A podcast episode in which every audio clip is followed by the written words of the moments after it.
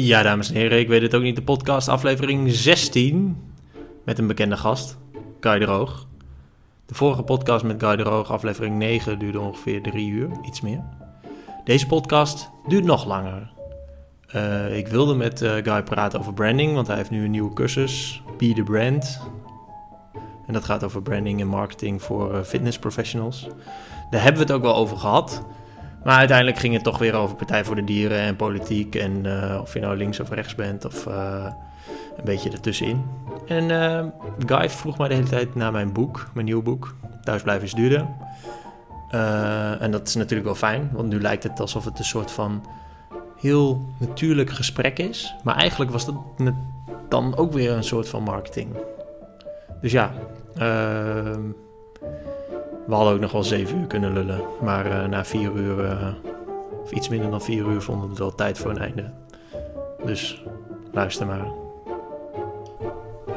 Ja, dan moeten we beginnen. Aflevering 16, ik weet het ook niet, de podcast.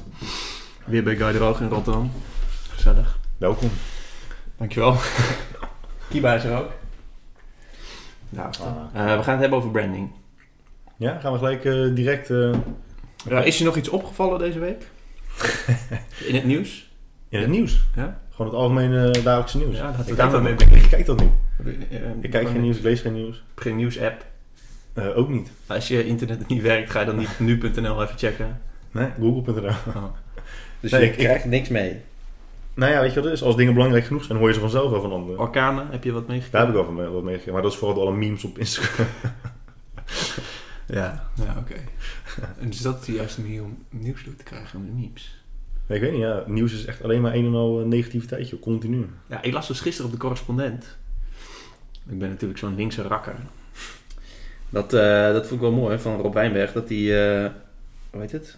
Dat al het nieuws alle uitzonderingen zijn. Dus dat we dan heel erg gaan denken dat dat de wereld is. Ja, precies. Je, je moet het veel, veel, veel meer hebben over ja, algemeenheden en de 95% die gewoon gaat zoals het gaat. Ja.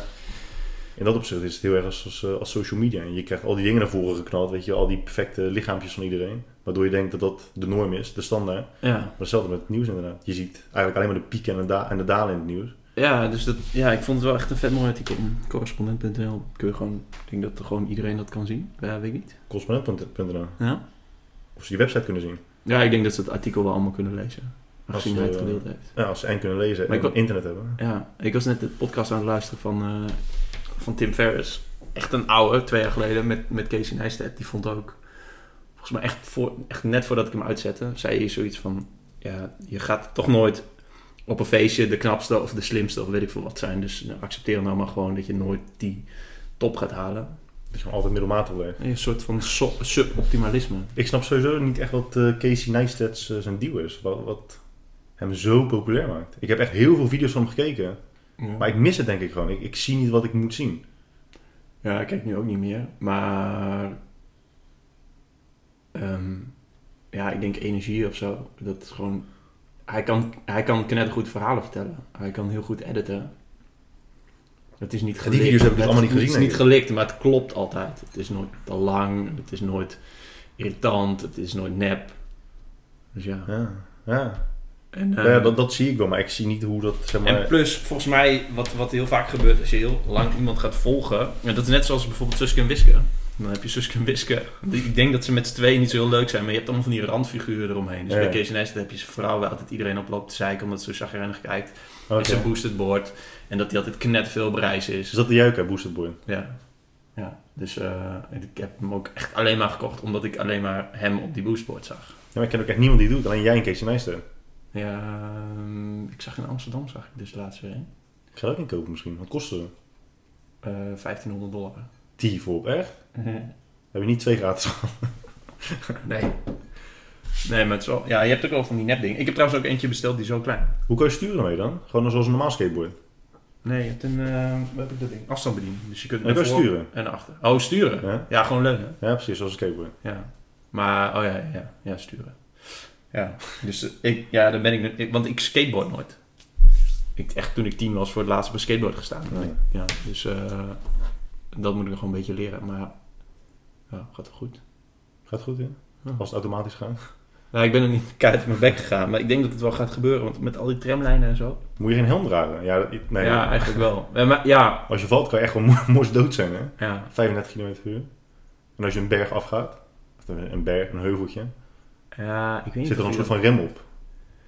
Ik denk niet dat hij. eh, Ik denk dat. Ja, ik denk dat hij nog wel. Hij remt wel een beetje, standaard. Kan je ook remmen of kan je alleen stoppen met gas geven? Nee, je kunt remmen, want je kunt voor en achteruit. Dus als je de berg afgaat, bijvoorbeeld in San Francisco vorige week, dan ga je heel hard remmen. En dan genereer je weer eh, nieuwe power in je batterij. Dus dan is je batterij voller aan het eind van de, Ah, ja, ja, van de berg. Dat is wel chill. Oh, dat is wel kick, ja. Maar ik zag dat je echt een, een berg op kon, hè? Die heuvel in San Francisco kon je Ja. echt op. Ja, Ja, er is best wel kracht in. 20 graden of zo. Ik was met Bart en die is, eh, weegt 10, 15 kilo lichter dan ik. Dus gaat veel sneller naar boven. 10, 15 kilo minder. Ja, dus eh, z- en mijn batterij was ook steeds veel sneller leeg. Dat is wel gekloten. Maar het is wel echt een vet ding. Kan je ook in Nederland kopen. Eh, ja, je kunt hem online bestellen. Maar hij is dus, ik had, ik had hem vorig jaar in juni besteld. Toen zou hij in augustus komen. Toen is hij een jaar vertraagd. Toen dacht ik, fuck it. Toen heb ik hem gecanceld. En nu, nou, laatst was ik in New York. Heb ik hem getest. Toen durfde ik niet. Toen heb ik hem niet gekocht. En nu was ik in San Francisco. Dacht ik, ja, tering. Maar je hem gekocht, dat je hem hebt gekregen. Dat je hem hebt gekregen. Nee man. Heb je 1500 dollar betaald voor? Ja. Tering. Nou, dan moet je weer een paar podcasts opnemen, man. Ja, dat is echt een cash cow, die, die podcast. Sponsor door Coca-Cola. En gesponsord door Bedouin. Mhm. Ja, nice. Moet ik nu weer bijschenken al?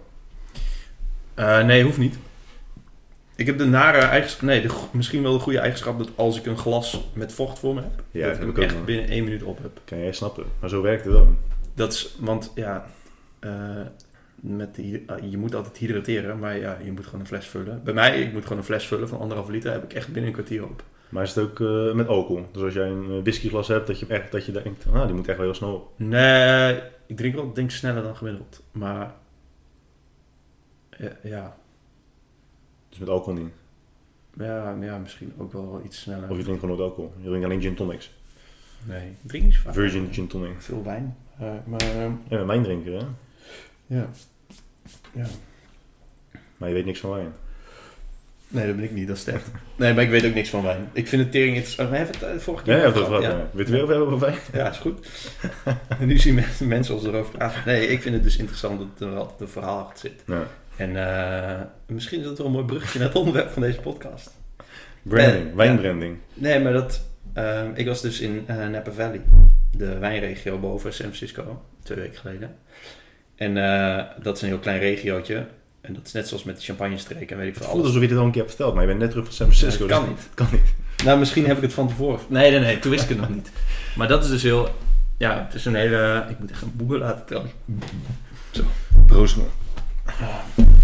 Dat is dus heel interessant. Het is een heel klein regiootje. Dus iedereen, ja, iedereen wil in Napa Valley produceren. Maar het kan niet, omdat het heel klein is. Dus die prijzen van die wijngaarden zijn knetterhoog. En iedereen doet allemaal gekke, rare marketing. En allemaal filmsterren gaan daar hun naam aan verbinden en zo. Dus is, een- gewoon, ja. het is gewoon echt heel raar, raar geworden. Omdat het gewoon extreem competitief is. Ja, maar het is natuurlijk every other wine is het. Ja, het boeit allemaal niet zo heel veel. Maar iedereen wil een Napa Valley wijn hebben. Dus Ja. ja. ik zat daar wijn te proeven. Gewoon bij een barbecue. Ja, ik, ik was daar bij een wijnmaker, een friend of a friend. En die dan, ja, die is dan 100 euro, zit je dan wijn te drinken. Ja, ik weet dus niks van wijn, dus ja. Dus je weet, maar je weet dat die wijn lekker is, toch? Wat zeg je? Je weet dat die wijn lekker is. Ja, hij smaakt wel. Alleen eh, ik kan ook wel een eh, wijn van de Lidl van 3,5 euro eh, vinden die lekker smaakt. Dus dat is een beetje, ja, vaak scoren die goedkopere wijns ook heel hoog, toch? Als je kijkt naar, naar nee, niet zo. vaak. Altijd. Wat zeg je? Nee, soms. Soms. Dus er, er is gewoon een aantal wijnen die wel hoge scoren krijgen. En die heel goedkoop zijn. Ja. Voordat mensen de prijs weten van de wijn. ja, ik weet niet of er onderzoeken naar zijn gedaan.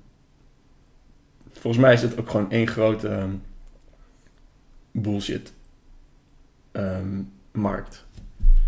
Ja, volgens ja, als je kijkt ook naar die video's waarbij ze mensen dingen laten proeven, toch? Ja. Op van die beurzen, dat mensen McDonald's burgers Ah, ja, krijgen. ja, ja. En dat is Ja. dan zo, culinair hoogstandje dit. Ik denk dat het met wijn ook zo is. Maar ja, dat is ook gewoon eh de aard van de mens. Als iemand tegen jou zegt, deze wijn is 100 euro. Ga je hem echt een heel stuk sneller lekker vinden dan... Nee, maar, dat, maar ja, daar, kunnen we urenlang over praten. Maar dat is toch net zoals met uit eten gaan. Ik bedoel, het gaat gewoon om veel meer dingen. Sowieso. Dus ja, ik eh, vind een frikandel speciaal ook, ik denk ik, even lekker als een, eh een oshaas. Ja. Alleen, Maar die ossa's komt meer, komt meer kijken. ja, Toch? ja, meestal is het een leukere eh, manier van het opeten dan Ja. uit zo'n plastic bakje met zo'n plastic vork. Bij tyfus, nog over je witte shirt krijgt ook. Ja, dat is het verschil, toch? Moet je een broodje doen. Wat zeg je? Als je een broodje doet. Een broodje frikandel speciaal. Nee, broodje frikandel pindasaus, man. Ja? Ja. Lul met stron. ja, Jee, man, we zijn, drinkie. we zijn 10 minuten bezig. Ja, Lul met ja, dat is ik niet gewoon- bedacht, dat is van New Kids. Ja. Oké, vertel even over je, over je nieuwe venture, over je nieuwe bedrijf. Waarom doe ik de hele tijd Engelse, Engelse termen? Omdat je twee weken Be the geleden brand. in Napa Valley bent geweest. Ja, be the brand. Dat is ook Engels. Horen mensen me wel met die eh boor op de achtergrond? Ja, nu gaan mensen dus denken, oh ja, tering, dit is een borrel. ja. Het is een zaag, denk ik. Figuurzaag. Maar ik denk dus dat, het- dat, ja, ik zag die stelling staan, dat gewoon alle kozijnen van je buren worden ge- ge- geschuurd. Be the brand. Ja. Ehm, hoe het is ontstaan is denk ik... Nou, tenminste, ook niet heel interessant. Het is allebei niet zo interessant, maar het is wel gewoon grappig. Eh, ja, ik zit nu inmiddels al een tijdje in de fitnessindustrie. Mhm. En eh, je merkt dat het de mensen gewoon elke keer weer tegen dezelfde problemen aanlopen. Dezelfde vragen die ze hebben. Maar je bedoelt klanten? Nee, gewoon andere professionals. Ja, ja, ja. Toekomstige professionals. Ehm, die weten gewoon veel, veel theoretische kennis. Hè, want dat is een beetje wat de industrie nu is geworden. Je moet gewoon zoveel mogelijk weten over van alles en nog wat. Ja. Behalve hoe je uiteindelijk je onderneming gaat runnen. Of hoe je jezelf in de markt zet. Of hoe je een bedrijfsnaam verzint. Of hoe je je marketing doet. Ja. Ehm, En dus- praktijk, dat zei je de vorige keer toch? ja, bedoel- praktijk inderdaad ook. Ja, ja, ja, ja, dat, is, eh, dat is dan perfect performance. Ja. Daar eh ehm, schiet heel veel mensen tekort. Ja. Maar hetzelfde met marketing en branding, dat soort dingen. Dat is gewoon essentieel. Wil je uiteindelijk een succesvolle onderneming starten? Kijk, door social media denken mensen dat personal trainer zijn, online coach zijn, niets meer is dan een, een social media account Ja. manager ehm, is. En voor sommigen is dat ook wel zo. Ik bedoel, als je echt, we hebben het net over gehad, als je naar die uitschieters kijkt, naar de pieken. Ja. Tuurlijk, er zijn een aantal mensen, een aantal trainers, een aantal coaches, die eens in de zoveel tijd een, een post maken op social media. En over de jaren heen miljoenen volgers hebben vergaard. En daarmee nu succesvol zijn geworden. Maar dat is echt de uitzondering van de uitzondering van de, van de uitzondering. Ja. Als je als coach of trainer aan de slag wil gaan, uiteindelijk draai je gewoon een onderneming. Ehm, en dat is ook geen, geen doel die je binnen een half jaar bereikt. Dat is gewoon iets waar je jaren voor moet uittrekken.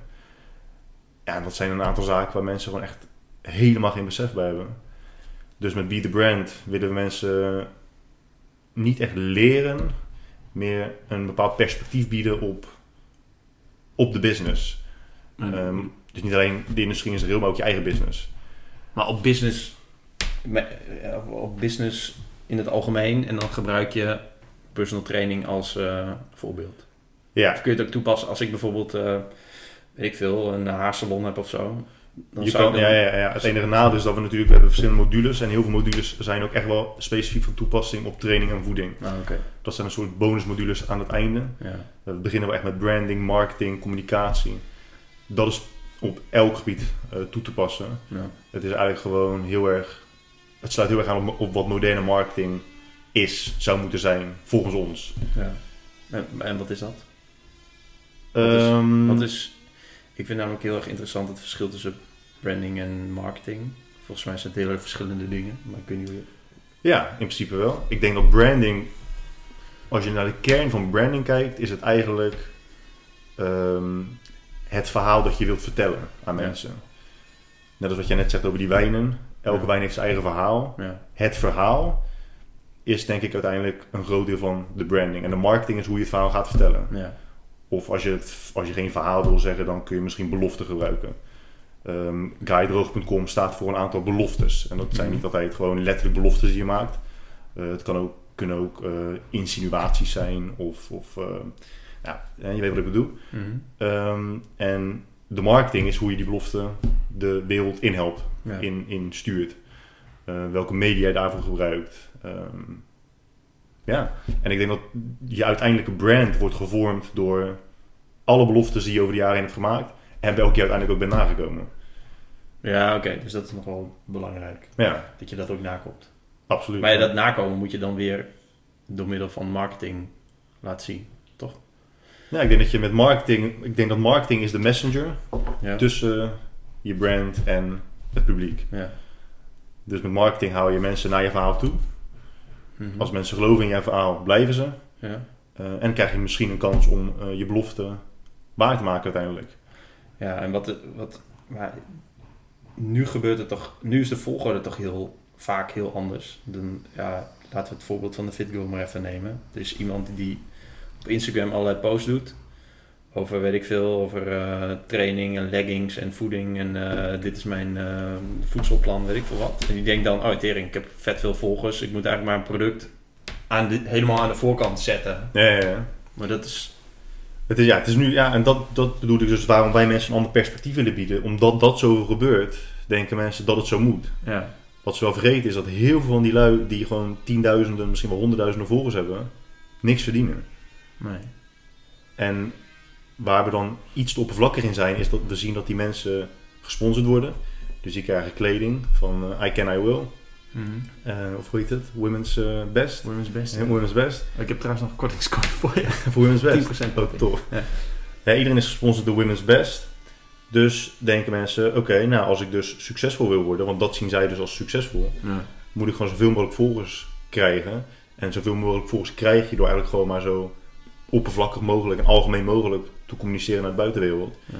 Volgens krijg je die volgers, maar je hebt zo lang jezelf op een bepaalde, bepaalde manier in de markt gezet, dat als jij op een gegeven moment zegt van, nou jongens luister, ik ga jullie eh, ehm, van informatie voorzien over training en voeding. Waarom zouden mensen je op dat gebied serieus nemen?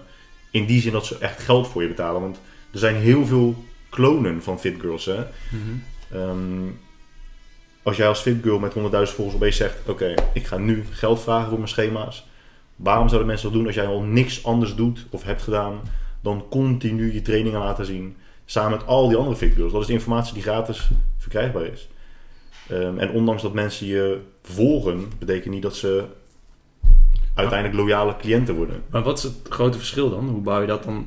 Dat ga je denk ik dan uitleggen. Hoe bouw je dat dan op? Hoe bouw je dan een, eh, een following op, een groep volgers op die jou wel, ehm, Geld willen betalen. ja, die jou geld willen betalen, of juist eerst al intensief volgen, of heel erg serieus nemen, of geloven, of eh, weet ik veel, eh, ja, niet, nog net niet aanbidden of zo. Maar, Ik denk dat het begint met eh, sowieso je doelgroep vaststellen. Kijk, toen ik heel veel jaar geleden begon, toen was het voor mij eigenlijk vrij duidelijk. Mijn doelgroep was gewoon de persoon die open stond voor meer evidence-based fitness, eh, informatie ja, en afwilde stappen van alle, alle bro science, om het zo even te noemen. ja. maar dat kon iedereen zijn. Gewoon iedereen die dat wilde. Het is niet zo dat jij, want toen ik begon had ik, had ik gewoon degene voor wie ik het schreef, dacht ik, ja, dat is iemand zoals ik. Maar dat bleek dus. Nou, dat is wel een goede manier om er zo in te staan. Een goede manier van marketing. Ja, maar dat is een beetje de scratch my own itch. eh, gewoon, je loopt zelf ergens tegenaan en dat probeer je op te lossen. En dan heb je een oplossing voor. En dan denk je, oh, mensen zoals ik. Ja, zoeken naar hetzelfde, Ja. zoals ik. Ja, maar zo, zo stond ik er ook in. Ja, Ik was destijds precies hetzelfde. Eh, dat was een proces die ik doorliep. En ik wilde mensen meenemen in dat proces. En wat de meeste mensen doen, is ze kijken niet vanuit zichzelf en gaan zo naar buiten communiceren. Ze kijken naar buiten van wie wil ik bereiken. ja, eh, en moeten daardoor vaak heel erg afstappen van hoe ze zelf zijn. Om zomaar een bepaalde doelgroep te kunnen bereiken. ja, Eh, ja, ja, klopt. En daarnaast zoeken mensen ook naar een, de grootst mogelijke doelgroep. Mhm. Dus mensen die personal trainer worden of online coach worden, die zeggen, nou, mijn doelgroep zijn mensen die af willen vallen. Of mijn doelgroep zijn, eh, is, is de groep mensen die willen aankomen in spiermassa. Dat is veel te algemeen. Dat, daar, ga je echt, daar kom je nergens mee. Want als jij de massa wil bereiken, moet je ook een product hebben die voor de massa geschikt is. Ja. Ehm, in dat opzicht, opzicht is personal body plan bijvoorbeeld wel een goede. Mhm. Die doen dat goed, maar die hebben ook alles wat nodig is om de massa te bereiken. Ja. Maar in je eentje ga je niet heel snel de massa bereiken. Dat is gewoon, dat is gewoon bijna niet te doen. Nee, maar dat is al, ik denk, ik denk dat het een soort angst is van mensen. Dat ze iets missen. Ja, en mensen, Zo. onderschatten, en mensen onderschatten hoeveel geld je uiteindelijk kunt verdienen met gewoon een hele kleine doelgroep. Kijk, nu, als ik, nu, als ik het nu heb over evidence-based fitness, weet iedereen wat het is. Ja. De meeste mensen weten wat het is. Eh, nu is de doelgroep heel groot. Toen ik net begon was het echt een hele kleine doelgroep. Ja, ja. En ik heb in die jaren heb ik dus een, een kleine following opgebouwd die uiteindelijk is gegroeid.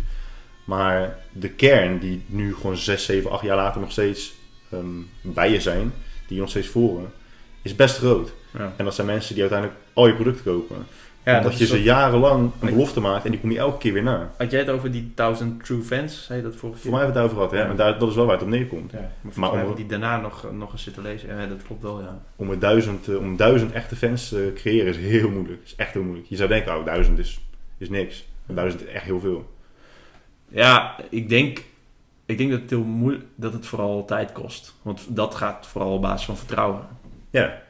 Ja. Ehm, ja, het vinden van de juiste groep en dan de juiste boodschap voor ze hebben. Maar er zijn dus veel mensen die het horen en die denken dan... Nee joh, duizend fans eh, is echt heel simpel. Ik heb 10.000 volgers, denken ze dan. En Ja. echt, echt duizend daarvan zijn echt wel fans van mij.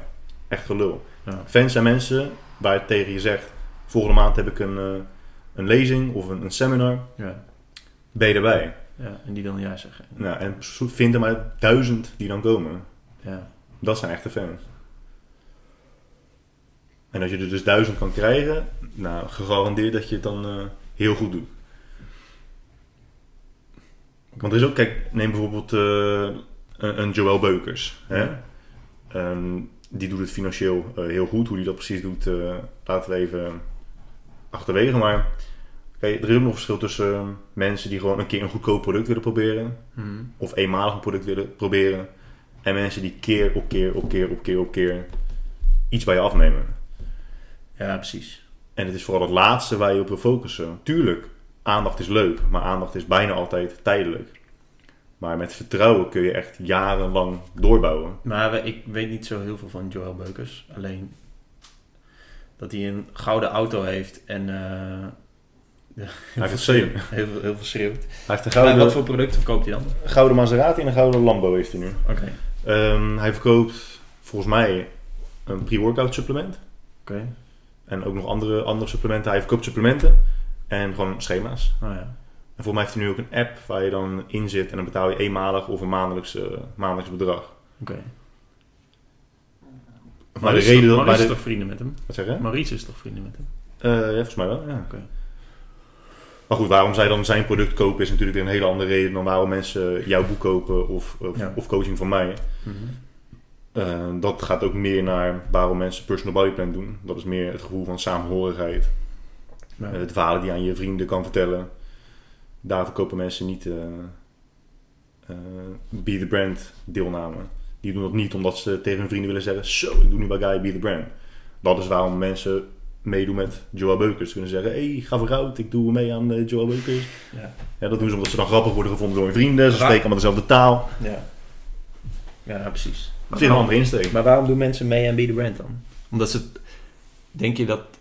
Ik weet niet, is, is het al gestart? Is het... begint ik zag, 2 januari. Ik zag inschrijvingen, de voor, voorinschrijvingen. Klopt dat? Ja, ja, het begint 2 januari. We willen eigenlijk heel september maand de inschrijvingen openlaten. Ja. Alleen we zitten eigenlijk eh, nu ja, zo goed als vol. We willen niet met te veel mensen starten.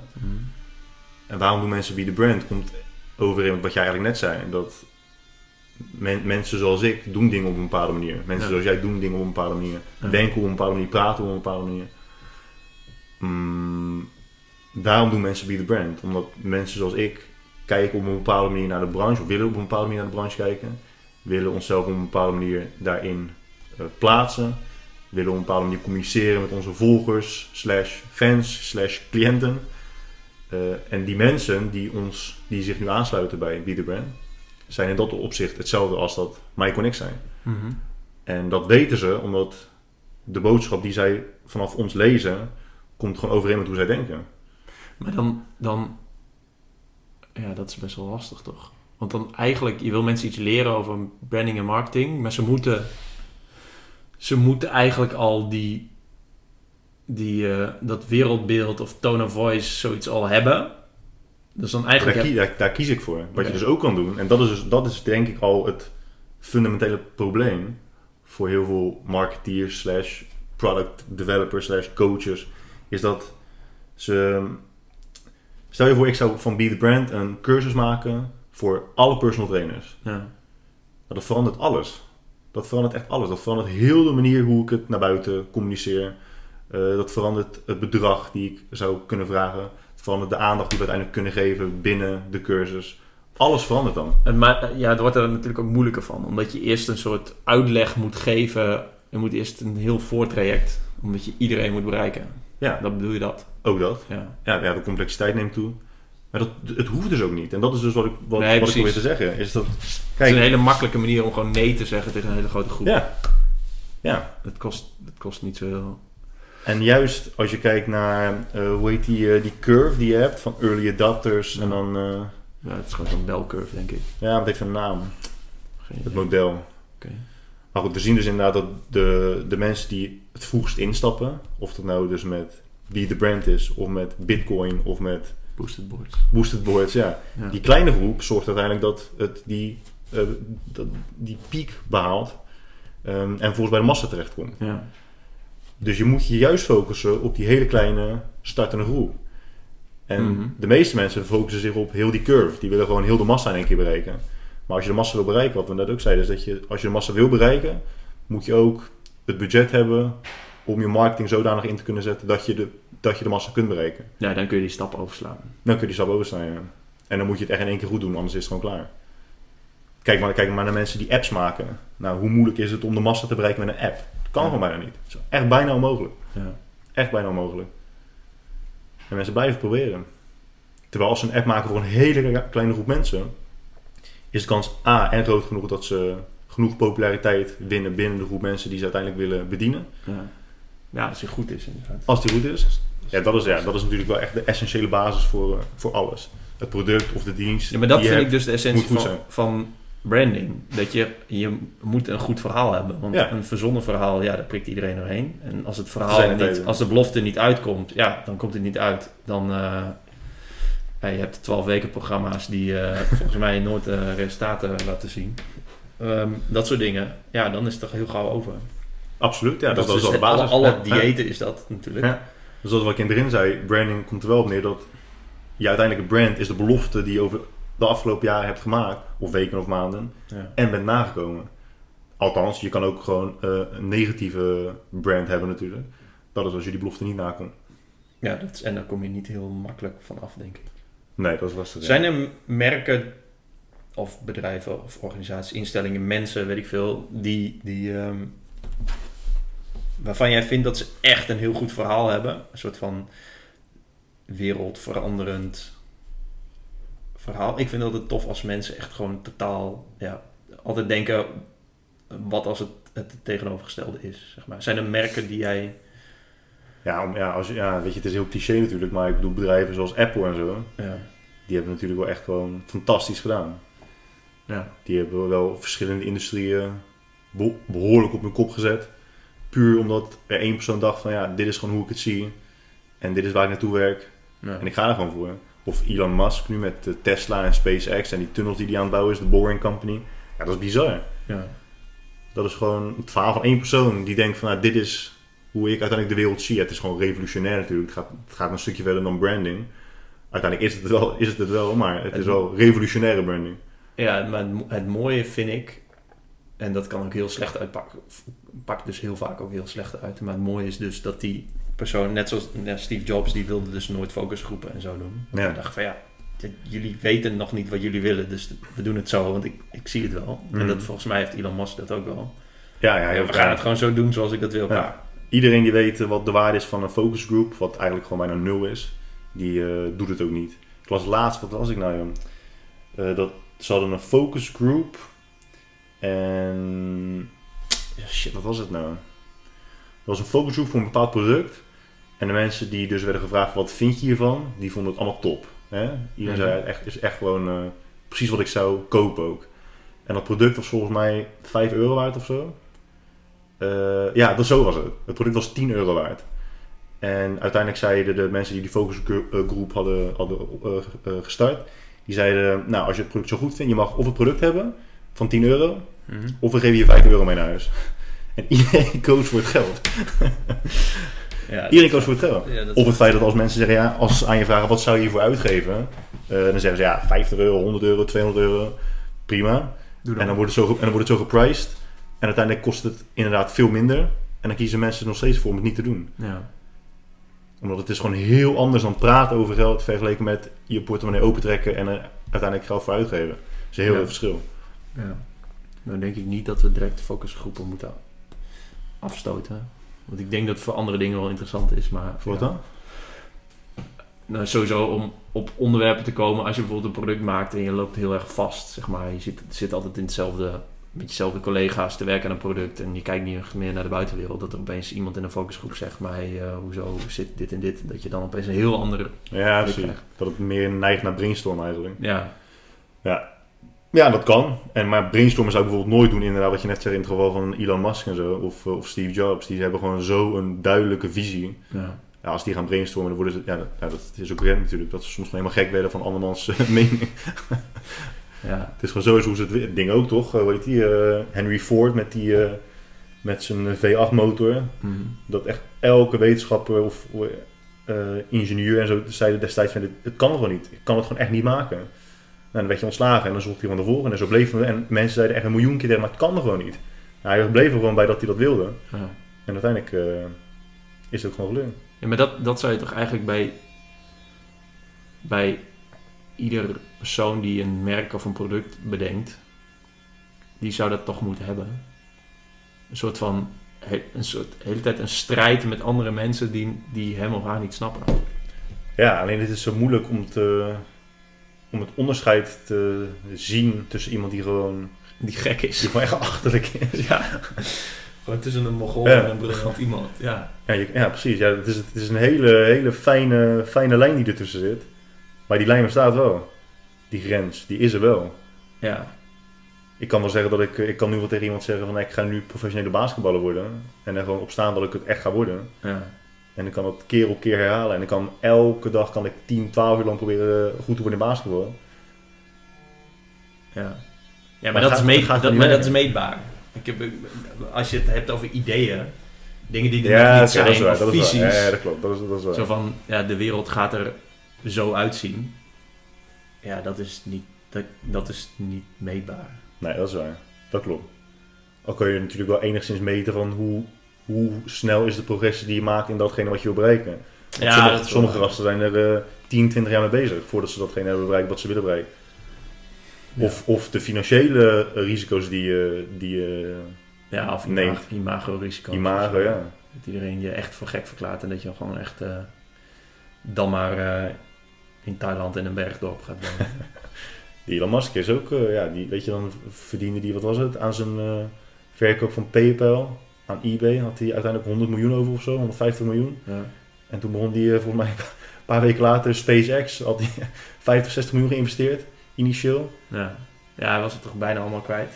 Ja, ja, ja, zeker. Elke raket die op een gegeven moment de lucht in eh, schoot om te testen, kostte, kostte ik veel 60, 70.000 eh, dollar. Ja. Nou, elke dag drie of vier van die dingen de lucht in. Ja. Ja, maar volgens, ja, ik, ik, ja, ik denk dat dat, dat, dat dat het onderscheidende is, dat je, ehm, ja, net zoals Partij voor de Dieren waar ik op stem, die dan de hele tijd, die, die vinden, we moeten, we moeten niet een kapitalistisch systeem hebben, en ze zijn niet zo, eh, ze zijn geen communisten of zo, maar ze vinden wel van, ja, het hele systeem moet anders. En dat vind ik, daarom stem ik erop, en daarom vind ik het altijd zo tenenkrommend dat die Marianne Thieme met die interviews, die wordt gewoon niet begrepen. Dus dan heb je altijd zo'n kutgesprek. Ik denk, ja... Dit... Ja, ja, ja ik, ik, ik weet niet genoeg over Partij van de Dieren of eh, politiek in het voor de algemeen. dieren. Oh ja, ik kreeg Partij- een commentaar vorige keer. Dat wij Partij voor de Partij Dieren. van de dieren zijn. Partij voor de Dieren. Ja. Ja, iemand kan wel zeggen, ja, het moet anders, maar dat betekent niet dat je beter kan. Nee, nee, klopt. Maar het is, wel, het is wel een visie, het is een verhaal Ja. waar, je, waar je wat mee kunt. ja, daar loop ik wel vaak tegenaan. Ik heb laatst ook iets geplaatst over eh, kritiek krijgen, hè. ook Ja. eh, over Be The Brand.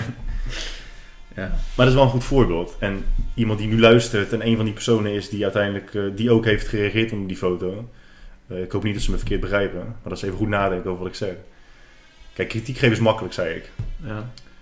Maar roepen dat het jaloezie is of onzekerheid, of dat je het van je af moet laten glijden, of niet persoonlijk moet nemen, dat zeggen is nog makkelijker. Dat is nog makkelijker dan kritiek geven. Ehm, een Partij van de Dieren die kan zeggen van ja, ik, het moet anders. en wij kunnen het beter. Maar ze hebben het nooit gedaan. Ze hebben nooit de kans gekregen. Dat, hè, dat is even wat anders. Maar je moet het maar bewijzen. Hetzelfde als met mensen die zeggen, ja, je moet kritiek niet persoonlijk nemen. Of je moet, je moet kritiek voor je af laten glijden. Mhm. Hoeveel van die mensen hebben daadwerkelijk wel eens op grote schaal, nou niet grote schaal, maar enigszins dat best een aantal mensen het lezen, over jou als persoon, openbaar. Hoe vaak hebben die mensen op die manier kritiek gehad? Vraag ik me dan af. Mhm. Ik denk niet heel veel. Eh, en ondanks dat ik er niet wakker van lig van kritiek, is het wel moeilijk om, om het uiteindelijk niet persoonlijk te nemen. Als iemand tegen jou zegt, je bent een oplichter, is dat per definitie persoonlijk. Ja. Dat, dat is hetzelfde als mensen die keihard genaaid worden zakelijk. En dat ze dan te horen krijgen, ja, ja, als het niet persoonlijk is, gewoon zakelijk. Pleur op, ik leid het toch als persoon onder. Ja. Dat maakt het toch persoonlijk. Ja. Eh, met hetzelfde met kritiek. Ja, als iemand tegen mij zegt, je bent een oplichter en het is gewoon makkelijk geld verdienen voor je. En eh, je, je bent niemand meer dan iemand met een blog en een paar volgers. Ja, prima, hè? zo kun je mij beschrijven als je dat wil. Volgens mij is die beschrijving niet helemaal compleet, maar dat kan. Mhm. Ja. Ik vind dat per definitie persoonlijk. Eh, nogmaals, dat betekent niet dat, het- dat ik het beledigend vind. Of dat ik eh, niet kan slapen. Maar het is wel heel makkelijk om te zeggen, ah joh, hè, laat het lekker voor je afglijden. Of het is jaloezie. Dat het jaloezie is ook gewoon onzin. Ik bedoel, ik heb in het verleden heb ik ook wel eh, een aantal methodes ehm, naar beneden gehaald. Om het Mhm. zo maar even te noemen. Dat deed ik niet uit jaloezie. Dat deed ik omdat ik gewoon echt niet geloofde in de, in de boodschap van die methode. Eh, de belofte die zij maakten. Ja, maar en wat voor schade het aanricht. Aan wat voor schade aan, ja. andere mensen. En ik kan me ook voorstellen dat als mensen echt geloven dat ik of dat wij met Be The Brand mensen willen oplichten, eh, of als we gewoon echt een boodschap overbrengen die gewoon niet juist is, dat het mensen sowieso financiële schade aan zou kunnen richten, maar ook gewoon van hun tijd. En dat is nog, nog meer kostbaar. Ja. En dat je daar dan iemand op aanspreekt en daar kritiek over uit. Dat kan ik Ja. me goed voorstellen. Ja, maar dan moet je, dan moet je toch zeggen hoe het. Dan moet je toch ehm, vertellen hoe het. Wel zit. Ja. Hoe het beter kan. Ja. Nou, ik weet niet of je de parallel kunt trekken. Als je het bijvoorbeeld hebt over, weet ik veel, detox of zo. Dan, ja, je kunt het. Je, ja, jij en ik zijn het er niet mee eens. Mhm. Maar de oplossing is het niet doen. Gewoon Ja. helemaal niet detoxen. Eh, Dat is, dat is de oplossing. Maar bij Be The Brand kan iemand zeggen van... joh, wat een bullshit, het Be The Brand. Maar dan... Ja, die persoon moet dan wel zeggen van... oké, maar wat moet je, dan, moet je dan niet doen? ja, precies. Ja. Het, is, het is niet echt constructief om te zeggen, ja, het is gewoon kut. Slaat nergens op. Ja, Daar heeft niemand iets aan. En, en waarschijnlijk de kritiek was... oh ja, dan, hij heeft alleen Guy de Roog wat aan... dus het is sowieso persoonlijk. Mhm. Heeft Gu- alleen Guy de Roog wat aan, want... eh eh, ehm, ja, Guy de Roog verdient er geld mee... en voor de rest investeren andere mensen dat geld en tijd... Ja, maar ik snap dan ook niet wat, wat dan het punt Nou ja, het punt is dat... En dat is nee, het punt, de kritiek was, want ik heb het ook gelezen, er stond dat jij geen opleiding had, toch? Ja, Daarin. Ehm, ja, dat ik inderdaad, en dat, dat, dat is ook dat is iets wat ik van me, dat ik, wat ik kan begrijpen. Als iemand zegt je hebt geen opleiding erin, klopt. Oké. Als jij dat als eh, maatstaf wil gebruiken voor iemands eh, bekwaamheid in een vak, dat mag. Hè? Ja, ik, ik ga niet in discussie met jou eh, maatstaven. Nee. Die verschillen gewoon per persoon. Wat ik dan grappig vind, is dat ik nu dus acht jaar in de fitnessindustrie werkzaam ben. En dat diezelfde persoon weet, of diezelfde personen weten, dat ik ook in wat betreft personal training, fitness, voeding, ook niet geschoold ben. Mhm. Maar diezelfde mensen hebben daar geen, geen kritiek op. En nu kom ik dus met een nieuw product of een nieuwe dienst, die net even in een andere markt eh, ligt. En niet eens volledig. Hè. Ik sta er alleen een beetje met een paar teentjes in. Mhm. Eh, dat ze op dat moment denken, nou hier ga ik wel kritiek eh, over uiten. En misschien kan het ook gewoon komen omdat ik gewoon mezelf nog niet heb bewezen in dat opzicht, volgens hun. Dat kan. Ja. Maar het is, als, je, als je al kiest om kritiek te geven, maak het dan wel kritiek met een beetje, hè, met een beetje body. Inderdaad, dat je argumenten kunt geven van waarom is dit dan, waarom is dit dan kut, waarom vind je dit slecht? Ja, In maar- plaats van alleen maar zeggen, dit is gewoon gaar, dit staat nergens op. Je, je wil de boel oplichten en je wil makkelijk geld verdienen. En dat is ook zo makkelijk. ja, maar dat, dat, is dus, dat is dus een... eh, maar dat is nooit een goed argument. Dat uh, ad homoniem toch? Nee. Gewoon op de man Nee. spelen. Van ja, ja, je moet dit doen, want jij bent een mogol. ja, Ja. ja. toch? Maar goed, ja, maar ik vind het dus, ik vind dat, en dat, ik, dat vind ik eigenlijk nog veel minder interessant en veel minder boeiend dan alle mensen die dan roepen, je moet, eh, je moet het voor je af laten glijden. Ik, weet je, Ja, maar dat begrijp ik niet helemaal. Want je legt het net uit, maar toen begreep ik het nog steeds niet. Want jij zei van, ja, degene die, dit, die, dit, eh, die hier naar luisteren, die moeten Nee, het omdat, nee ja, misschien eh, dat, ze niet, dat ze niet denken dat ik niet begrijp dat ze dat met goede intenties tegen mij zeggen. Ja, dat, ik, dat snap ik ook wel dat ze Ja. dat zeggen. Ja, ik heb er, ik, Maar nog steeds- snap ook wel dat je, ja, je hebt er niet echt heel weinig aan. Oh, oké, joh, nou, dan doe ik dat niet. Ja, nee, precies. Dus dat, wat ik bedoelde is van kritiek geven is makkelijk, maar dat zeggen is nog makkelijker. Dus Mhm. ondanks dat ik zeg, ja, mensen, eh, kritiek geven is makkelijk, moet je niet doen. En dan mensen dan zeggen, oh ja, maar je moet kritiek gewoon van je af laten glijden. Je maakt je dan eigenlijk nog meer schuldig aan datgene wat ik bekritiseer. In mensen die kritiek geven. Mhm. Eh, in plaats van, als je, als je echt wil helpen, als iemand dus echt, waar jij in gelooft, tussen aanhalingstekens, kritiek zou krijgen en die persoon uit dat, is het misschien meer constructief om te zeggen waarom die kritiek niet gepast is. Mhm. Of waarom jij wel eh, in een bepaalde belofte van een persoon gelooft. Dat is iets waar iemand echt mee kan. Dat is iets waar ik echt mee kan. Ja. In plaats van dat je maar moet horen, ja, maar kritiek eh, moet je, moet je niet persoonlijk nemen. Maar heb je wel eens kritiek gehad? Mhm. Hoeveel van die mensen hebben wel eens echt, echt kritiek? Ik bedoel, jij bent er ook. Jij hebt ook wel eens behoorlijk wat eh, kritiek gehad. Ja. Ja. en het, het, het raakt je niet persoonlijk. Het is niet dat je echt beledigd bent. Dat je denkt van, oh godverdomme, mama, ze, ze bekritiseren me. Nee. Maar en dan spreek ik wel voor mezelf nu. Ik ben ook niet iemand die gewoon zegt van, ah joh, hè? is goed. Oké. Het, het, ligt, het ligt aan de kritiek. Nee, ja, het verschilt inderdaad. Soms is het lachwekkend en soms denk ik van, oh ja, het zit eigenlijk wel wat in. Soms denk je al helemaal van, oh ja, ik heb dit eigenlijk verkeerd gedaan. Ik moet het eventjes rechtzetten, niet zo vaak. Maar, Meestal niet. en meestal denk je, en maar ik heb dus heel vaak het gevoel van, maar dude, of, nou ik zeg ook dude tegen mannen en vrouwen. Dude, begrijp je dan gewoon echt niet wat ik, wat ik bedoel? En Ja, ik hoop dat oh, als je het ja, ja. begrijpt, dat je dan, ja, dan heb je deze kritiek dus niet. En ja, neem het niet zo persoonlijk. Dat is ook wel mooi, want toevallig had ik het laatst ook eh, met eh, Jonathan over, die, een, een van, mijn, eh, van mijn trainers. Ja. Die begint nu ook een beetje met schrijven en zo. Maar die heeft nu nog een beetje de aanname dat mensen heel snel begrijpen wat je bedoelt. Oh, maar dat is echt een, een fout die je maakt. Op Jawel, maar tegelijk zei, zei je net van, ja, je moet toch wel een groep bedienen die al zeg maar een soort zeker voorkennis ja, ja, hebt. Ja, Dus ja, dan is het is heel, heel lastig. Ja, nou, absoluut. Ja, het, het ligt inderdaad wie je wilt bereiken met die boodschap. Als jij gewoon echt alleen maar met elke boodschap die je uitdraagt, jouw soort mens wilt, wilt aanspreken, Ja. dan moet je, en dat is eigenlijk wat ik Maar, dat is, gedaan. maar dat is knetter moeilijk, want dan, dan moet je eigenlijk precies een intuïtie hebben over welke groep je nou wel en welke je niet be- bereikt. Met je tone of voice, met je, weet ik veel, kennisniveau wat je in je artikelen of in je video's legt of zo. Ja, ik ben er echt van overtuigd dat als je gewoon echt bent zoals je bent, dus als jij bent zoals je offline ook bent, dat je gewoon de mensen aantrekt die uiteindelijk ook misschien wel vrienden van je zouden worden. Ja. De vraag is alleen, hoe- hoeveel mensen kunnen uiteindelijk echte vrienden van je worden? Eh, ook online. Mhm. Niet dat ze echte vrienden worden, maar dan klanten, volgers, lezers. ja.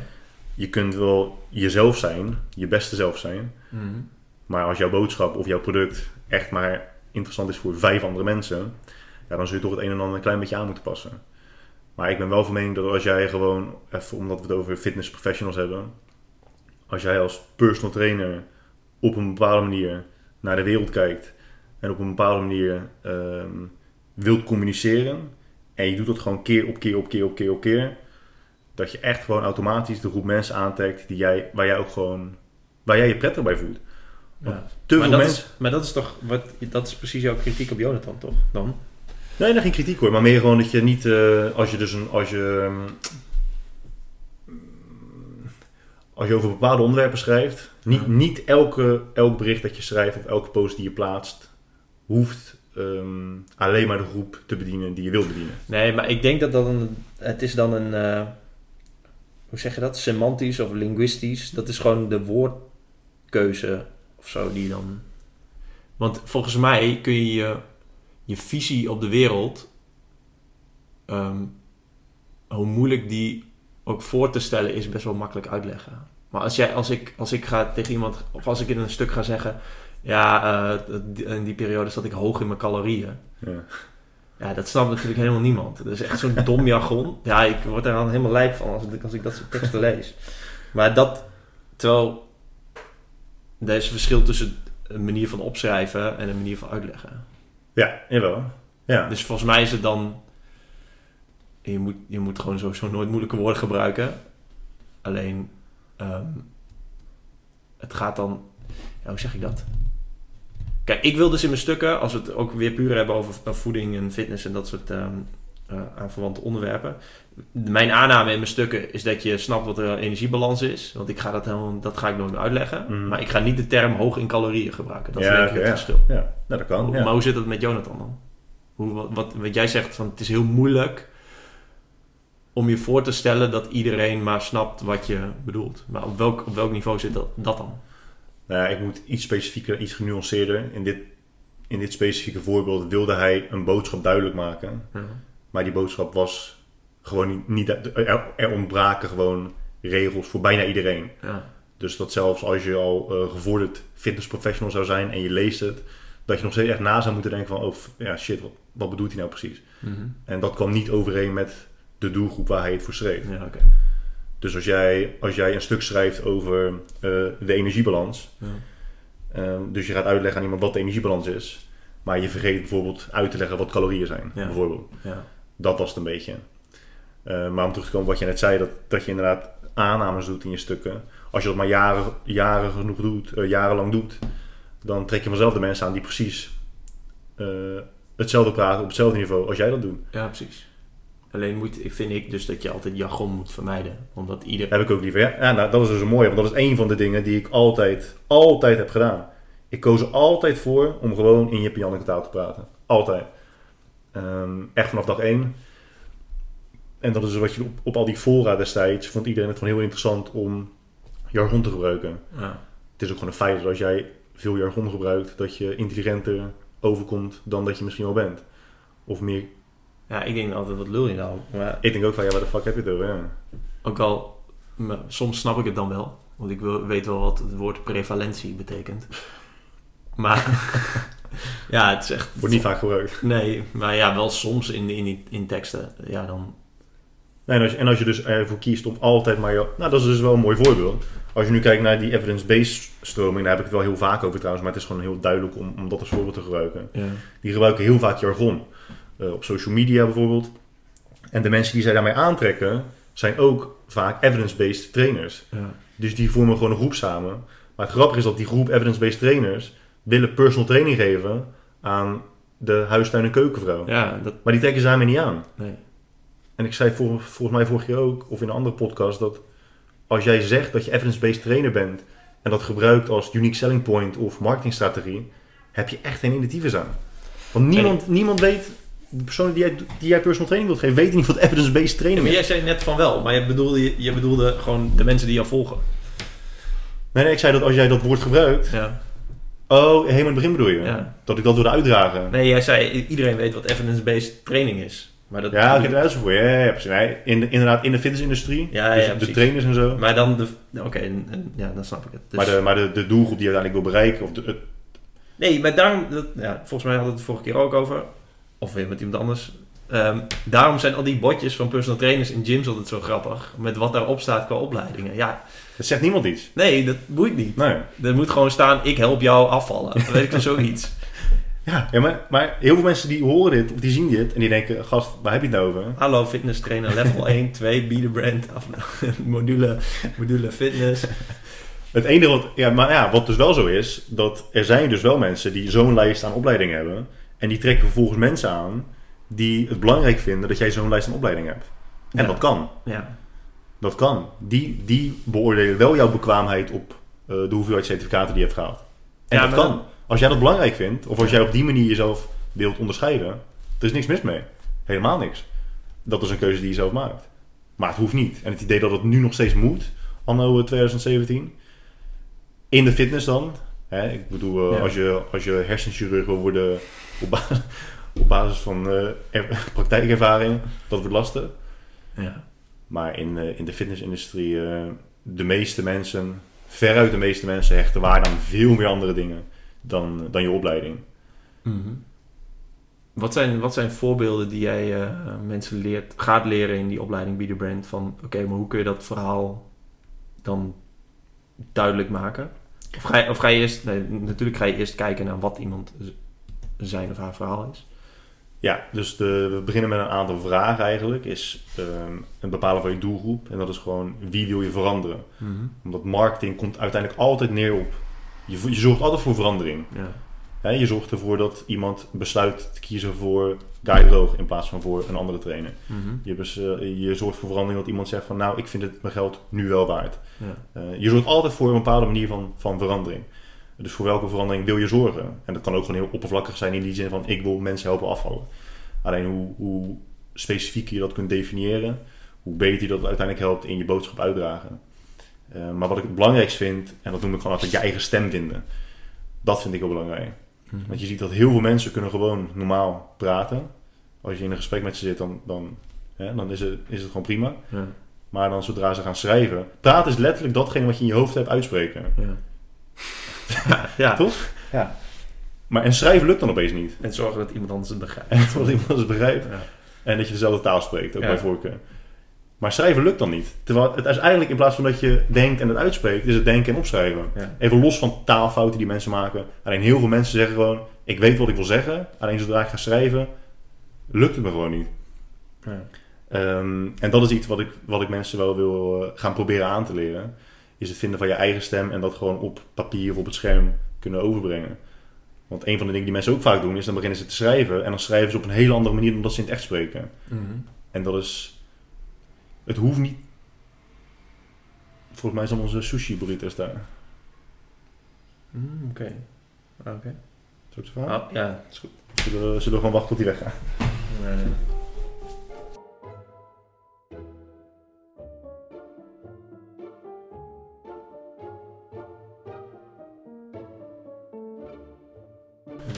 zijn 21 minuten verder. Best wel lange lunchbreak. Ja, toch? Je had het over... ehm, Ik had het over schrijven. Dat eh, mensen het moeilijk vinden om een eh, eigen stem te vinden met het schrijven. en zo. ja. Dat, ja, ik, heb, dat- ik heb er ooit een korte video over gemaakt. Ja, ik vind, als ik het nu herhaal, vind ik het echt dom klinken. Wees geen algemene Ari. Ja. En op de een of andere manier werd het toch een beetje catchy op een gegeven moment. Mhm. Ehm, Beginrijm. hm? Beginrijm. Dus dat- Heerlijk helder Heineken. Algemeen Arie, dat klinkt altijd goed. Oh ja, nu je het zegt, ja. Het klinkt, het klinkt ook inderdaad wel goed, maar het is een beetje dorky. Maar toch vinden mensen het wel grappig. Ja. In ieder geval, ehm, wat ik daarmee bedoelde was dat mensen gaan dan weer, omdat ze dus de massa willen bereiken, gaan ze hun hele manier van schrijven, van communiceren aanpassen om maar een zo groot mogelijke groep aan te spreken. Ja. En dan wordt schrijven lastig, omdat je dan moet gaan schrijven op een manier hoe je niet bent. Als ik een formele brief moet opstellen, zo, weet je hoe lang ik dan bezig ben? Ja. Kan ik gewoon niet. Ik kan, ik kan gewoon echt geen formeel taalgebruik gebruiken. Nee, Kan- ja, kan nee, het ja, kan- ik kan niet. Als ik bedrijven ergens voor best wel serieus moet mailen, dan doe ik ook gewoon H en dan naam. En dan, eh, denk ik, ja. Dan zal, ja, als ze dan dat irritant vinden, ja, dan gaan ze me niet aan me werken. Ik heb dat net zo, man. Ik, Nou, dat, dat is dus wel een geachte heer, mevrouw, ik. Ja, meestal begin ik als ik echt een, een, een vreemde mail, dan stuur ik meestal gewoon, dan doe ik wel beste. Maar niet, ik zeg nooit u, ik zeg wel altijd je. Ja. Maar wat ik dan mooi vind, is dat, dat is dan mooi, dan, dan zitten mensen zo in hun rol, die zitten, zitten zo in hun patroon vast. Dat als je dan mailt met zulke mensen, nou met zulke mensen, met mensen die wel makkelijk formeel taalgebruik gebruiken, krijgen dan een mailtje van Guy Droog. Die zegt, hé, hey, hoe is het? en dan sturen ze de geachte meneer Droog. En dan eh, weet je, u. En dan krijgen ze weer een mailtje terug. Gewoon weer in, eh, hoe noem je dat? Tutoyeren, toch? ja. Of voevoyeren. Hoe variëren, dat is met u, ja. Ja. Dus tutoyeren. Dus zij krijgen, zij, zij krijgen een mail van iemand die gewoon tutoyeert. ja.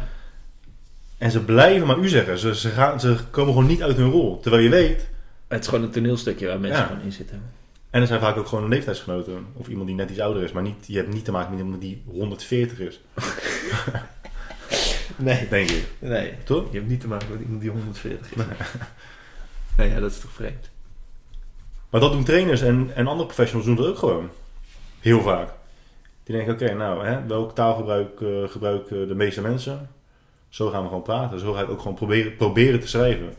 En zolang, zodra het al gaat voelen als iets wat je echt moet proberen te forceren, dan doe je al iets niet goed. Nee.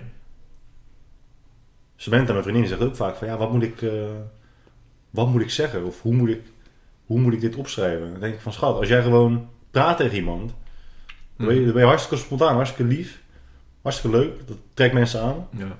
Schrijf ook gewoon op die manier. Ja. Waarom moet je nou weer helemaal, helemaal anders gaan doen dan dat je bent? Je wilt toch dat mensen uiteindelijk samenwerken met jou, omdat je bent wie je bent? Ja. Ja, lijkt me. Ja, Ik, ik, snap, ik snap best wel dat mensen er moeite mee hebben. Ja, omdat je zelf niet goed genoeg kan zijn. Dat kan. Dat is wel zo. Het is wel, het is wel heel eh, riskant in die zin dat als je faalt, faal je echt om wie je bent. Ja, maar ja, dat... Ja. Nou, hoe stom, hoe stom het ook klinkt. Het is, het is natuurlijk wel veel, het is veel meer kwetsbaar. Nee man, maar ik denk, ik, ik, daar geloof ik niet in. Ik geloof niet dat mensen... Ik denk dat er bijna niemand is die, een, die letterlijk een debiel is. maar er zijn heel veel mensen die debiel doen. Oh, er is een zeker. heel ja. groot verschil tussen doen en zijn. Mm. Er zijn heel veel mensen gedragen zich als een idioot, maar zijn eigenlijk helemaal geen idioot. Ik denk dat dat het grote verschil is. Volgens mij, de- ja, de- weet ik veel hoe klein dat percentage is van mensen die tot in hun kern, in hun vezels evil zijn of zo. Mm, ja, maar het mooie is, gewoon retarded. ja. maar nu, nu gebruik je dan de bio zijn als voorbeeld. Maar wat de meeste mensen dus proberen te doen, is te normaal zijn. Hoe bedoel je? Die willen gewoon eh, met alles wat ze doen, zeggen en schrijven, willen ze zichzelf zo sociaal wenselijk opstellen, Oh, zo, ja. dat ja. er gewoon helemaal, helemaal geen karakter meer in zit. Het is echt alsof je de, de bijsluiter van een pak melk leest. Ja. Nou hebben pakken melk bijsluiters. Ja. Toch? De laatste keer dat ik checkte. Let En op. dat is gewoon zonde, maar dat is, toch- dat is toch zonde. Als je iemand dan in het echt spreekt, denk je, oh, echt, eh, weet je, eh, sympathieke kerel, Ja. veel humor. Mhm. En dan zie je zo'n social media post en denk je, waar is, waar is die gast die ik ken? Die is er gewoon niet. Nee. Ja, dat is lastig, ja. maar waarom? Ja. Maar dat, dat is denk ik ook weer... Dat is dus dezelfde angst. Het grote doelgroep kiezen. Grote eh, groep mensen willen bereiken. Iedereen willen bereiken. Niet iemand voor de kop tegen de borst willen stuiten. Ja, weet ik veel, zoiets. Op de teentje willen trappen, Ja. op de tenen willen slaan. Ja. ja, dat Het is zeker tussen mijn tanden, man. Ja, ik zie het, ja. Ik zie het echt niet uit. Zet de camera Nu is het weg, toch? Wat? Nu is het weg. Nee, het hier nog. Echt? Serieus? Deze, die kant, Ja, boven. Kutserie, ja. Ik vind het eigenlijk vies, man. Kunnen ze niet... Vind je het vies? Je zat, echt, je zat specifiek zeewier uit je burrito te trekken om het in mond te stoppen. Nee, die zeewier vind ik lekker, maar die aan, die aan de buitenkant zit. Ah, Dat vind ik zo... Eigenlijk vind ik dat vies. vind ik lekker, man. Ik vind, ik eet het maar op omdat de rest lekker is. Maar goed, ja. Is weg. dat- Wat? Nee, hij is nog. Ja, hij zit nog een klein beetje. Niet storen. Ik ga een mond spoelen met cola. Hey, maar ehm, ehm, komt dat... Ik, ik krijg mensen in, jou, in, die, in die opleiding Be The Brand... Je wilt toch een soort van rode draad in dit gesprek. Krijgen ze dan ook een soort opdrachten die je dan gaat controleren? Ja. Nou, geen, die, weet je, het is niet echt op de fout. Eh, maar we eindigen elke video met een, eh, een vraag die je zelf moet stellen. Oké. En eh, het antwoord daarop geef je op ons forum. Ja. Want ik vind het wel belangrijk dat mensen van elkaar zien hoe ze denken, Mhm. waarom ze zo denken. Dat ze openstaan voor kritiek, feedback, laat ik het zo zeggen. Openstaan voor feedback. Want dat, en dat is wat ik net probeerde te zeggen. Als je echt jezelf bent eh, en je positioneert jezelf ook op die manier in de markt, is dat wel kwetsbaar. Want als je wordt afgewezen, het is hetzelfde als als jij, ehm, als je vrijgezel bent en je stapt af op iemand in een, eh, in een bar en je zegt één woord en de dame in kwestie heeft op dat moment even geen zin in. Mhm. Kan ik bij jou niet voorstellen, maar hè, het, het gebeurt. Ja. Eh, heel veel mensen nemen dat persoonlijk. Ja. Terwijl dat kan niet, want ze, je wordt afgewezen op basis van misschien iets wat je nog niet eens hebt gezegd. Je, hebt- je, je hebt één woord gezegd. Mhm. Dus het kan tonaliteit zijn, het kan gewoon even een verkeerd moment zijn, whatever. Ja.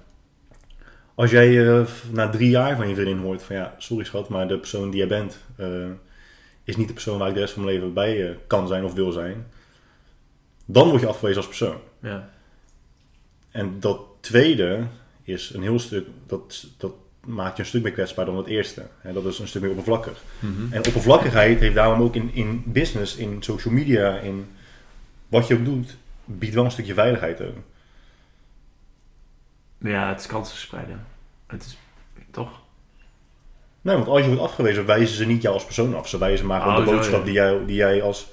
Ja, maar, ja, maar, oké, maar dan zou het eigenlijk moeten beginnen met een soort van liefde voor jezelf. Dat je, dat je weet, oké, dit, dit ben ik, dit, dit is wat ik vind, dit is wat ik doe. I don't give a fuck wat de rest vindt. Want ja, dit is nou helemaal wie ik ben. Ja, En dan wordt het ook een stuk makkelijker. Maar ik weet niet hoe je dat volgt. Want dan heb je namelijk ook geen concurrentie. Want als er dan iemand... Want er is niemand die zoals jij is. Heb je het al tussen? ja. Ja, weet ik niet. Ik zit echt te graven, jongen. Dan zit een beetje. Moet Ja, hè? een tandenstoker pakken? Hier, pak een mes. Ja, dat is wel mooi hoor.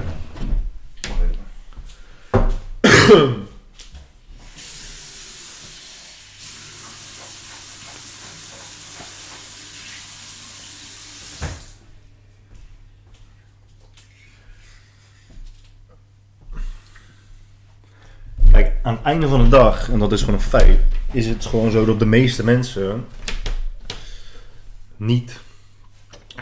ehm, en ik zet dit niet neerbuigend, want ik vind mezelf ook niet interessant of grappig of intelligent of iets helemaal niet. Maar er zijn wel, uiteindelijk is het gewoon zo dat, dat de meeste mensen niet interessant of grappig genoeg zijn om uiteindelijk zodoende veel volgers of fans te krijgen waar je ook altijd aan kunt blijven verkopen. Dat is gewoon zo. Nee, nee, nee, dat is sowieso waar, ja.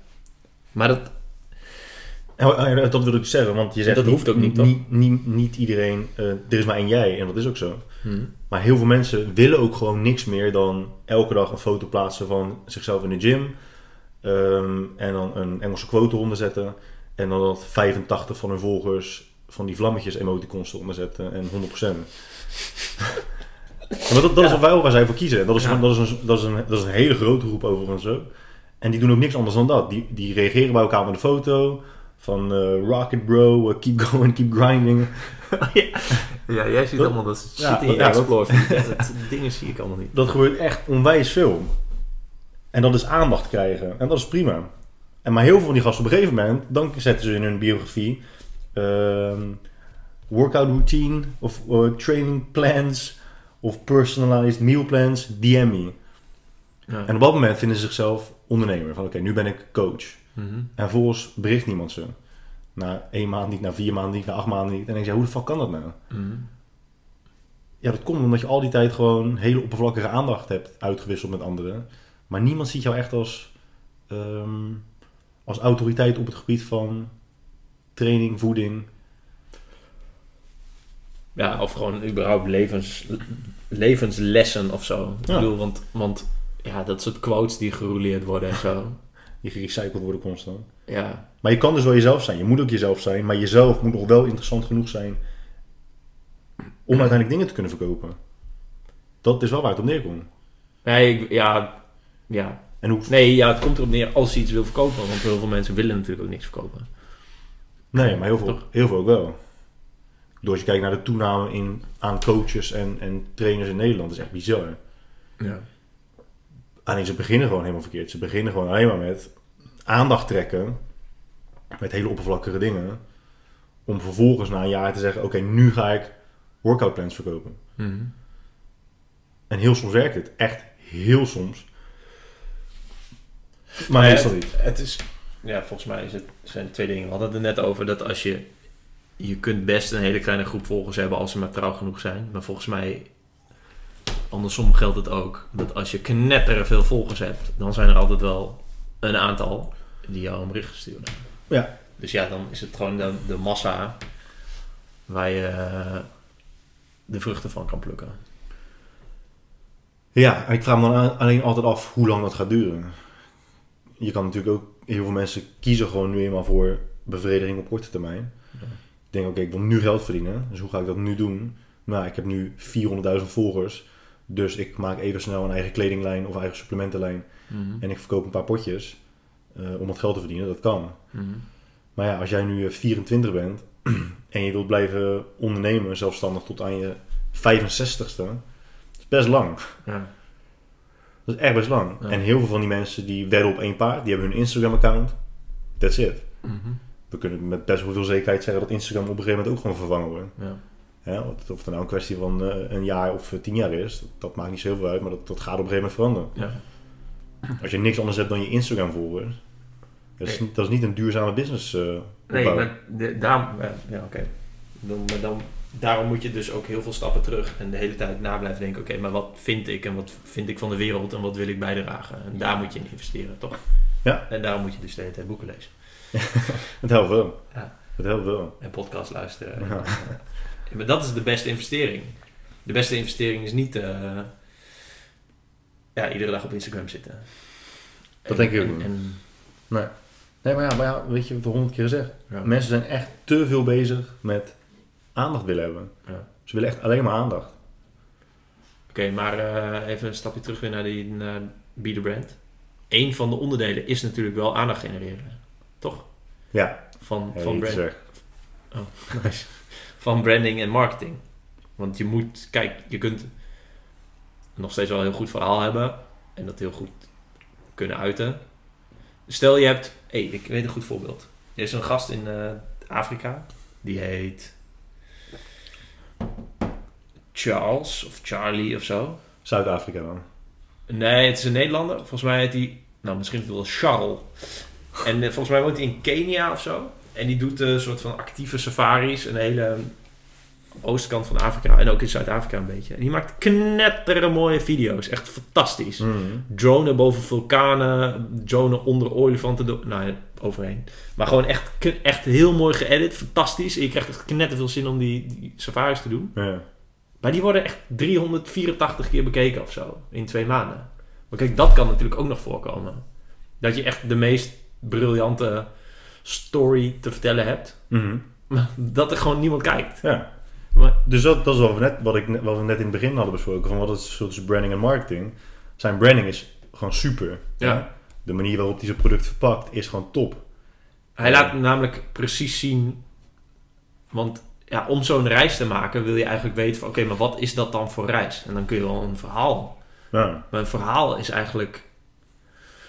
Ja, veel kutter dan een video laten zien van... Waarschijnlijk denkt hij wat heel veel mensen denken, is dat build it and they'll come. Dus je, je maakt je social media, je, je stelt je social media profiel op, je maakt mooie video's, je knalt ze online en mensen zien ze vanzelf wel. Ja, Maar dat is niet de realiteit. Want aandacht is leuk, maar er zijn wel echt zo verschrikkelijk veel mensen die om je aandacht vechten. Continu weer. Niet, en niet alleen op, op social media. nee. Er wordt natuurlijk constant overal om ons heen om onze aandacht gevochten.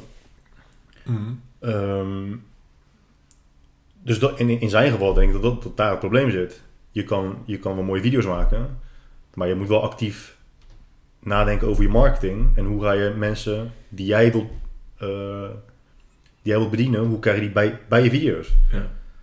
ja. Maar geef je daar mensen, of andersom tips over dan? In de, Jazeker, ja, ja, jawel.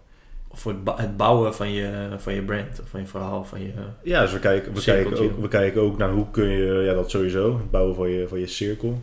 Maar ook hoe kun je, hoe kies je de beste media, social media, sociale media, om je boodschap het beste over te brengen.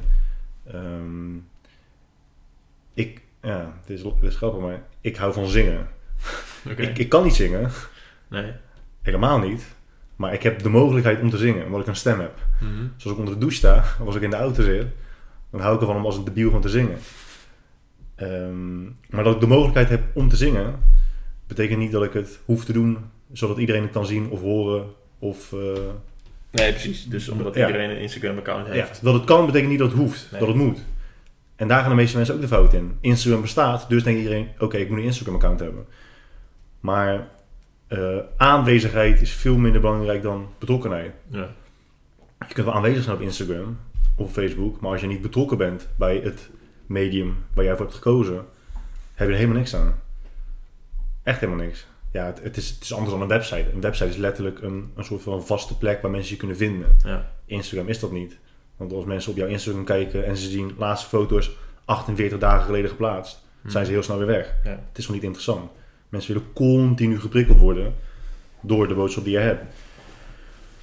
Ehm, en ja, maar daar helpen dus mensen ook. Maar hoe kies je dus het beste sociale medium uit voor jou? En dan begin je weer met wat je net zei. Wat is de boodschap? Welke, wat voor men- welke mensen wil je veranderen? Welke beloften wil je ze maken? En hoe ga je dat doen? Wat vind je van Medium Podcast? Top. Maar een podcast, is- ja, een podcast is dus ideaal voor als je gewoon houdt van lullen. Ja. Tenminste, dat klinkt een beetje gek. ja. Als je houdt van praten. ja. Als je van praten houdt. Maar je vindt het eh, een beetje ongemakkelijk om op camera te zijn. Of als je monteren met video te veel gedoe vindt. Ja. Eh, en dan bedien je dus wel, wel een, heel, een heel ander publiek. Je bedient dan minder de mensen die... Als je dus een podcast maakt, bedien je minder de mensen die gewoon achter de computer thuis eh, beeldjes, plaatjes willen zien. Mhm. Maar je bedient wel een stuk meer. Bijvoorbeeld de mensen die gewoon onderweg elke dag in de auto zitten, iets willen te doen, iets te doen willen hebben en aandachtig naar iets willen luisteren. Ja. Heel veel podcasts worden in de auto eh, beluisterd. ja, volgens mij hadden we het vorige keer over dat het in, inderdaad in Amerika iedereen met die lange afstanden rijden. Lekker podcast luisteren. Ja. Ja, stop. Ja. En dan trek je ook automatisch aan mensen aan die dus tijd willen investeren in kennis opdoen. ja. Als je een podcast hebt die enigszins kennis overdraagt. Maar mijn zit in de categorie learning. Learning, hè? Ja. Dus eh, Dus wat gaan we mensen leren van ja, ik, wil, ik ben altijd op zoek naar het verschil tussen branding en marketing. Maar volgens mij eh, ja, heb je dat echt na acht minuten wel uitgelegd. Nee, dat is, dat is niet hoe het is. Dat is hoe, hoe ik er naar kijk. Nee, ja, nou ja, mijn, mijn persoonlijke strijd is altijd dat ik heb hele negatieve associaties met marketing. En Zullen we het daar heel veel over hebben? Ja, dat is goed. Omdat ik zei dus, ik zei dus in een van mijn social media posts, zei ik dat veel marketeers oplichters zijn. Veel marketeers zijn oplichters. Ja. hè? Nou, ik kreeg daar echt best wel wat mailtjes over, want het stond ook in een nieuwsbrief. Eh, En een van, eh, een van de personen die kritiek had op wat ik zei, was dat. Ja. Hij zei, als je marketeers oplichters vindt, ehm, dan vraag ik mezelf af wie hier de oplichter is. Oké. Wat dus grappig is, dat marketeers blijken dus een heel stuk meer gevoelig te zijn dan, eh, dan andere beroepen. Veel marketeers zijn oplichters. Veel personal trainers zijn oplichters. Veel mensen zijn oplichters. We zijn, we zijn met, met zo fucking veel mensen, dat de kans dat er een grote, grote groep oplichters zijn, die is gewoon groot. Hè? Wet van de grote getallen. Ehm, en wat je zegt klopt. Jij hebt negatieve associaties met marketing, maar dat hebben heel veel mensen. Heel veel mensen die denken aan marketing, denken bijvoorbeeld aan eh, clickbait artikels. Weet je, dat je over van eh, klik hier en win een, win een iPad. Mhm. Of pop-ups. Ja. Of, en dat zijn, dat zijn ook manieren van marketing. Ja. Maar dat betekent niet dat alle marketeers met die insteek, met die intentie hun werk verrichten. Er zijn ook echt heel veel goede marketeers. Mhm. En ik denk juist dat als je dus, wat we net zeiden, als de basis, als de basis er is, een goed product of een goede dienst, en je bent ervan overtuigd en je weet welke mensen je wilt bedienen en je weet wat je belofte is en je weet ehm, wat ze er uiteindelijk gaan hebben. En die ga je de markt inbrengen, dat dan marketing echt ontzettend leuk is. Ja, maar dan, mijn, mijn, die negatieve associatie komt.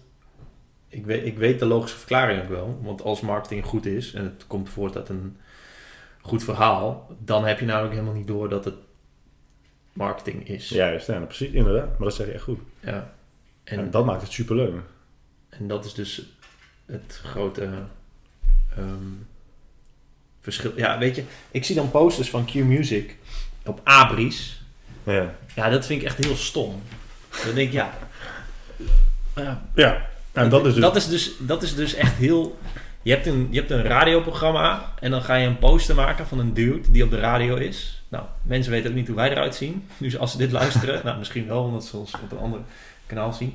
Maar ja, ik weet dus niet wie die dude is. Hmm. En ja, hoezo, hoe, hoezo doe je een poster van dat ik naar een radiozender moet luisteren? Dat is toch vreemd? Ja, dat is het mooie met... eh, kijk, vroeger... Klopt gewoon niet. Het is gewoon het verkeerde sausje op het verkeerde... Ik weet niet eens welk verhaal ze vertellen. Ja, luister Ja. je muziek. Hoezo? Waarom?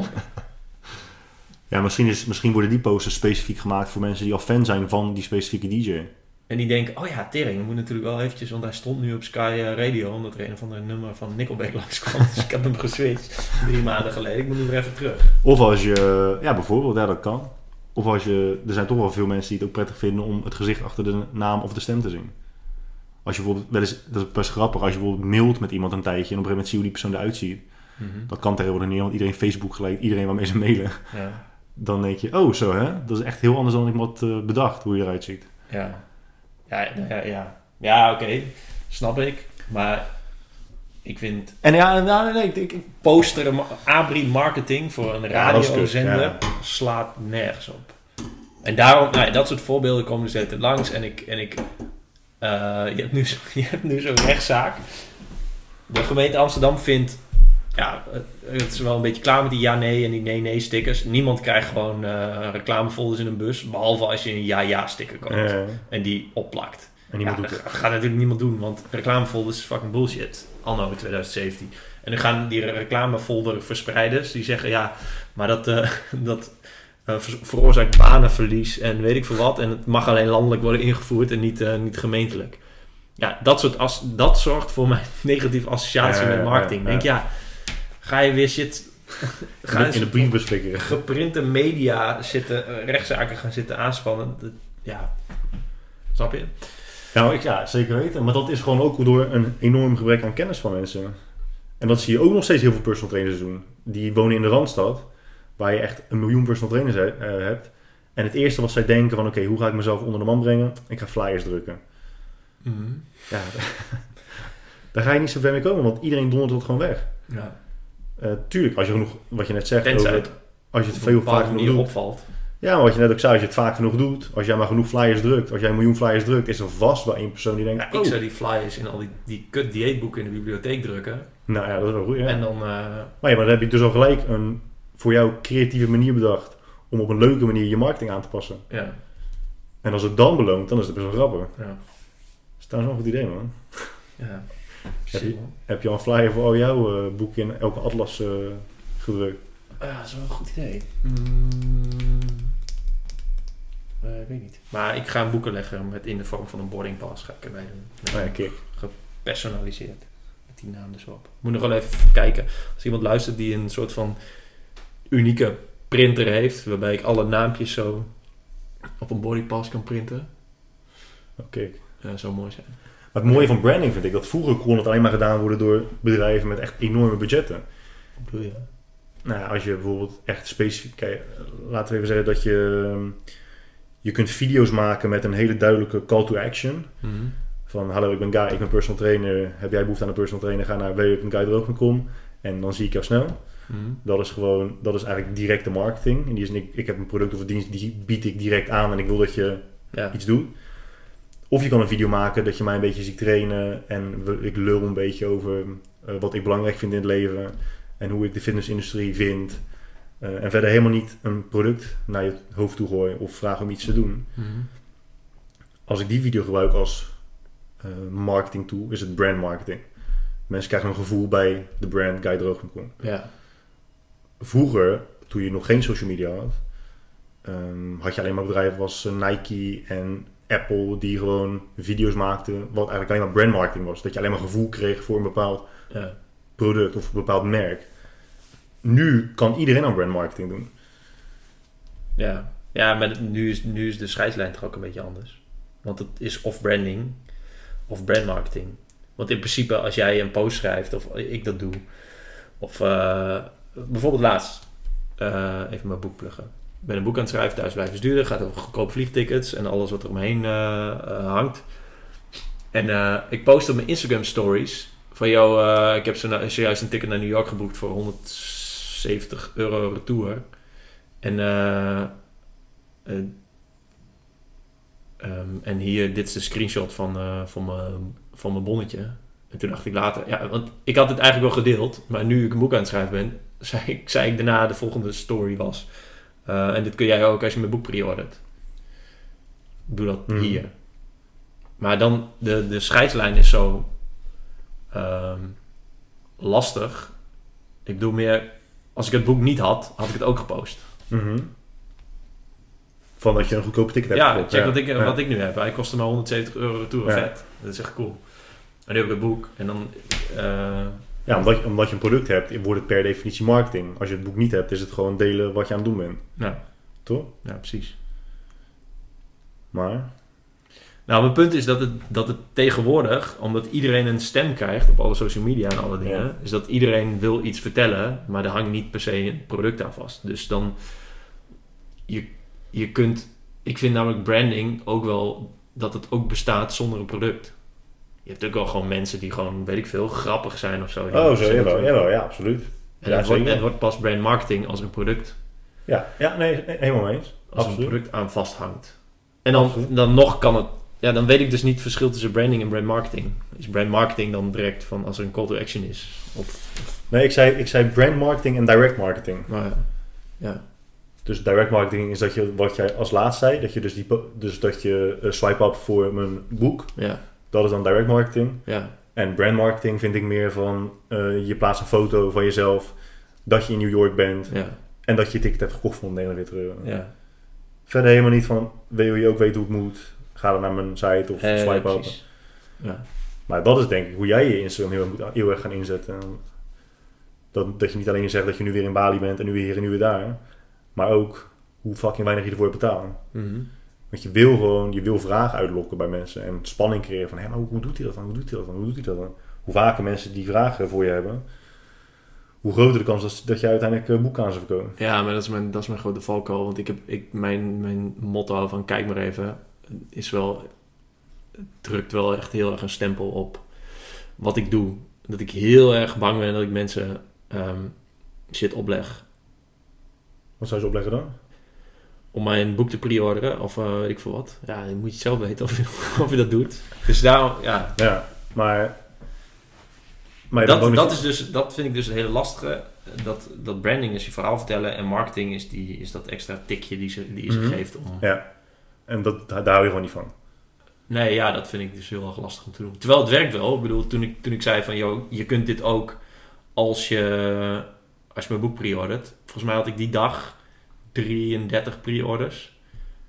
Eh nou, gemiddelde pre-orderwaarde is eh 28 euro of zo. Dus ja, met één post, dan haal je 1000 euro omzet. Maar voor je eigen product. ja, ja, dat is mooi toch? Maar je bent niet onzeker over je product. Nee, dat sowieso niet. Want Dus je is weet- fantastisch. Dus je weet dat, ja. dus je weet dat de mensen die je wilt bedienen en die uiteindelijk je boek kopen, dat ze echt iets aan hebben. ja, dat gaan ze zeker En dan moet je dat pushen. Ja, ja. Want dat, dat maakt uiteindelijk het verschil tussen uiteindelijk 50 eh, tevreden klanten of eh 1500 tevreden klanten. ja. En als jij 1500 mensen tevreden kan maken met je boek, dan is de kans op het succes van je volgende boek ook een heel stuk groter. Ja, En natuurlijk, zijn, maar- zijn dat de early... Early adopters. Ja. Maar het is wel een goed voorbeeld. Ze zeggen dat één eh, vernieuwing of nie- nieuwe dingen, nieuwe producten, die zijn altijd heel erg in trek. Dus als wij Be The Brand aankondigen als een nieuw product, als een nieuwe dienst, Ja. Dan vinden mensen dat fantastisch. Want er is gewoon best een grote groep mensen die eh, onderdeel wil zijn van iets nieuws. Mhm. Maar er is één ding wat beter werkt dan vernieuwing en dat is frequentie. ja. En, dus, en zeker nu, wat ik net ook zei, dat er wordt continu om je aandacht gestreden. Wij gaan ervan uit dat als wij een story plaatsen, tenminste we gaan er niet vanuit, maar hè, als we een story plaatsen of een inbox sturen, dat gewoon heel veel mensen het zullen zien. En we zien ook wel dat veel mensen het zien, maar of het ook echt binnenkomt, dat is een tweede. Ja. De kans dat het echt binnenkomt als ze het tien keer hebben gezien, is een heel stuk groter. Ja. Toen wij Be The Brand gingen lanceren, toen hebben we besloten om echt heel veel mailtjes uit te sturen naar, onze, naar de eh, e-maillijst. Ja. Dat is niet een hele grote lijst, 4500 mensen ongeveer. En we hebben denk ik tot nu toe zeven of acht keer gemaild in 2,5 week. Elke keer met het product, bam, bam, bam, bam, bam. En ja, elke keer als je dat mailtje uitstuurt, zonder te overdrijven, schrijven ongeveer 20, 25 mensen zich uit. Mhm. Prima. Eh, aan de andere kant kopen ook heel veel mensen Ja. deelname aan, aan Be The Brand. Ja. Ehm, en dan, ja, dan is uiteindelijk de vraag, ga je vooral focussen op zoveel mogelijk mensen behouden, niemand op steentjes trappen, slaan, stompen. Of, of ga je gewoon het product dat je hebt, waar je echt trots op bent, verspreiden onder de mensen waarvan jij weet, ja, die gaan er echt iets aan hebben. Ja, maar dat is, dat is dus wat eh, die Tim Ferriss volgens mij laatst deed. Volgens mij stuurde hij een aantal mailtjes achter elkaar van... Joh, als je mijn e-mail nog wil ontvangen, moet je even hier klikken. Want ik wil even mijn lijst, ik wil een goede lijst hebben. Oké, dus ja, als ja. mensen nooit op klikken, ja, dan op een gegeven moment na drie keer... dan, als is na drie keer niet bevestigd hadden of zo, weet ik veel... Dat is eh, werden ze eruit getiefd. wel slim. En dan heeft hij weer een goede lijst. Want ja, die gast heeft natuurlijk miljoenen mensen op die Ja, lijst. staan. precies. Dus is waarschijnlijk, het is natuurlijk ook een kostenoverweging, maar volgens mij boeit hem dat niet zo heel veel, hoeveel dat dan weer kost per eh verzonden e-mail. Maar het is wel echt slim om dat. Het is heel slim, ja. Ja, Ja, als je hem altijd, want mijn eh, open rate is, eh, ik denk rond de 40% of zo. Dat is hoog. Dat is Toch? dus, ja, Zo. ik weet niet wat Ja, dat zo. is. Dus, eh, maar ja, het zijn alsnog 6 van de 10 mensen gemiddeld die Hmm. moeten openen. Dan zullen Ja. het niet altijd zes dezelfde mensen zijn, maar ja, ik weet niet hoeveel het is. Nou, in Mailchimp kan je ook kijken, toch? Hoeveel mensen, of er bepaalde mensen zijn die de laatste vijf mails of zo, of x aantal mails niet hebben Ik geopend. weet niet, ik stuur met eh, review. Dat is Nederlands. Dus ik, eh, want het is, dat is nieuw. nee, d- dat is... eh, ja, ik, ja, ik stuur ook een lijst uit met, eh met mailtje. Maar de, mijn, eh, mijn gewone algemene nieuwsbrief, die, nu, eh, net, eh, eh, die ik nu net een jaar lang iedere week heb gestuurd, die eh, stuur ik met review. En dat kun je niet zien volgens mij. Welke specifieke personen... Het zal wel fijn zijn om ze er gewoon uit typen. Ja. Maar het is mij nog steeds niet duidelijk. dat je bent, wat je zegt, je bent eh, overtuigd van de kwaliteit van je boek. Je weet dat mensen er echt iets gaan hebben. Je Ja. schrijft het ook voor anderen, neem ik aan. Je Ja. schrijft het niet voor jezelf. Nee. Want jij weet alles al wat erin staat. Ja. Waarom doe je dan niet meer je best om het onder meer mensen te krijgen? Ja, dat, om die reden die ik net zei. Maar ja, misschien moet ik er nu eens eh, anders over na gaan denken. Omdat je, zo niet, omdat je niet pusherig over wil komen. Ja. Ja, ik denk dan... Want jij hebt het over frequentie. Ja. Maar ik, ik heb nog heel erg... En waarschijnlijk is dat een valse gedachte in mijn hoofd. Van ja, nu heb ik het al honderd keer gezegd. Ja, Nu precies. Ja, weten ja, mensen het wel. Ja, zo ben ik ook wel inderdaad. Ik heb heel vaak tegen mensen gezegd, ik ga het niet nog een keer overschrijven, want ik heb het al honderd keer gedaan. Ja. Maar er zijn nog steeds zoveel mensen die het niet hebben gehoord. Wat ik net zei over die mails met Be The Brand. Heb je, heb je al zes mails gestuurd. En dan de zevende mail komen mensen opeens met... eh, hey Guy, ik zie dat je eh, een nieuwe dienst hebt gelanceerd. Ja, ik heb er nog een paar vragen over. Terwijl we, mail 3 was op bijvoorbeeld een veelgestelde vragenmail. Ja. En die stelden dan vragen die in mail 3 zaten. Ja. En die hebben ze dan waarschijnlijk ook gewoon geopend. Of niet eens geopend en gewoon over het hoofd gezien. Ja. Maar ze hebben die mails wel allemaal gehad. Ja. En dan pas vanaf mail 7 denken ze... Oh, wacht, hè? ik zie het nu pas. Mhm. We zijn allemaal zo godvergeten druk met alles. ja. Tenminste, we maken ons zo wijs dat we heel erg druk zijn. Ja. En ik denk juist dat dat een van de meest mm, belonende dingen is in de wereld. Dat als mensen straks allemaal reageren op je boek van zo, ja, maar ik heb er echt zo verschrikkelijk voor aan gehad. Ja, maar dat doen ze dus al. Want ik, ik deel natuurlijk op mijn blog ook al wat trucjes en dingen. En ik, of weet ik veel, op Twitter als mensen erop vragen. Ja, het, ja, het is geen geheim of zo. Nee.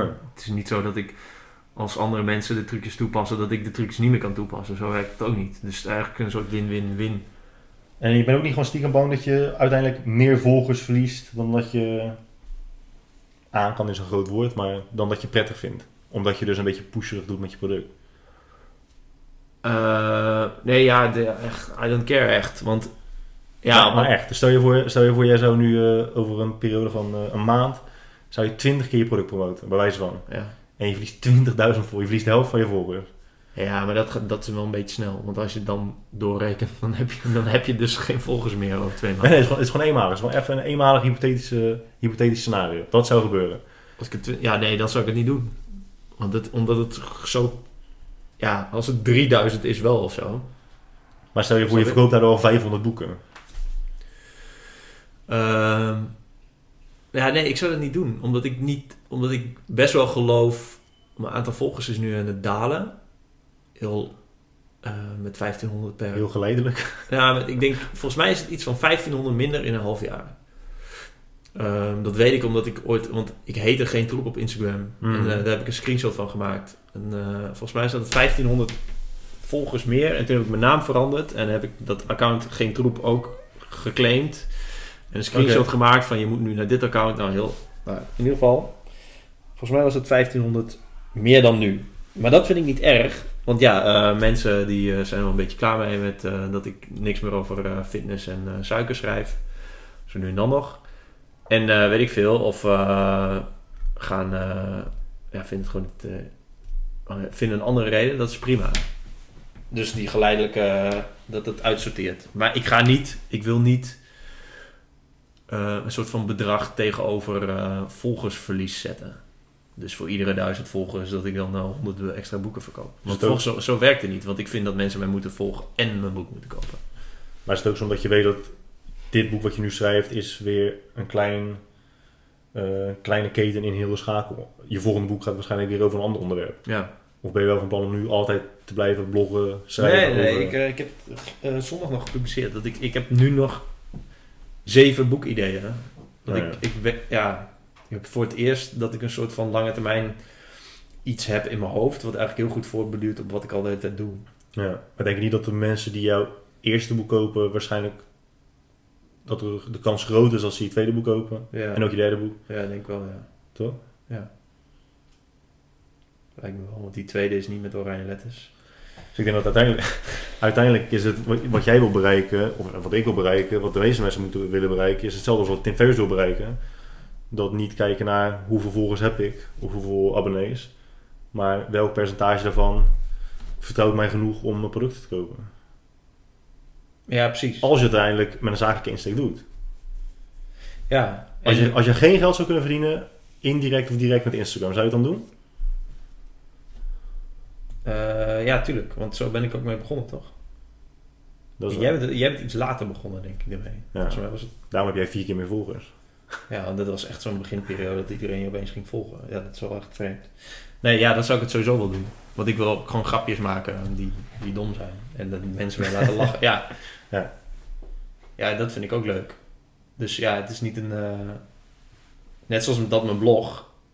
ehm, jij bent je blog ook niet begonnen met de zakelijke insteek. Nee, nee, zeker niet. Maar daarna, want als je erachter komt dat je geld kunt verdienen met shit die je de, iedere dag knetterleuk vindt om te doen, dan wordt het vanzelf zakelijk. Maar dat betekent, niet, dat betekent niet dat je hele model moet omgooien. Want jij blijft, ja, jij blogt waarschijnlijk veel minder nu, maar het blijft hetzelfde. Ja, ja, ik vind het gewoon lastig omdat social media consistent doen vergt best wel veel tijd. Dus heel soms Ja. denk ik ook van, ja, pff, weet je, waar, waar, ja, ik zal waar, waar- waarom ik het doe. Ik vind het ook wel leuk om te doen. Maar het kost best wel veel tijd. Ja, ja klopt. En je, je weet ook met je social media dat het pas echt effectief wordt als je het frequent doet. Ja. Maar het is hetzelfde met je boeken promoten. Het enige wat ik nu frequent doe is eh, Twitter. En dan zie je ook direct dat die volgers knetterhoog worden. Ja, Impressie- ik heb impre- de pro- impressies op mijn Twitter profiel zijn meer dan op mijn website. Dus meer mensen bekijken mijn Twitter profiel dan mijn website. Echt? Ja. Ik maar ik had dat Nederlanders helemaal niet meer aan Twitter deden. Ja, knetterveel. Afgelopen maand heb ik 1 miljoen mensen bereikt. Nee, Met- joh? Ja, het bereik met tweets is natuurlijk gewoon mensen die een tweet ooit van je lezen. Ja, oké. Nou, steeds wel veel. En eh 40.000 mensen die het profiel bekijken. En dan 30.000 Echt heel mensen veel. die op mijn website komen. Is Ja. niet mensen die jammer de boel googelen en dan dat Twitter heel hoog scoort. Ja, niet hoger dan je website natuurlijk. Ja, ja, ik denk niet hoger dan mijn website. Ik denk wel dat het er staat, ja. Ik weet niet hoe dat werkt. Tweet echt zoveel mensen, joh? Ja, we hebben het vorige keer ook over gehad. Toen ik eh, laatst Twitter weer een keertje opging. zei ik, ja, wie gebruikt dit nog? Eén één reactie, jammer de boer. Ja, yo, hier. Nee, ja, het ligt een beetje aan natuurlijk. Tuurlijk, wat, tuurlijk gebruiken mensen dat. Maar het ligt... Kijk, het is net zoals met Instagram. Je, er zijn toch ook hele communities van mensen die elkaar volgen en... eh, ehm, die dat gewoon heel actief doen. Ja, Twitter hetzelfde. YouTube, ja, Facebook groepen heb je natuurlijk... Ja, ik weet niet. Ik denk dat wij eh, vijf jaar geleden veel meer op Facebook zaten dan nu. Ja, sowieso. Ik zit echt ja, bijna nooit meer op. Nee, Facebook is echt wel nog steeds een beetje paradijs voor gezeik en zo. Als je, nu, als je nu op Facebook komt, het enige wat je dan ziet is mensen die klagen over hun buren. eh, Oh, die ja. klagen over die persoon eergisteren op de snelweg. Allemaal dat soort dingen. Ja, nee, ja, ik zie altijd updates van mensen die ik van vroeger ken die kinderen krijgen. Oh, dat, En eh ja, dat eigenlijk. jij bent nog aan het nadenken over welke pet je gaat dragen. Ja. Ja, ik dacht vanochtend serieus, want ik heb dus eerst gel in mijn haar gedaan. Want het was nog een beetje nat, want ik heb geen föhn en Jenny ook niet. Dus ik dacht, ja, het moet... Hoe, hoe kunnen jullie allebei geen föhn hebben? Jij bent eh, Ken en zij is eh, een beautyblogger. Ja, geen idee. Of ze verstopt hem. Nee, volgens mij hebben we geen föhn. Maar goed, dus ik dacht, ja, dus zou ik nou een petje op doen of niet? Want ja, dan doe je een pet op bovenop nat haar, dat is ook weer niet goed. Nou, dat is slecht man. Maar ja, toch gedaan. Nou ja, dat zijn dus dingen waar ik over nadenk. Ja, en iedereen om je heen krijgt kinderen en gaat trouwen, kopen een huis. Je hebt ook laatst huis gekocht hoor. Nee, nee. Of huurhuis? Huis, huis, gehuurd. Nee, ik koop bitcoins tegenwoordig. Dat is een betere investering. Het is wel Ja. goed als, als we nou heel veel mensen aan de bitcoin krijgen. Dat is wel goed voor ons. Ja, gul- mensen moeten guldens kopen. Nee joh, geen gulden. Jawel. Gewoon bitcoin. Guldens, gulden.com. Regel even. Knetterveel werk. Ja, veel werk? Ja, dat moet weer allemaal via zo'n andere wallet. En uh, nox.nl en weet ik veel wat allemaal. Maar ja, verder, we weten wel dat de kans dat die gulden uiteindelijk als cryptocurrency iets wordt, is wel heel klein. Ja, ik vind dus, want ik heb nog steeds het in, in mijn hoofd het eh, filmpje Stemmen in Hogeveen, waar ik vandaan kom. Dat ze mensen gaan interviewen over de gemeenteraadsverkiezingen. En dat één iemand zegt, ja, ik stem op Wilders. En dan zegt de interviewer, ja, maar die doet dus niet mee aan de gemeenteraadsverkiezingen. en iemand anders zegt, laat dus de Gondens maar eens terugkomen. Toen dacht ik, nou ja, als dat, als dat eh, de, het sentiment is eh, in, ja, Hogeveen. in Hoogveen en in de, waarschijnlijk de rest van Nederland. Dan lijkt het mij aannemelijk dat als er een cryptocurrency is die gulden heet, dat iedereen dat op, als de massa het gaat eh, doen, dat wel iedereen gaat ja. kopen. Dus ja, dat, ja, Dus ja, dat is wel voor het dat vaderland. het is wel voor het vaderland. Hoeveel heb je gekocht dan van guldens? Voor 100 euro? En ze zijn nu hoeveel waard? 1 cent. Nee, veel minder. Eh, Volgens mij waren ze 77 cent of zo. Ja? Even kijken hoor.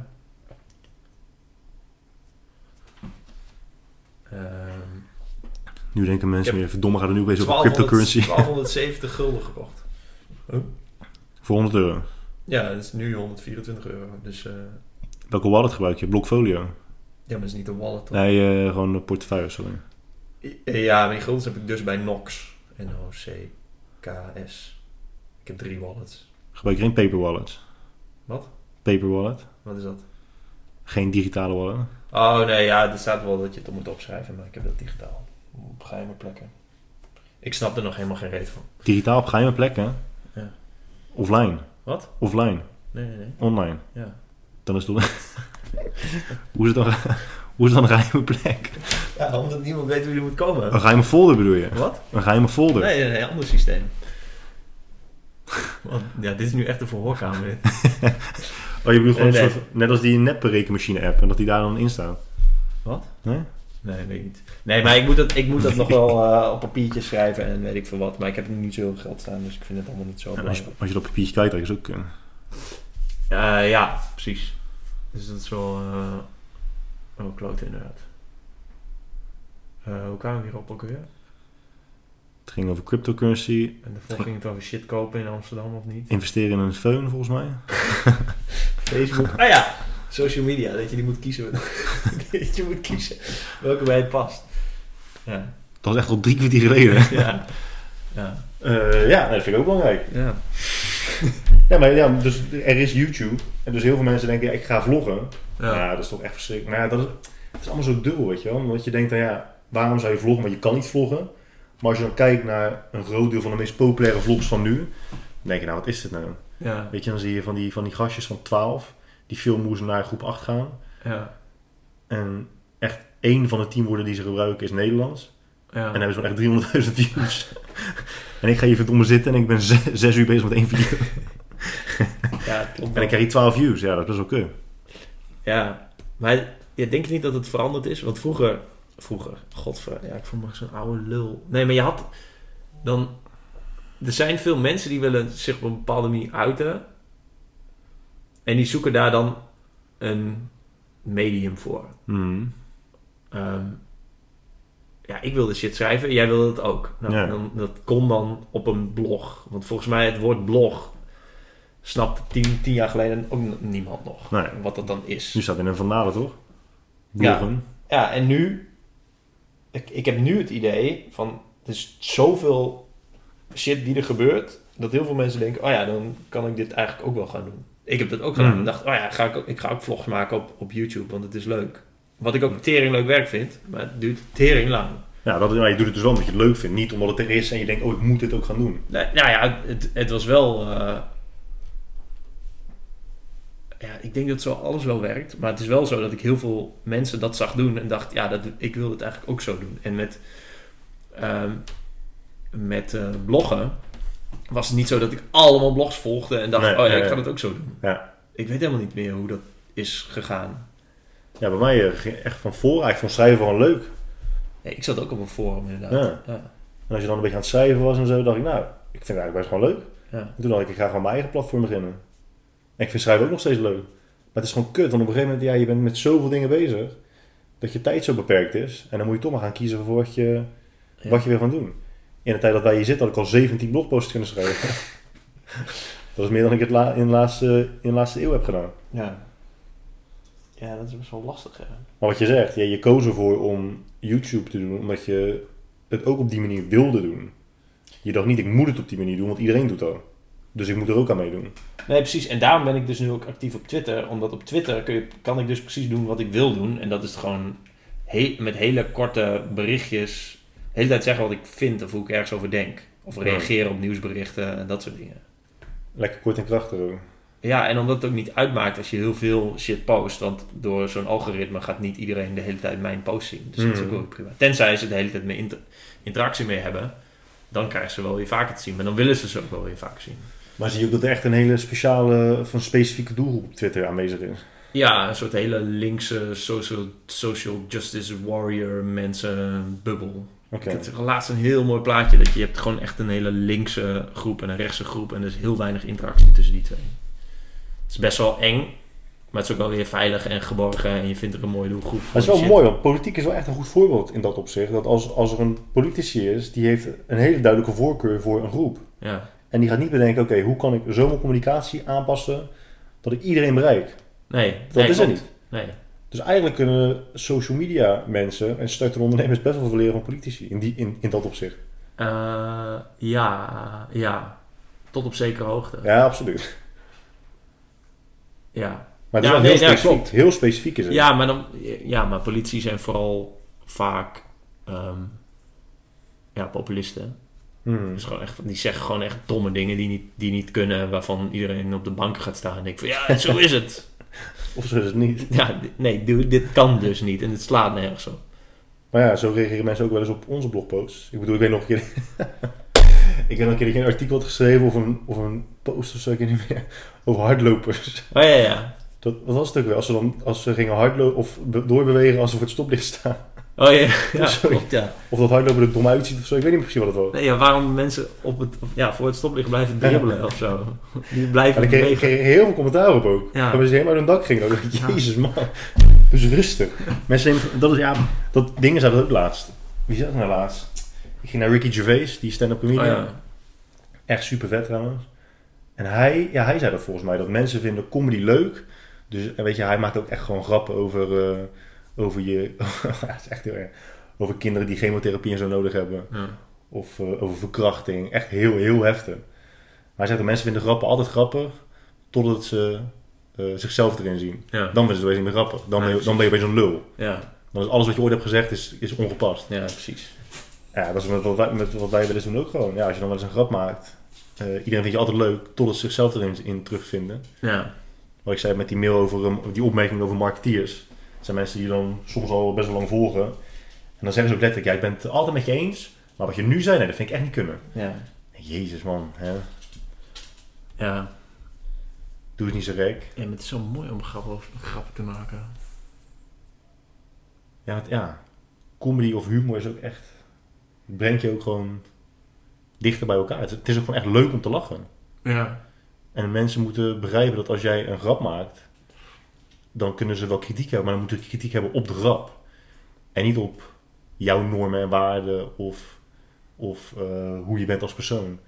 Ricky Gervais ook, als ik een grap maak over verkrachting, is het niet zo dat ik, dat ik verkrachting goedkeur. Nee. Of dat ik ooit echt zou lachen als iemand verkracht wordt. nee, precies. Het is meer gewoon, je maakt, je maakt een grap in een bepaalde context. En daar kun je dan misschien nog wel kritiek over hebben. Ja. Maar dat is het. Het is niet meer dan een grap. Nee, ja, precies. Ja, dat klopt.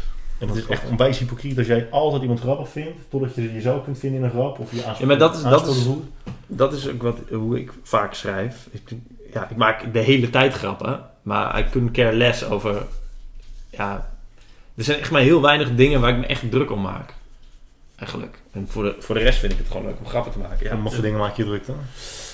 Eh, Partij van de Dieren, nou dat is nummer één. Partij voor de dieren. God! ik dacht, ik zeg, ik zeg het specifiek rustig aan. Nee, nee, nee, waar ik me echt druk om maak. Ja, eh, ja dit, nu nu ga ik dus zeggen, hier hebben we het al zo vaak over gehad. Maar over de Energieke Vrouwenacademie. gewoon iemand die een boek publiceert, echt met pagina na pagina na pagina na pagina. Gewoon volledige bullshit. Gewoon shit die niet waar is, wat heel goed wordt verkocht. Waar gewoon heel veel mensen ehm, een kutte leven van krijgen. Omdat ze gewoon verward worden, verkeerde dingen gaan doen, die slecht voor hun gezondheid zijn shit gaan verkondigen op verjaardagen aan, eh, aan hun zussen en eh, neefjes. Tantes voor. Hè? Vooral tantes. Ja. ja. Ik heb niet eens een specifieke tante van mij die ik dan in mijn hoofd heb. Maar ik vind dat, dat tantes op verjaardagen dat, dat, dat shit doen. Je hebt kiba haar op je gezicht. Gadverdamme. Ja, tantes zijn altijd de boosdoener, man. Nee, maar... ja, En dat boek is ook geschreven door een ontzettende tante. Eh, ja, nee, daar, daar maak ik me echt druk om. Maar ja, als, als mensen eh, eh, niet stilstaan of blijven huppelen voor een stoplicht... Ja, moet zij vooral het zelf weten. Het is tering grappig. Ja, moet je vooral doen. Ja, ik maak me daar echt niet meer zorgen. Want die tantes die dan Energieke Vrouwenacademie volgen en, en boeken kopen. Ik weet gewoon dat het zijn ook geen mensen die uiteindelijk mijn diensten zullen afnemen. Nee, maar dat, ik vind dat heel egoïstisch. Want Voor ik, mij of van hun? Nee, voor jou. Want Ah. ik- ja, ik, ik redeneer dan altijd een soort van zorg voor de wereld. En ik hoop dat dan ehm, mensen eh, een soort van het goede doen. Ja, en ik vind het dan heel erg jammer dat er dan weer zo'n grote groep verward wordt. En dan weer ja, dit, dit als een soort van plant in hun hoofd en dan weer verder gaan met het leven. Denk ik, ja, Ja. dat is dus, dat- zo gaan we niet de goede kant op. En dat is inderdaad, Ja. zal, zal ook niet de groep zijn die, die mijn stukken leest. Maar ja, dat is dus, dat is dus het hele bubbelding. Dat is dan gewoon kut. Maar mensen komen bij dat soort dingen terecht omdat ze daar of naar op zoek zijn. Dus die zoeken op Google hoe val ik 4 kilo af binnen 7 dagen. Ja. Eh, hoe kan ik mijn lijf ontgiften. Mhm. Die zijn daarna op zoek. Jawel, maar dat, dat soort gedachten die, als, die zij al hebben, is bijvoorbeeld gekomen door de branding of marketing Hmm. van die persoon. Oké, maar dan komt er een Jammer de Boer of een Guy Droog en die vertelt, nou luister jongens, detox is fucking onzin. Met 17 pagina's aan argumenten. En het enige wat zij denken, nee, dat is, is, is gelul. Want ik heb in de Energieke Vrouw Academie eh, heb ik gelezen dat het zo en zo zit. Ja. Eh, en ik voel me daar goed bij. Ja. Dus ehm rot lekker op met je wetenschap.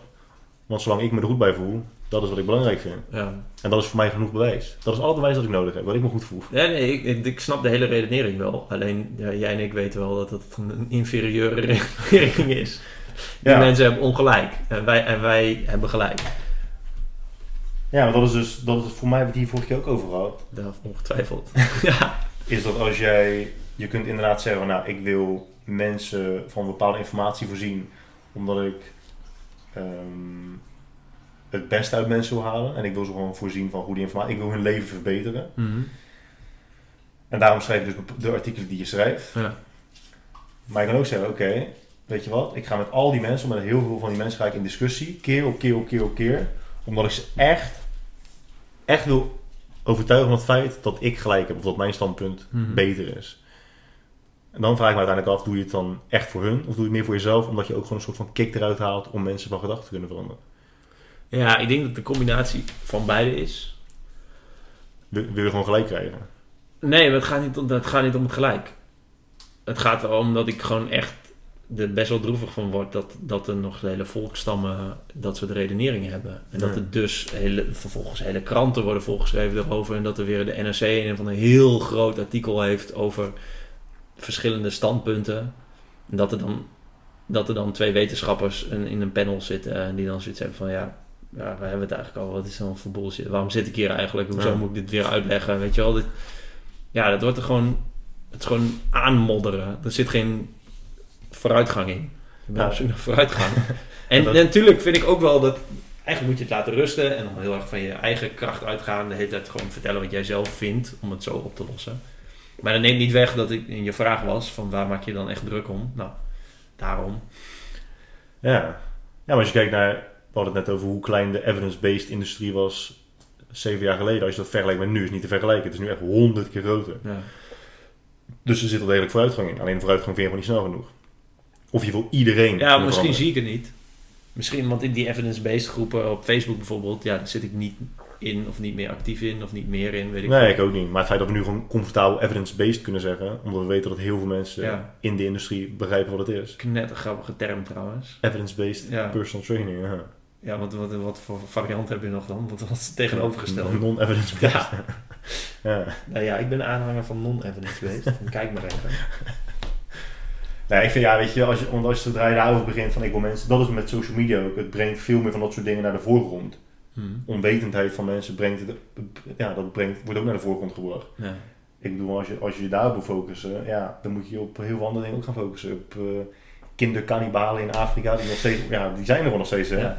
Die organen eten van andere mensen omdat ze denken dat ze daar superkracht van krijgen. Ja.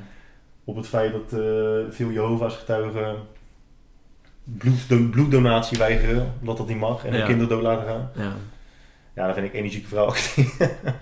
Ja, oké. Maar dan, dan heb je dus de, de, ja, ik weet waar dit naartoe gaat. Want dan uh, moeten we het ook hebben over klimaatverandering en over CO2-uitstoot en over uh, vluchtelingen. En de ontkenning ervan meer. Ja. De ontkenning van klimaatverandering. Nee, nee, nee, maar er zijn toch ook heel veel mensen die vinden, bijvoorbeeld met mijn nieuwe boek, die zeggen dus van ja, je, je, je mag niet vliegen, want CO2-uitstoot. Ja. Maar dat is helemaal niet pragmatisch. Ja, zo kun je alles wel. Want ja, dan moet je dus ook, dan moet jij en ik uh, ieder drie vluchtelingen in huis nemen en te eten geven. Ja, want je kunt het toch betalen en je Ja, hebt ja, ruimte. ja, ja. Dus weet je wel, dan krijg je dat soort discussies. Ja. Maar dan heb je het dus helemaal niet meer over wat in de praktijk werkt. Nee, maar nu kijk jij van, oké, hoe ga ik die problemen oplossen? En ik bedoel meer van, er zijn zo, zo verschrikkelijk veel gekke dingen in de wereld. Ja. Dat ik vind relatief, ik vind dat soort dingetjes, zoals Energieke Vrouwenacademie, relatief klein. En misschien dat ik ook gewoon enigszins uit ervaring spreek, en die heb jij ook. Dat je weet dat je mensen toch niet veranderen. Hele dus- grote- de, de, de meeste mensen veranderen je niet. Nee, maar ik, ik, vind het ook, ik vind het ook heel erg dat ik er, dat ik er nog wel echt mee zit. Maar dat, en we hebben nu de hele tijd specifiek Energieke Vrouwenacademie. Maar er zijn heel veel van dit soort rare eh, initiatieven die zo nu dan voorbij komen. Of er is zo'n dude. Ik weet niet hoe die gast heet, die de hele tijd van die, van die Facebook filmpjes maakt. Die die ook keihard promoten met wat de ge- gezondste producten uit de Ecoplaza zijn en zo. Gewoon die gast die, die de hele tijd verkouden is, zo klinkt die. en ik vind het ook heel erg dat ik het zo erg mee zit. Want liever la- laat ik het gewoon los. Ja. Maar dat soort shit, ja, weet niet. Dat, ma- dat maakt me gewoon, maakt me gewoon fysiek druk om. Maar wat vind je, dat, vind je het erg dat hij aandacht krijgt? Of vind je het, erg, of vind je het alleen maar erg omdat die aandacht volgens jou onterecht is? Ja, dat laatste. Maar Het, als, het liefste leef je toch in een wereld waarin als iemand zoiets post, dat er dan mm, acht van de tien reacties zijn, dude, dit slaat fucking nergens op, kijk maar hier, of lees dit, of, of weet ik veel, of dat hij drie likes krijgt en niet, eh, weet ik veel, zoveel reacties van wow, ja, echt, eh, ja. echt goed. Ik weet niet of ik dat zou willen, man. Want omdat je dan zelf niks meer te verkopen hebt, doe je dat niet. Eh, nee, niet zozeer. Ja, ja, ik weet niet. Je wil dat we in een wereld leven waarbij vrijwel iedereen kritisch kan nadenken. Eigen onderzoek gewoon, doen. gewoon iets meer. Nou, ik vind, wel, ik vind dat daar wel gewoon echt goede vooruitgang in zit. Maar ik denk dat het, het blijft gewoon in onze aard zitten om altijd zo snel mogelijk, zo eenvoudig mogelijk resultaten willen. En dan het liefst ehm, dat bij factoren zoeken die buiten onszelf liggen. Dat zal altijd gewoon zo blijven. Het is toch veel makkelijker als jij zegt, ja, ik val niet af door dit of dat, dan ik val niet af door mijn eigen luiheid of mijn eigen gebrek aan discipline. Ja. Dat is echt gewoon ja, men, het fundament van mensen proberen te veranderen. Ja, De enige reden dat er zoveel van die gasten bestaan en zo'n grote doelgroep bedienen, is ook alleen maar omdat die doelgroep er is. Mhm. En altijd maar op zoek is naar de makkelijke uitweg. Ja. Ik denk dat je helemaal gek gaat worden, man, als je daar eh, op blijft focussen. Nee, ik focus me er niet op. Maar de, nogmaals, nee, de vraag was waar, waar, Waar maak je druk om? waar, waar maak je je druk om? Ja, oké, je maakt je En- druk en- als je en- nadenkt. Nee, maar gewoon, en dan natuurlijk hebben we het over dit hele specifieke onderwerp. Ik, ik, ik, maak, ik maak me dus echt druk om dat er nog zoveel. ehm, kijk, ik vind het niet erg dat, dat mensen het niet weten. Kijk, je hebt natuurlijk ook heel veel mensen die eh, overgewicht hebben en echt geen flauw idee hebben. Die, gewoon, die het gewoon niet weten. En wat de, de, de stap daarna, die ik zo jammer vind, is dat ze dus vervolgens gaan wijten aan hormonen, dingen, eh, gifstoffen, weet Mm. dat soort shit. Ja. Dat, dat, die, die stap is zo. eh, en daar helemaal in vast eh, draaien. Dat je dus hormoonvrije nagellak moet smeren. Ja, ja, ja. Dat, dat vind ik ehm, vervelend. Maar ja, dat je, En, en, en, wat ik, en wat ik, daar zat ik dus laatst over na te denken. Ik weet niet of we daarover gehad hebben. Is dat bedrijven zoals, eh, weet ik veel, Coca-Cola of eh, Heineken of iets, die zijn aan zoveel regels gebonden over wat ze wel en niet mogen zeggen. Mm. En iedere fucking blogger met honderdduizenden volgers mag gewoon alles, Ja, mooi hè? alles publiceren online. Ja. En geld verdienen met zijn gekke boekjes. Terwijl Coca-Cola mag gewoon... Je mag niks zeggen. Ja. Doen ze ook niet. Daar hebben ze ook geen belang bij. Maar al die gekke bloggers en die... die weet die gast met die bosse haar? Die David Wolf. Die Ja, Afghaanse ja, man. ja. Echt gewoon rare boeken schrijft die man. En ja, dat is zijn business. En hij post allemaal shit die niet waar... Die gewoon kon- kan, controleren. En daar zit, daar zit helemaal niet... Er is geen regelgeving voor. Ja. is toch vreemd? Ja, absoluut. Maar ik denk dat je dan nogmaals... Het irritant is niet dat er zulke mensen zijn. Het is gewoon vooral irritant dat er gewoon zoveel mensen zijn die het geloven. Stel je voor je neemt iemand die helemaal blanco is qua geest. Die dus, Ja, ja, maar dat, dat is dus ook mijn punt. Kijk, ehm, dat de wereld niet zo is dat die heel kritisch is. Ik denk niet dat ik het goed verwoord, want eh Marjolein Dubbers, die van de Energieke Vrouwenacademie, ja, prima, moet zij weten dat ze zo denkt. ja, oké. Maar het is wel, ik, ik heb dan altijd, ik, mijn boodschap is aan de mensen die dat lezen, denk van, ja, waarom zie je dat dan niet, dat dit zo'n rare, rare redenering. Dit klopt niet. Lees Ja. dit goed. Of wees kritisch. Dat gaat echt nooit gebeuren, man. Ik weet, ze hoeft niet in de gevangenis. ja, ze moet het gewoon lekker zelf weten. Maar ja, de kern van het verhaal is dus, je irriteert je gewoon echt aan hoe de mens van nature een beetje in elkaar zit. ja, daar komt het wel op neer. Ja, dus wat, ik, wat ik net wilde zeggen, als jij, want je had het over bijvoorbeeld inderdaad mensen die overgewicht hebben niet weten hoe dat komt. Ja. Stel je neemt iemand die echt niet weet hoe dat komt. Letterlijk heeft geen idee. Die heeft nog nooit een dag in de leven op het internet gelezen of iets. Die zet je in de kamer neer en Jammer de Boer zit tegenover haar of hoe heet ze, Marjolein Dubbers. Ja. Ik weet niet waar zij voor staan, maar ik ga gewoon even aannames doen. Ja. Jammer de Boer legt uit wat, een, eh, wat de energiebalans is. Dat als ze meer eet dan dat ze gebruikt, dat ze dan aankomt over de lange termijn. Ja. Eh, en dat ze misschien iets minder moet gaan eten. Daarnaast zit Marjolein Dubbers en die vertelt: nee, calorieën die eh, tellen niet. Eh, het heeft te maken met je hormonen of het heeft te maken met je gifstoffen. Neem dit drankje en als je dit drankje drinkt, dan, dan komt het helemaal goed met je, want dan word je ontgift. Dan gaan alle gifstoffen uit je lichaam die over de jaren heen hebben opgebouwd. De mens zal van nature gewoon bijna altijd B kiezen, bijna altijd. Ja, ja, dat is toch zonde. nee, Maar, ja, maar heel vaak gaat het toch wel goed. Ik bedoel, Ja, maar hier, komt dus weer, hier kom je dus uiteindelijk weer terecht bij dat stukje branding. Mensen zoals jij doen en zeggen en denken op een bepaalde manier. ja. En daar moet je gewoon bij, bij houden. En mensen die dus, mensen die nu dus bijvoorbeeld Marjolein Dubbers lezen, maar eigenlijk ook wel ergens een beetje eh, kritisch zijn erop, die gaan vanzelf wel research doen en die komen uiteindelijk wel terecht bij mensen die eh, zo zijn zoals ze dachten dat ze niet waren, maar uiteindelijk wel zo blijken te zijn. Ja, ja oké, ik, ik laat wel rusten. Ik ook heel vaak eh, eh, mailtjes van mensen. Van ja, ik heb dit eh, programma gedaan, dat programma gedaan. En ja, ik geloof er al niet helemaal in, maar ik wil het toch proberen om die en die reden. Uiteindelijk blijkt dus dat het niet waar is. Of uiteindelijk blijkt het dus nog niet zo effectief te zijn zoals, dat het, zoals dat ik dacht of hoopte. Mhm. En nu, ja, en dan beginnen ze bij ons. En dan merken ze dat het echt volledig aansluit op hoe zij ook zijn. En dat is gewoon mooi. Dat is een soort, dat is een soort hunch, hoe zeg je dat? Een soort van gedachte al Ja. hadden dat het zo zat. Ja. En dat ze uiteindelijk toch naar die bevestiging zoeken en dat ze die bevestiging ook krijgen. En ik was vroeger ook gewoon heel erg bezig met, ja, maar ik wil dat je nu van gedachten verandert. Ik wil dat als jij mijn argument leest, dat je denkt, oh ja, inderdaad. Mhm.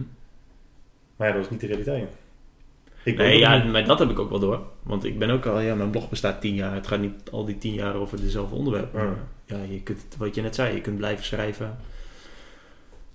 En ja, er is altijd wel weer een nieuwe groep die langskomt. En dan, ja, Ja, maar, maar ik, heb, ik heb het ook echt heel lang gehad. Dat ik ook, inderdaad, je bent er niet echt gefocust mee bezig. Maar zodra je erover na gaat denken, dan eh, kan je er gewoon een beetje gefrustreerd van raken. Maar dat heb je met alles. En dat is ook omdat je kennis over het onderwerp hebt. hm. Als jij straks mensen krijgt die eh, voor de tiende keer tegen je zeggen... Ja, maar maar over vluchten, dit en dit, dat klopt helemaal niet. En dan denk je, maar, ja, maar je snapt het gewoon niet. Ja, maar dan is die bubbel wel een zegen inderdaad. Ja, maar dat, dat is dus wat er nu gebeurt. Ja, dat hebben we waarschijnlijk allebei gehad. De mensen die gewoon letterlijk gaan vragen... Joh, wat, ik moet, wat, wat moet ik eten? Wat, hoe moet ik trainen? Want ik wil dit. Yo, yo, maar ik wil volgende week naar Portugal. eh, kun je even helpen? Ik zoek een goedkope ticket. Dat soort, dat soort shit vragen krijg ik nu. Het is gewoon, die parallel is gewoon precies te trekken. Ja, ik wil zeggen, het is precies zo. Ja. Het is ook gewoon echt de verantwoordelijkheid bij jou leggen. Ja. Kun, je, kun jij mij nu eventjes... Want jij weet het toch zo goed, dus kun jij mij nu... voor dit hele specifieke geval... precies de allerbeste oplossing geven? Ja, en als dat niet goed gaat, is jouw schuld. Eh, nee, dat, zo werkt dat. Ja, dude. Ja, ja zo werkt dat. Zo, zo, zo gaat dat, zo werkt dat natuurlijk niet. Ehm, voor de rest maak ik me niet zo druk. Dus dat is eigenlijk het enige waar jij druk maakt, eh, om druk om maakt in je leven. Nee, nee, maar- vrouwenacademie. Ik, ik, heb een, zo'n, ik heb een soort... Ik maak me ook nog gewoon meer dingen druk. Bijvoorbeeld dat eh, de wereld eraan gaat. Omdat er gewoon met te veel mensen zijn. Alleen weet ik dus niet of dat erg is. Dat is een beetje mijn... eh, Ja, oké. Kamertje. Ben je nog meer sushi aan het bestellen? Eh ja, 102 toch? 102 van eh, de sushi burrito. Bitcoins gaan niet echt goed vandaag. Zie je naar je bitcoins gekeken? 3381 euro. Maar ik heb 2300 nog iets. Je hebt 2300 euro aan bitcoin. Ja. Echt, echt een baas jij, man. Je moet wel vaker promotie maken, denk ik, voor cryptocurrency. Want? Het dan stijgen ze? Ja, eigenlijk moet de vraag moet wel, eh, De vraag moet gewoon een stuk meer toenemen. Oh, min 53 euro vandaag. Geloof je ook echt in cryptocurrency? Ik snap er geen reet van. Ja, ik geloof het wel, ja. Maar geloof je dat het echt een eh, valuta wordt uiteindelijk? Of denk je meer dat de technologie die eh, ze gebruiken uiteindelijk over, over wordt genomen in andere industrieën? Ik geloof heel erg in die eh,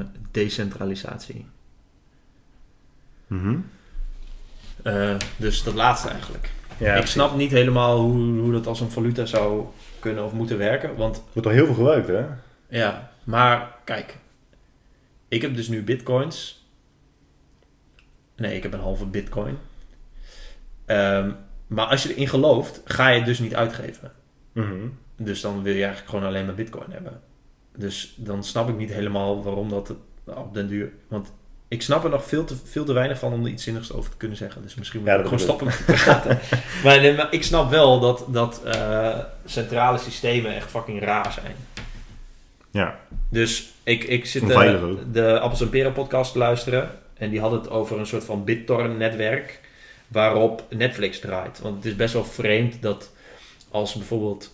Ja, of HBO of zo. Als er een nieuwe serie is, gaat iedereen die serie kijken. Maar dan gaat iedereen allemaal tegelijkertijd naar die, naar die server Mhm. die serie opvragen. Terwijl Ja. als je zo'n BitTorrent-netwerk hebt, dat je iedereen heeft een klein beetje van Netflix op zijn computer Mhm. staan. Dus Ja. dan, dan heb je het decentraal. Dus dan werkt het altijd. Ja, ja dat precies. is eigenlijk veel slimmer. Ja. Ehm, en hetzelfde met Spotify. Dat staat ook echt allemaal ergens. Dus iedereen is dat de hele tijd van één plek. Spotify is ook begonnen nu met eh, naar, naar die technologie kijken. hè? Ja, dat is net als slim. Ja. Het werkt, werkt fucking goed. Want dan als iets stuk gaat, ja, dan boeit het dus ook niet. Ik moet denken, wat je net zegt van... eh, je ziet de waarde voor de lange termijn en dus je, dus je houdt het vast. Maar er zijn ook natuurlijk gewoon mensen die het uitgeven. Ja. Al die verhalen van Die pizza. Ja, oh, dat is zo mooi. Maar ik las er gisteren ook nog hier. Zo'n gast die had zo'n vaporizer gekocht. Weet je, zo'n vape pen die ik Ja, ja. rookte. had hij 14 bitcoins voor betaald. Het is mooi dat mensen nu achteraf om konden lachen. Maar ik zou me zo echt afmaken. Ja, nou ja, je hebt het, ja. ja. Maar er zijn dus wel echt mensen die het nu nog steeds uitgeven. Je hebt eh, in, volgens mij in Australië zijn er al iets van 1500 winkels waar je Ethereum en Litecoin uit kan geven. Ja, maar het is, het is best logisch dat mensen... Want er is toch gewoon handel in. Ik bedoel, mensen... Als ik het nu verkoop, koopt iemand anders het. Volgens mij werkt dat toch zo? Ja. Ja, dus dit zijn gewoon altijd mensen die het kopen. Molly doet ook iets slim. Ken je Molly, die betalings... Ja, ja. eh, daar kan je bitcoin betaling kan je aanzetten. Ja. Dus als ik... eh, Je kunt mijn boek kopen met bitcoin. Oh echt? Ja. Maar krijg jij de bitcoin zeker? Weet ik veel dat Nee, nee, nee, sorry, ik zeg het verkeerd. Z- Zit er dan een betalingsprovider tussen? Of is het direct aan jou? Eh, ik, denk, ik denk dat Molly... Ja, oké, dus met Molly doe je het. Ja, Nou, wat Molly dus doet, want ik zat ook te kijken, ik wilde ook bitcoin accepteren, zodat ik de bitcoin krijg. ja. Maar als, als iemand dan betaalt voor jouw boek via Molly, dan krijgt Molly de bitcoin en ze betalen jou uit een euro. Oh, de, de, oh, de actuele wisselkoers. Ja, dan krijg jij euro's, maar dan krijgt Molly de bitcoin. Wat een teringlijers. Ja. Oké, ik ga het snel even uitzetten. Ik zat gisteren ook ik dacht ik wil ook bitcoin eh, betaling accepteren. ja. Maar Molly neemt dan de bitcoins en, en ze betalen jou euro's. Ah, oké. Ja, dat is wel een beetje suf, ja. Ja. En je kan in Duitsland, kan je volgens mij zag ik dat je al eh, bij verschillende tankstations kan je tanken of opladen elektrische auto's of zoiets. Nee, tanken met Ethereum, Oké. Ether. Ja. Ja, best wel interessant. Maar ja, ik moet eventjes een... Want ja, ik ben er nu een beetje in, in, aan- in aan het interesseren. Ja. Eh, maar nu moet ik eventjes een ba- basic naslagwerk of een docu kijken of zo. Dat ik hoop dat ik het een beetje snap. En dan... eh, Ik ja, je moet ook echt... eh, Ik snap het een beetje. Ik snap de technologie. Ik denk dat ik de technologie beter snap dan, dat de, dan de toepassing van valuta. Hoewel ik de toepassing op valuta ook wel best wel. Ja, dat, ik begrijp dat ook wel weer aan de, aan de hand van de technologie. Maar het is voor mij veel te groot om. eh, maar als je bedenkt dat iets van 90% van al het geld in de wereld is digitaal, toch? ja, Dus als jij straks op je bankrekening inlogt en dan zie je een getalletje staan, het is niet meer dan dat. nee. Vroeger stond daar nog goud tegenover, dat is al lang niet meer zo.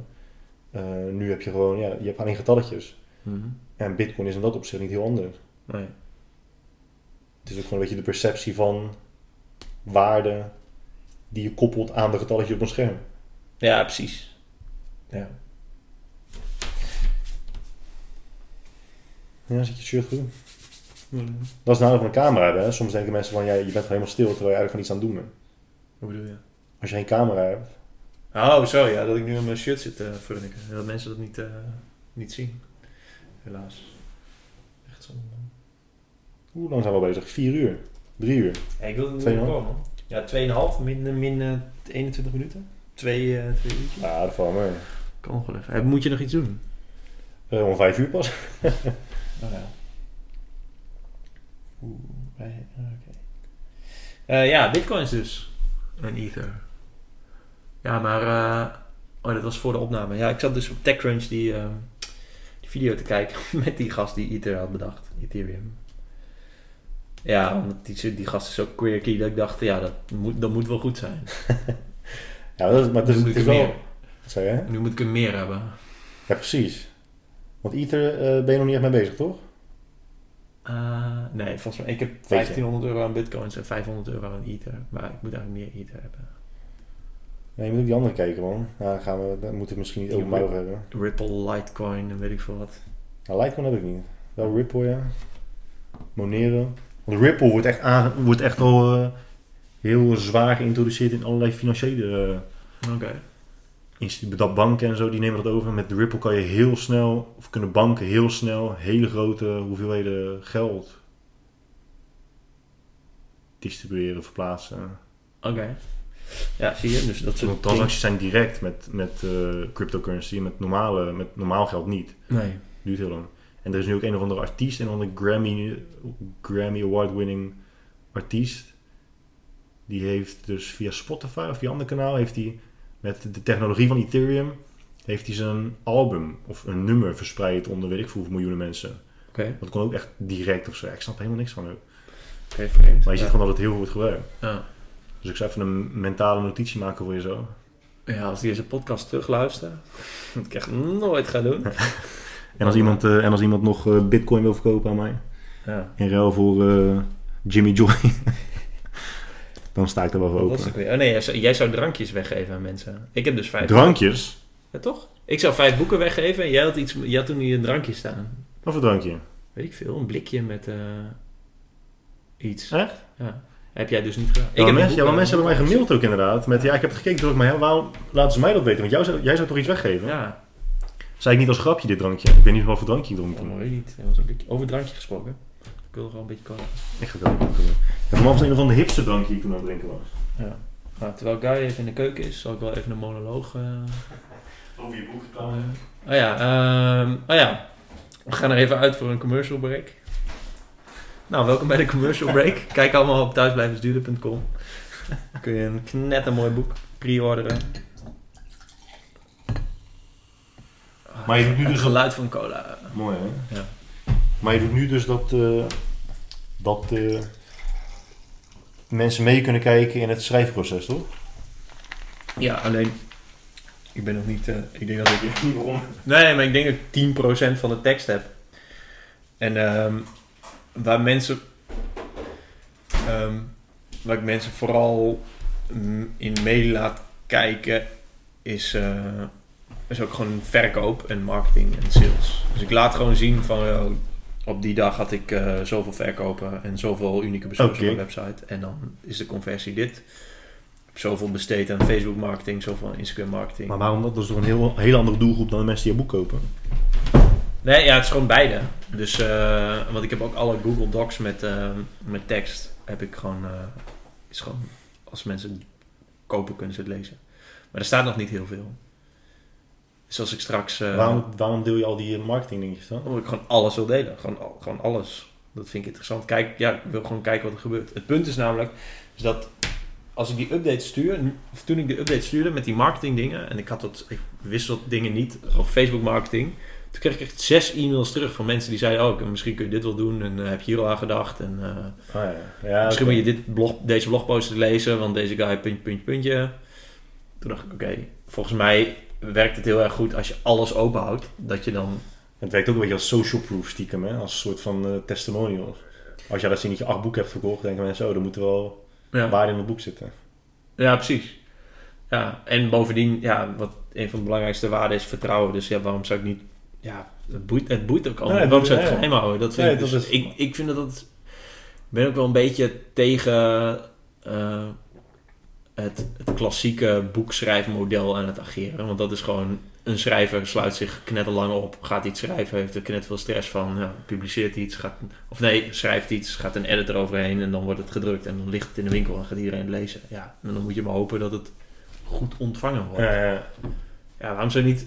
ja, De, ik bedoel, bestaat nu internet, dus je kunt er gewoon meekijken. absoluut. Heb je het boek Blockbusters gelezen?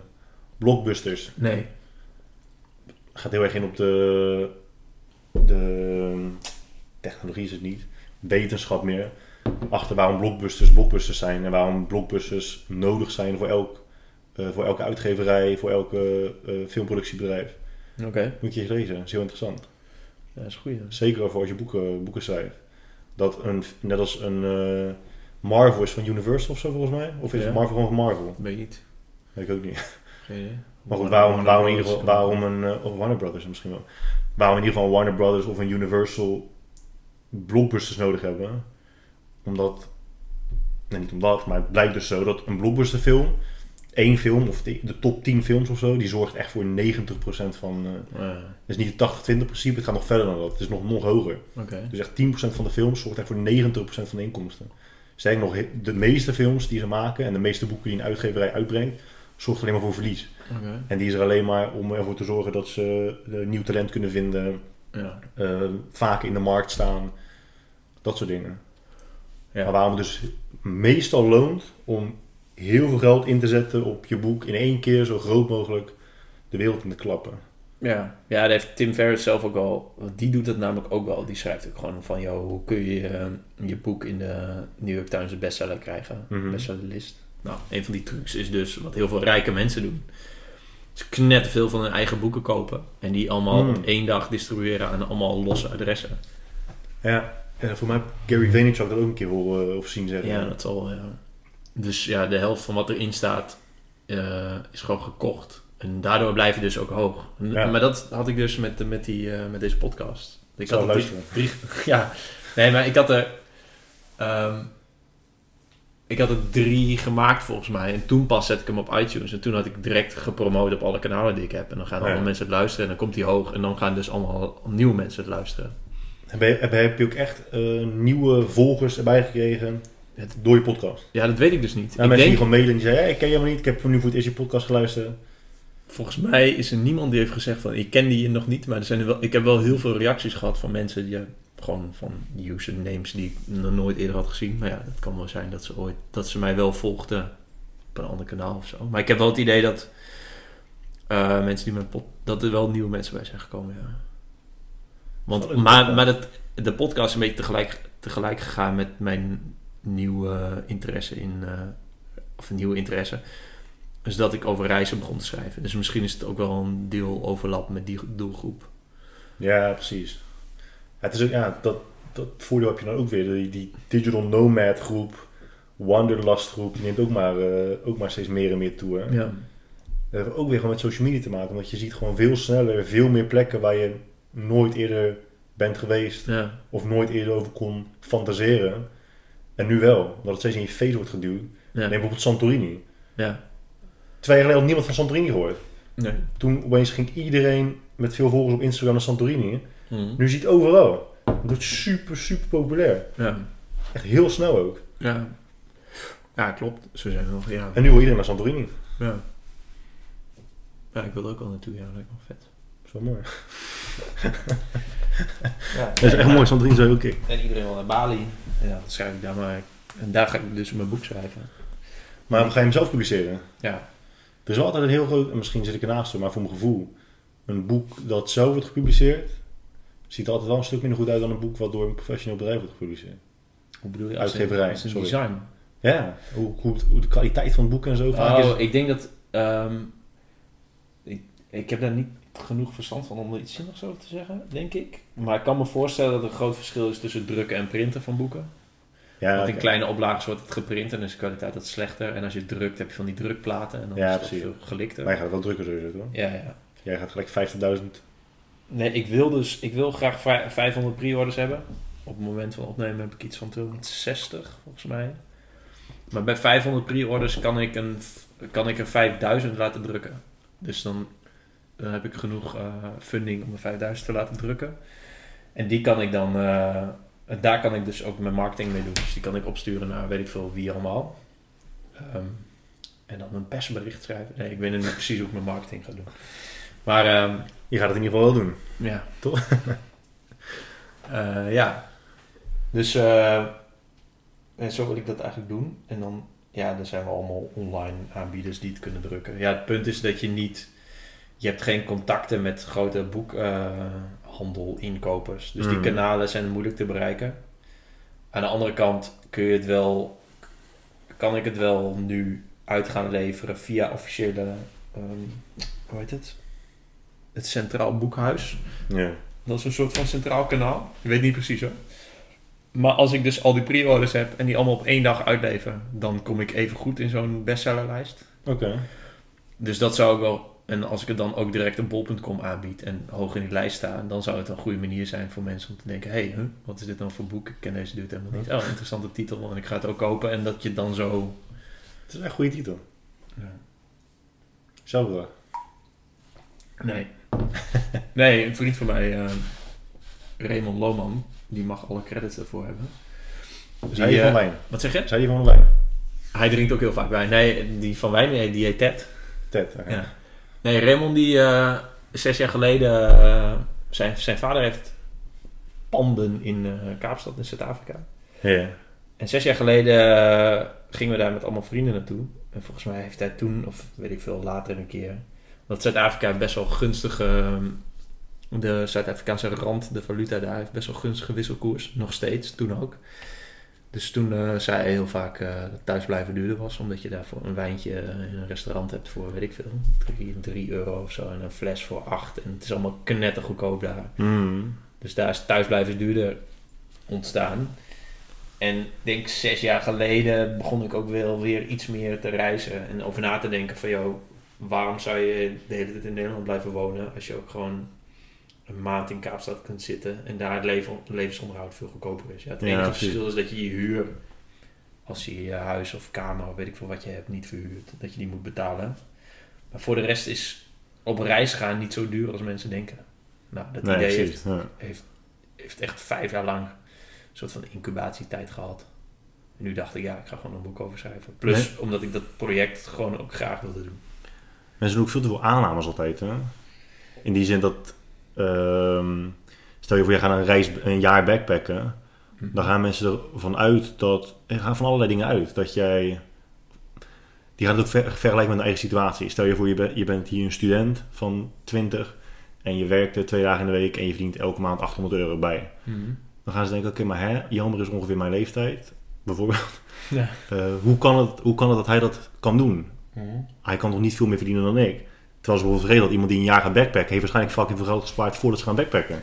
Ja, sowieso. En tijdens het backpacken, heel veel backpackers gaan nog eventjes gewoon wat werk doen of zo. Of, ja, Dat is ook tof, hè? ja, Koeien melken. ja, kan ook vet zijn. Als je dat wil doen. Nee, maar ja, en, en het levensonderhoud is gewoon veel eh, lager. Ja, toen ik, ik ging dus in 2006, fucking elf jaar geleden, ging ik met acht vrienden, met z'n negenen, gingen we naar Thailand.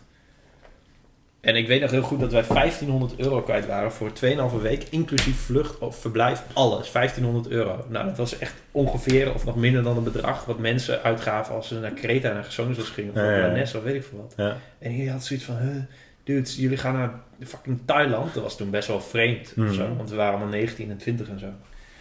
20 jaar Ja. geleden. Wat zeg je? 20 jaar geleden. Zoiets, ja. Daar was Raymond trouwens ook mee. Misschien heeft hij het toen al wel gezegd. Nee, maar ja, dat, ja het, is niet, het is niet stoerdoenerij of zo. Het is gewoon een hele... Het is de hele, het de hele tijd dat... What if, it, if it's the, the opposite gedachte? Van ja, maar Mm. waarom, is het, waarom zou het niet het tegenovergestelde zijn? Het is helemaal niet duurder. Nee. Ja. Je kunt het, Thailand is fucking goedkoop. Echt, het sla, ja. Het is ook vaak een je ticket die gewoon heel duur is. Ja. En dan daarna is het allemaal... eh, Ja, nou, en nu, nu ben ik dus heel goed geworden in hele goedkope tickets vinden. Ja, natuurlijk als je naar New York gaat, moet je heel veel voor een hotel betalen. Het zal niet goedkoper zijn dan thuis blijven. Maar op heel veel plekken is dat wel zo. Ja, En hoe cliché het ook klinkt, daarom vroeg ik voordat we begonnen met, met opnemen volgens mij, dat je niet in hele goedkope 5 sterren hotels verblijft. Dus het is altijd maar gewoon, je maakt het zo duur als dat je het zelf wil maken. ja. Toch? Tot Ja, op zekere precies. hoogte. Ja, Daar hebben gewoon enorm veel invloed op. ja klopt.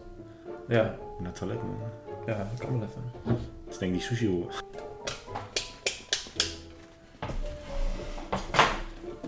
Zijn we weer terug bij de Guy en Jouwer show? Ja. Maar ik heb geen idee waar het als laatste over ging.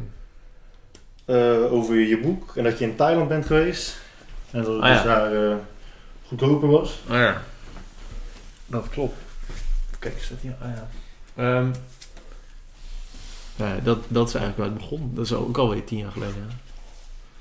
Ja, uiteindelijk moeten mensen, wat je ook zei, van dat je dan, als mensen dan een ticket eh, onder hun neus geschoven krijgen door jou, ze moeten wel nog steeds het geld uit willen geven om erheen te gaan. Ik denk dat heel veel mensen ook gewoon veel meer fantaseren over reizen dan dat ze daadwerkelijk willen reizen. Ja, maar volgens mij is dat ook...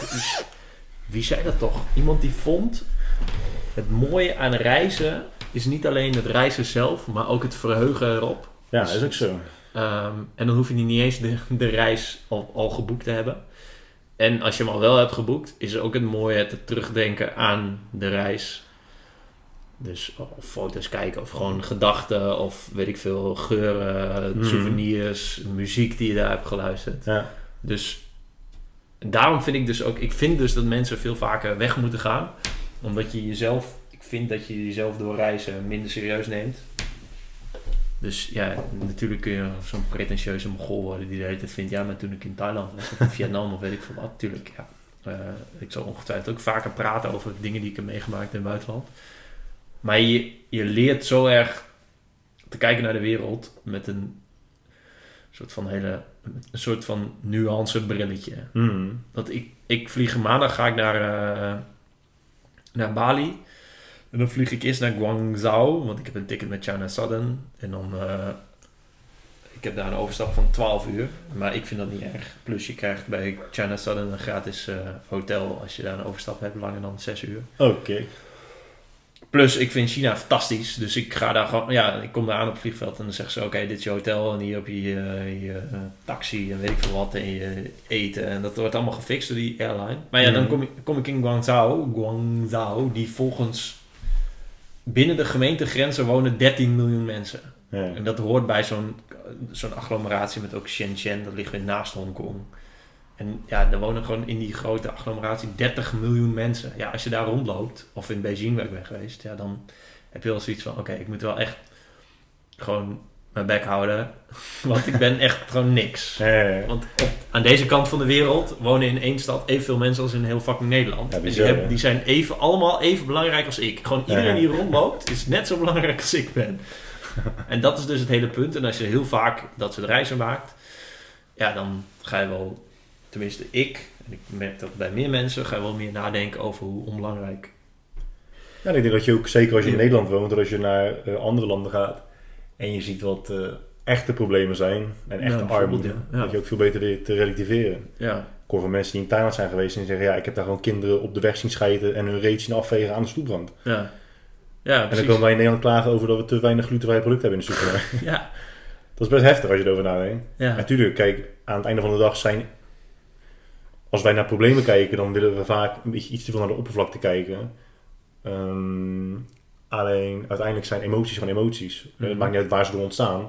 Als jij je kut voelt, of omdat je op de stoel moet schijten, of je voelt je gewoon echt kut omdat je te weinig producten hebt. ja. Je voelt je kut, daar gaat het uiteindelijk om. Nee, ja, het Maar gaat nog steeds wel beter relativeren, denk Ja, ik. het, het gaat erom wat, je, wat de, de norm en de standaard is. En het is heel goed, fijn, goed en fijn om te weten dat die norm en standaard bij ons knetterhoog ligt. Mhm. Vergeleken met eh, de rest van de mensen op de planeet. Ja, de, de Ja. aarde is niet zo heel groot. Want je bent, ik ben in China in tien uur. Ja. Dus ja, laten we, laten we dat ook vooral eh, in oogschouw nemen. Dat inderdaad... Ja, je zorgen zijn niet zo heel groot als je denkt dat ze zijn. En je bent niet zo belangrijk als je denkt dat je bent. Nou ja, en als ik dan met zo'n boekje kan bijdragen aan eh, dat mensen misschien eerder het vliegtuig zullen pakken of minder betalen voor de vlucht die ze toch al wilden doen. Kan je niet ook gelijk een stuk bijden aan vliegangst? Ja, ja, weet niet, daar heb ik niet echt verstand van eigenlijk.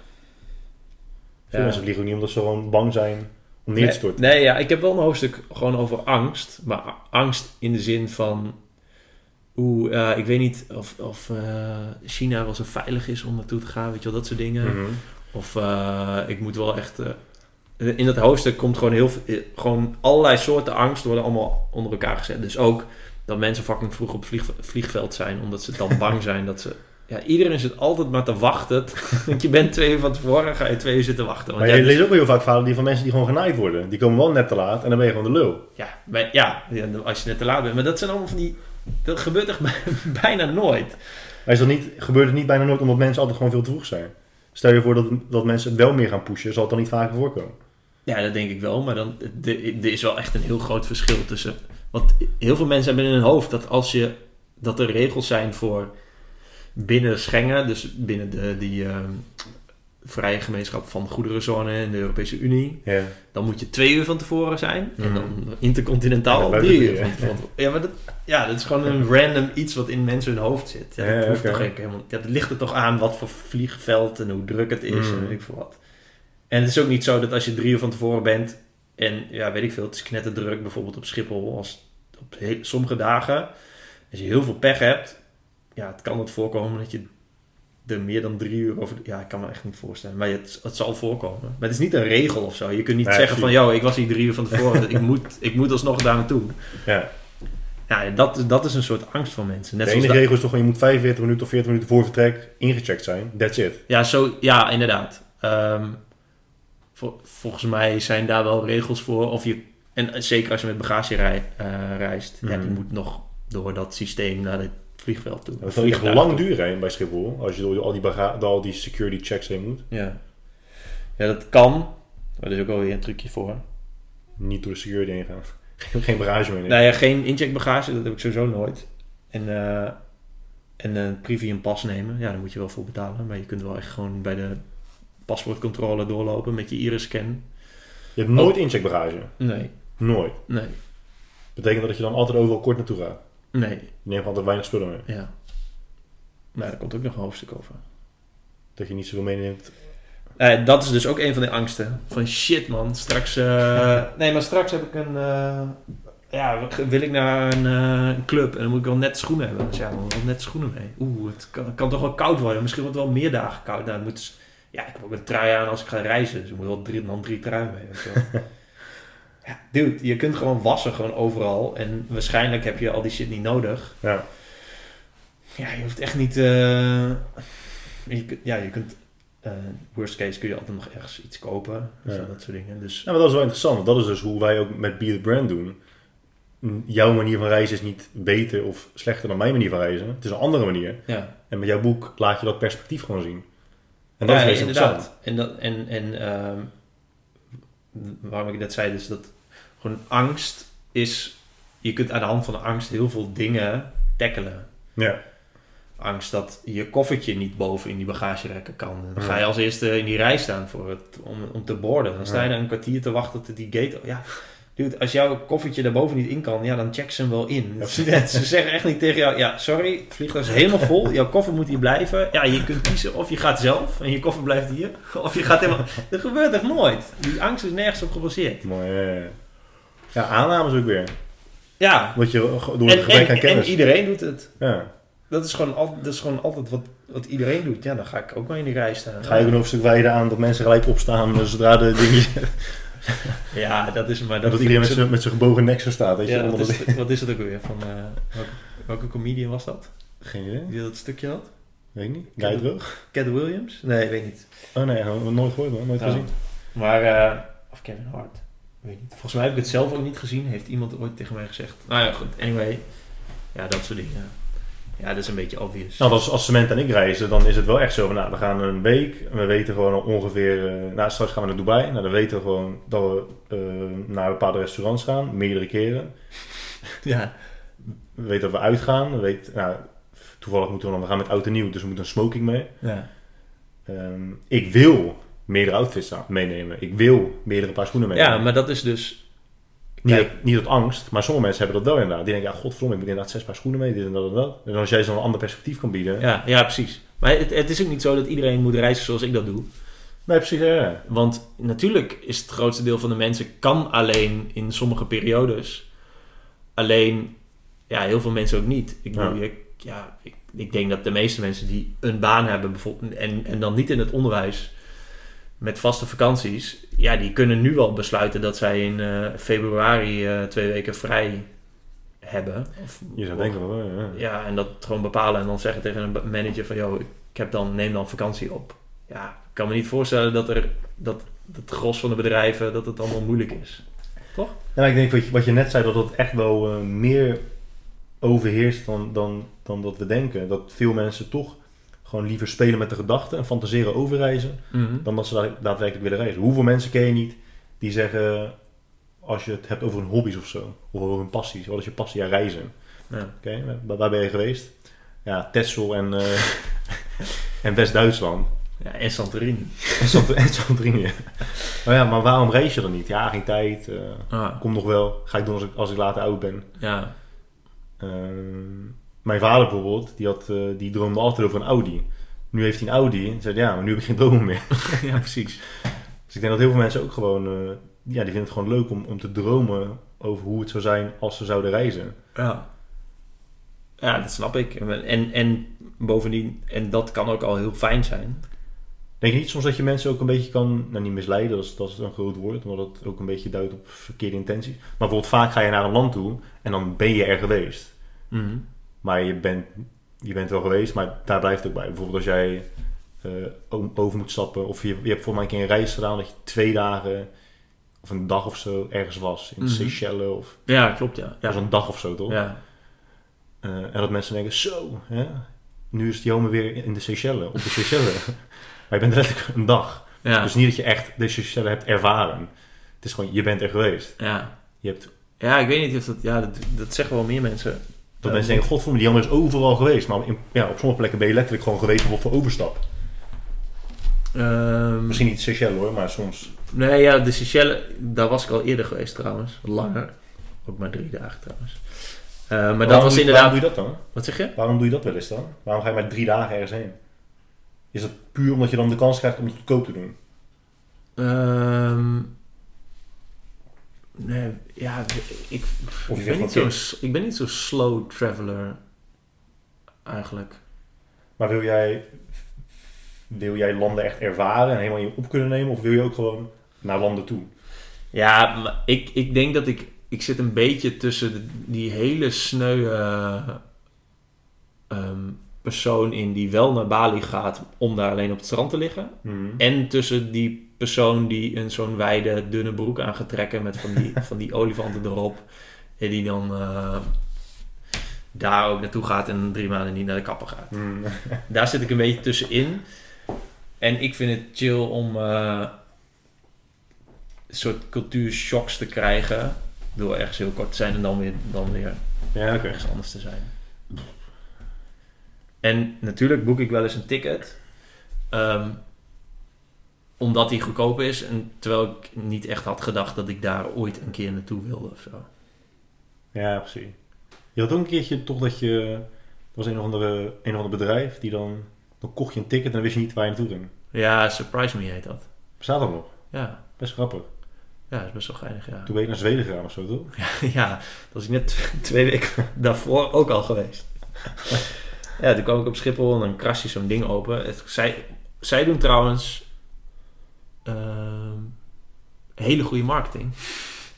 Zij, omdat zij het heel mooi verpakken. Hun hele, hun hele hun huisstijl is vet. De manier waarop zij ehm, het, verhaal, het verhaal is, is dat je verrast moet worden door je bestemming. Dus niet te veel van tevoren je zorgen maken en gaan inlezen en Lonely Planets gaan kopen en zo. Ja. En je laat verrassen op Schiphol, omdat er dan, ja, dan kun je dus echt je bestemming ervaren. Ja. Dat vinden zij. En de, de verpakking daarvan is heel mooi. Dus, dus de huisstijl is mooi en dat je het op Schiphol moet openkrassen. Mm. En dat je al wel het weerbericht doorkrijgt. En Oh, dat het ziet er wil allemaal vet mooi, vet mooi uit. Nu, Dus dat- verziek je, nu verziek je het punt waar ik op door wilde gaan. Nou, Ik wil eigenlijk zeggen, dat is wel grappig, want dan zijn jullie doelgroepen eigenlijk gewoon bijna tegenovergestelde van elkaar. Jij schrijft dus voor heel veel mensen die met bepaalde angsten zitten, waaronder dus van ja, shit, eh, wat voor weer wordt het, eh, wat moet ik aan, hoeveel moet ik mee? En zij benaderen echt een doelgroep die zegt, je moet je echt laten verrassen. En dat is niet de doelgroep die zegt van, oh shit, wat moet ik meenemen? Hoe, hoeveel graden zal het worden? Ja. Maar nu zeg je dus net van, ja, ze krijgen wel weerberichten op. Ja, met, ja. ja klopt. Maar ik denk dat ik denk dat er wel overlap zit. Ja, beide houden van reizen. Ja, ja precies. Maar dit is echt wel de meest, bijna een van de meest extreme vormen van onvoorbereid op reis gaan. Maar je kunt je dus wel voorbereiden, want je weet dus wel wat voor weer er wordt. Ja, natuurlijk. Je Maar stel je voor, je, je hoe lang koopt het. Hoe lang het is en hoe lang het ongeveer vliegen is. Oh, dat weet je wel. Ja, ja. Maar je geeft zelf aan hoe lang je wil gaan. ja. ja. Maar je- stel je voor, je, je boekt je reis dus en je krijgt te horen, oké, het is daar min 4. Hm. Kan je dan ook zeggen, ik wil er niet naartoe. Ja, dat weet ik niet eigenlijk. Je kunt van tevoren allemaal shit aangeven. Ik had ook bijvoorbeeld ook kunnen aangeven dat ik liever niet naar Stockholm wilde. Omdat ik er bijvoorbeeld al was Ja. geweest. Maar ik dacht, ja, Kan je ook aangeven, ik wil daar naartoe. dat Verrassing. zou wel grappig zijn. Nee. Loopt het een beetje dat bedrijf? Wel grappig. Wel Ja, volgens mij wel. Ze, ze, ze, ze hebben dus ook... ehm, ze hebben heel vaak leuke acties. Dat je dan ook gewoon een knetter lange reis kunt winnen. Of alles in business class, zoiets. Ja. Dus, Je, je, je hebt daar reis gesponsord gekregen van een keer. ja, klopt. Ja. Wordt dus ook onderdeel van je nieuw boek. In ruil voor eh, nog een reis. Dat surprised me. Nee, ja, weet ik niet. Denk, geen idee. Zo kick. Echt wel een leuk idee. Ja, het is best wel nice. En je hebt dus nu ook, je hebt dus een Nederlands bedrijf die gewoon precies dat nadoet. Van, hoe heet dat toch? Nee, ik gun het ze ook niet om het te noemen. Ik, ik kan er ook niet opkomen. Maar ik vind het dus heel grappig dat er nu nog zo'n bedrijf bestaat die dan precies dat gaat aanbieden. Terwijl ik weet niet, misschien dat surprise me en ik, ja, ik vind het een fantastisch bedrijf, maar het zou best kunnen zijn dat zoiets in Amerika ook al bestaat. Net zoals dat, Ja, wat, wat, wat post ik nou laatst? Ehm, dat Ace Tate, dat brillenmerk in Nederland, die verkopen brillen op sterkte voor, ehm, weet ik veel, on- net iets onder de 100 euro volgens mij beginnen ze mee. Omdat ze vinden dat, ja, je hoeft niet zo'n eh, merkmontuur te hebben om een mooie bril te hebben. Mhm. En die gast vindt ook, eh, ja, je hebt 40 paar sneakers, maar je hebt maar één eh, bril. Mhm. Eh, en het is dus eh knettergoedkoop en best wel, eh, het ziet er best wel mooi uit. Dacht ik, ja, mooi, een mooi verhaal wel. Maar Warby Parker, in 2011 opgericht in Amerika, heeft precies dit model. Ja. Precies. En nu is Ace Tate, opgericht in 2013, of 2015, weet ik, ja, 2013. Twee jaar later, Ja. doet gewoon precies hetzelfde. En dan vertellen zij. Ik had dit als een notitie genoteerd. Goed dat ik er nog op kom. Ze vertellen zij dus een heel mooi soort van branding, verhaal, visie, mi- missie, iets. Dan denk ik, ja, dude, nee, je zag gewoon, je zag gewoon iets in Amerika en je doet dat in Nederland. Doe niet, doe niet zo dom. Ja, het ding is ook toch, eh, zijn niet eh, Leonardo da Vinci dat? Weet je niet? Beter goed, gesto- beter goed gejat dan slecht bedrag. Ja, ja nee, ik, ik vind dat dus heel erg sneu. Want dan ben Ja. ja, dan gewoon alles wat je dan zegt als CEO en founder, weet ik veel wat, is dus gewoon bullshit. Want, nat- ja, want natuurlijk, je hebt gewoon precies iets gekopieerd. Net zoals Bolt King, dat scheermesjes ding. Ja. Ja, je hebt de Dollar Shave Club, heb je toch in Amerika? ja, ja, ja, je hebt Bolt ja. King in. Nederland. Ja. Ja, zeg, ja, zeg ja, dat, je kunt niet zeggen van, joh, we zagen dit in Amerika en dachten, ja, dat kan ook wel in Nederland. Dus we doen dit ook. Maar ja, dat is wel precies wat het is. Je kan het wel zeggen. Ja, ja. Toch? Dat is wel het eerlijkst. Ja, maar zeker als het, als het in een ander land is en mensen kijken naar de Dollar Shave Club. En mis- misschien leven Dollar Shave Club ook echt alleen maar in Amerika. Nou, zou best kunnen, ja. Dat ze denken, oh top, dat is wel echt een heel tof, tof concept. Ja. Zeg ook wel eens dat het juist goed is als je, dat, nu is het in verschillende landen, maar als het in, in, een, in hetzelfde land is, dat je concurrentie krijgt. Als je de enige bent die iets doet, dan ben je ook niet, geen categorie. Nee, precies. En zodra er meerdere bij komen, wordt datgene wat je doet, wordt in een soort van wordt een categorie. Ja. Vorm je dan met, met je concurrenten. En dan kunnen mensen ook gaan vergelijken. Ja, en dan wordt die markt wordt ook wel iets groter en serieuzer. Juist, natuurlijk. ja, ja. Ja, Dus precies. dat, dat snap ik wel. Alleen, ik, eh, ja, ik zag dat... Het was namelijk een, een, ehm, een nieuwsbericht op nu.nl. Jij leest het wel het nieuws. Nee, nee, nee. Dat zag ik weer op Facebook Oh, ja. voorbij komen. En dat was gesponsord op Facebook. En Oh, ja. door Ace Tate. Dus dat brillenmerk. Dus die had een nu.nl bericht. Ze hadden waarschijnlijk zelf een persbericht gestuurd. en dat nu.nl een bericht van gemaakt. En dat hadden zij weer gesponsord op Facebook. Onder ja, mij. Dus ik val in een doelgroep. En eh, Je hebt ook een tijdje bril gedragen. ja, ik heb hem soms... Hij is van Ace Tate. ja. Dus je bent er wel gewoon voor gevallen, hè? Ja, maar toen kende ik dingen zo niet. Godver. Warby Parker. Ja, ja, ik heb hem wel eens op als mijn eh, lenzen een beetje eh, gaan, mij gaan irriteren. Waarom wil je niet je ogen laten lezen? Ehm echt, echt goede vraag. Geen idee. Niet. Kost je wel weer drie reizen. Ja, wel meer denk ik. Nee, ja, ik wil dat eigenlijk wel doen. Dat is wel weer troep die ik meeneem op reis. Lens, ja, dat is echt een goeie dat je dat zegt. lenzenbakje, bril en die vloeistof. Ja. Altijd het gezeik. Denk je, oh ja, tyfus, ik ga morgen op reis. Ik moet even weer, ik moet even een reisverpakking. Toen ik me ogen had laten lezen, en ik reis niet eens vaak, echt waar ik het meest aan merkte was inderdaad met het reizen. Dat ik dacht zo, ik hoef gewoon mijn lens niet mee te nemen, geen bril mee te nemen. 9 van de 10 keer vergat ik mijn bril. Ja. En dan lag je in je hotelkamer, ja, deed je lens uit, dacht je, oké, nu zie ik gewoon echt helemaal niks meer. Droge ogen ook vaak, Ja. ook door ander weer, veel airco's en zo. Ja. Het is tijd om je ogen te laten lezen gewoon. ja, man. Misschien dat een of andere oogarts eh, mee eh, luistert nu. En die jammer de boer wil sponsoren met een eh, oogbehandeling. Ja, het zou echt chill zijn, ja. Ergens in Mexico in een, sch- in In een schuurtje. Ja. Die hele behandeling duurt twee minuten, hè? Je ogen laten lezen. hè? Dat Echt? is echt bizar. Misschien nog wel korter.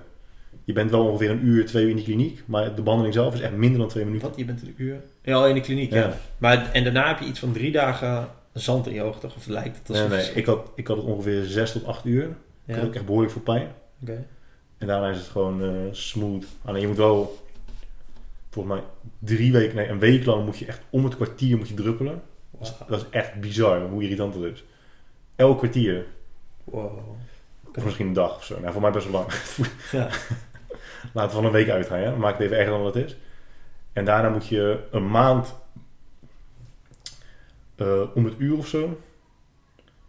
En dan in, in totaal drie maanden lang moet je...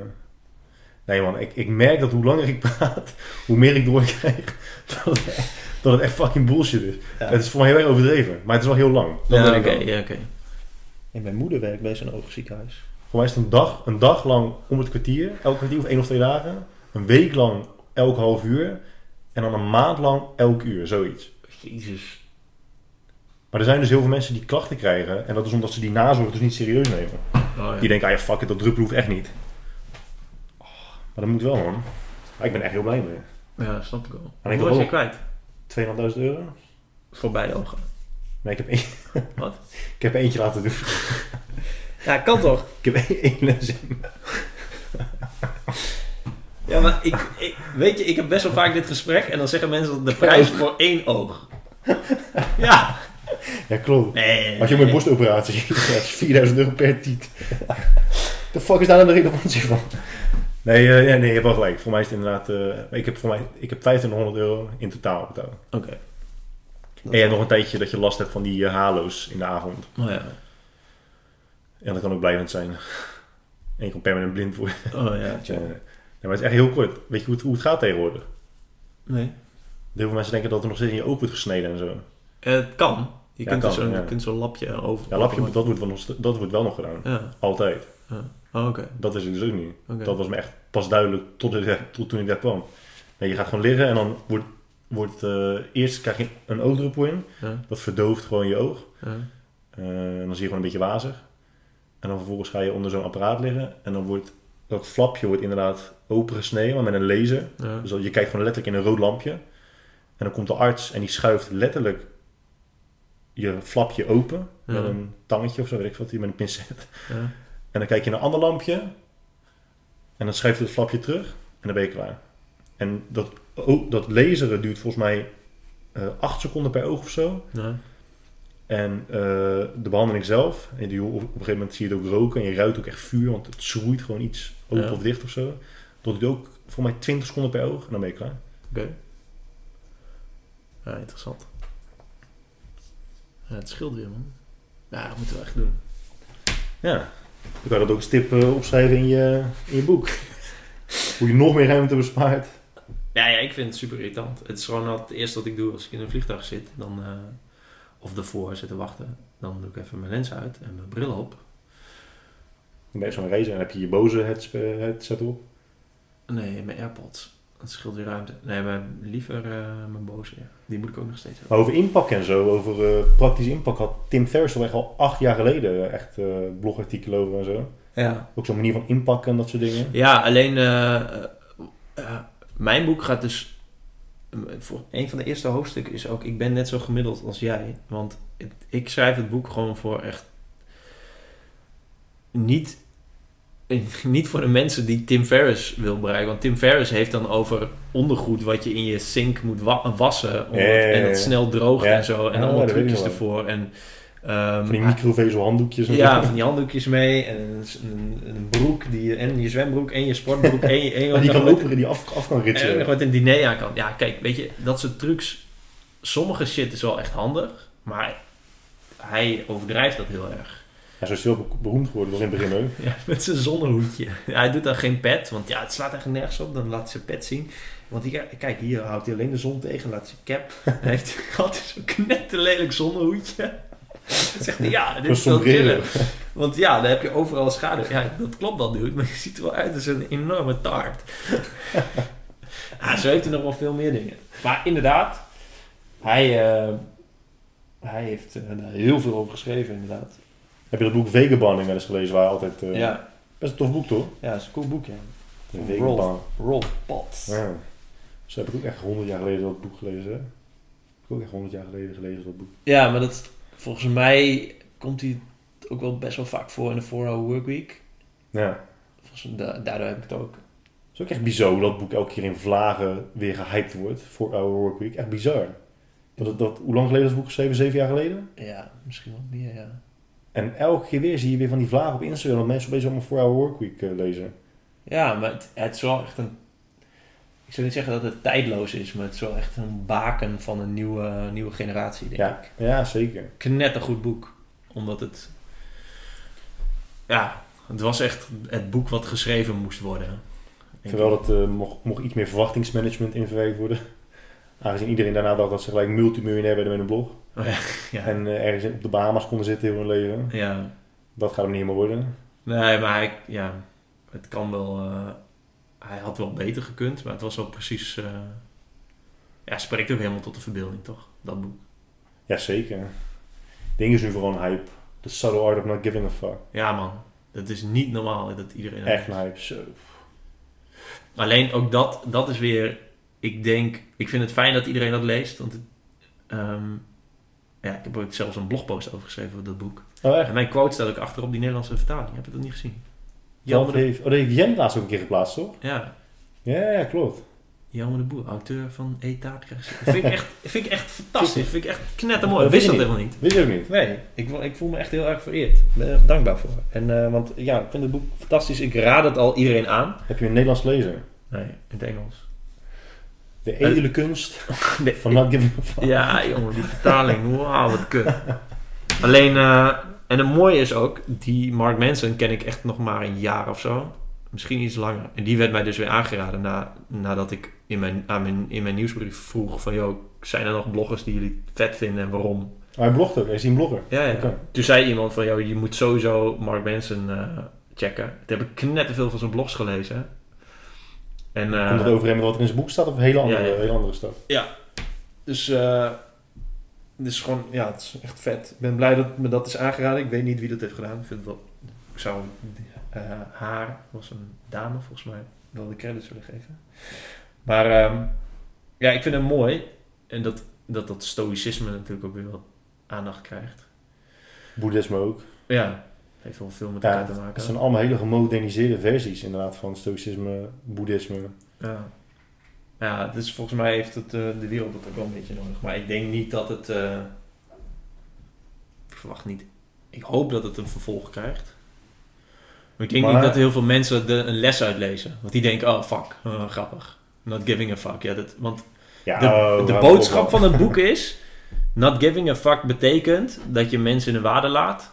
Tenminste, dat is hoe ik het begrijp. Van live and let live. Van ja, I don't give a fuck als, die, als er straks iemand rondloopt met een uh, boerka aan. Ja, moet zij weten. wel. Ja. Of zo, zoiets. Maar wat heel veel mensen denken is not give a fuck dat je een soort onverschillig bent.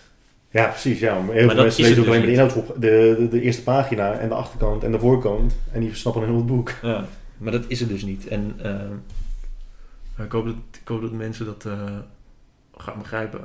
Nou, dat is eigenlijk wat, je, met wat jij net een beetje zei. Van toen ik zei van waar maak jij je druk om, noem die één ding. Even alle gekheid terzijde. Dat is waar het over gaat, toch? Niet dat je onverschillig moet worden, maar wel beter moet gaan nadenken over wat je uiteindelijk raakt en wat niet. Ja, waar je waar je, je druk Ja. op maakt. Want de meeste mensen maken zich consistent veel te druk op alle kleine dingen om zich heen. Ja. Om alles. Ja. En dat is een beetje eh, waar veel mensen ook aan ten onder gaan. Ja. ja, klopt. Ja, dat lijkt me wel een belangrijke Maar stoïcisme is toch meer dat juist dat je wel ehm, emoties ervaart, emoties toelaat. Alleen dat de handelingen die je op basis daarvan verricht, dat je die veel meer onder controle houdt. Ja, dat je je emoties onder controle hebt. Weet, ik- weet ik ook nog net iets te weinig van. Dat stoïcisme, om daar iets over te zeggen. Nou, moet je echt een Maar boek van Seneca zinvolle lezen. dingen. Wat zeg je? Het boek van Seneca moet je echt lezen. Ja. Ja, ik ben dus nu... eh, Ik las een blogpost van iemand. 10 books to read after discovering stoicism.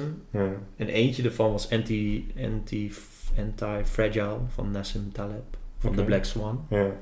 Die ben ik nu aan lezen. Goed? Ja, echt, heel, echt een... Ken je dat niet? Wat? Dat Anti-Fragile? Ik ken het boek niet. Nee. Oh. Het concept is als volgt. En jij herkent dit heel erg, denk ik. Hij, zei, hij begint het met, eh, als er op een doos staat dat iets fragiel is, dat iets breekbaar is, wat is dan het tegenovergestelde? Heel veel mensen zullen zeggen stevig of eh, robuust.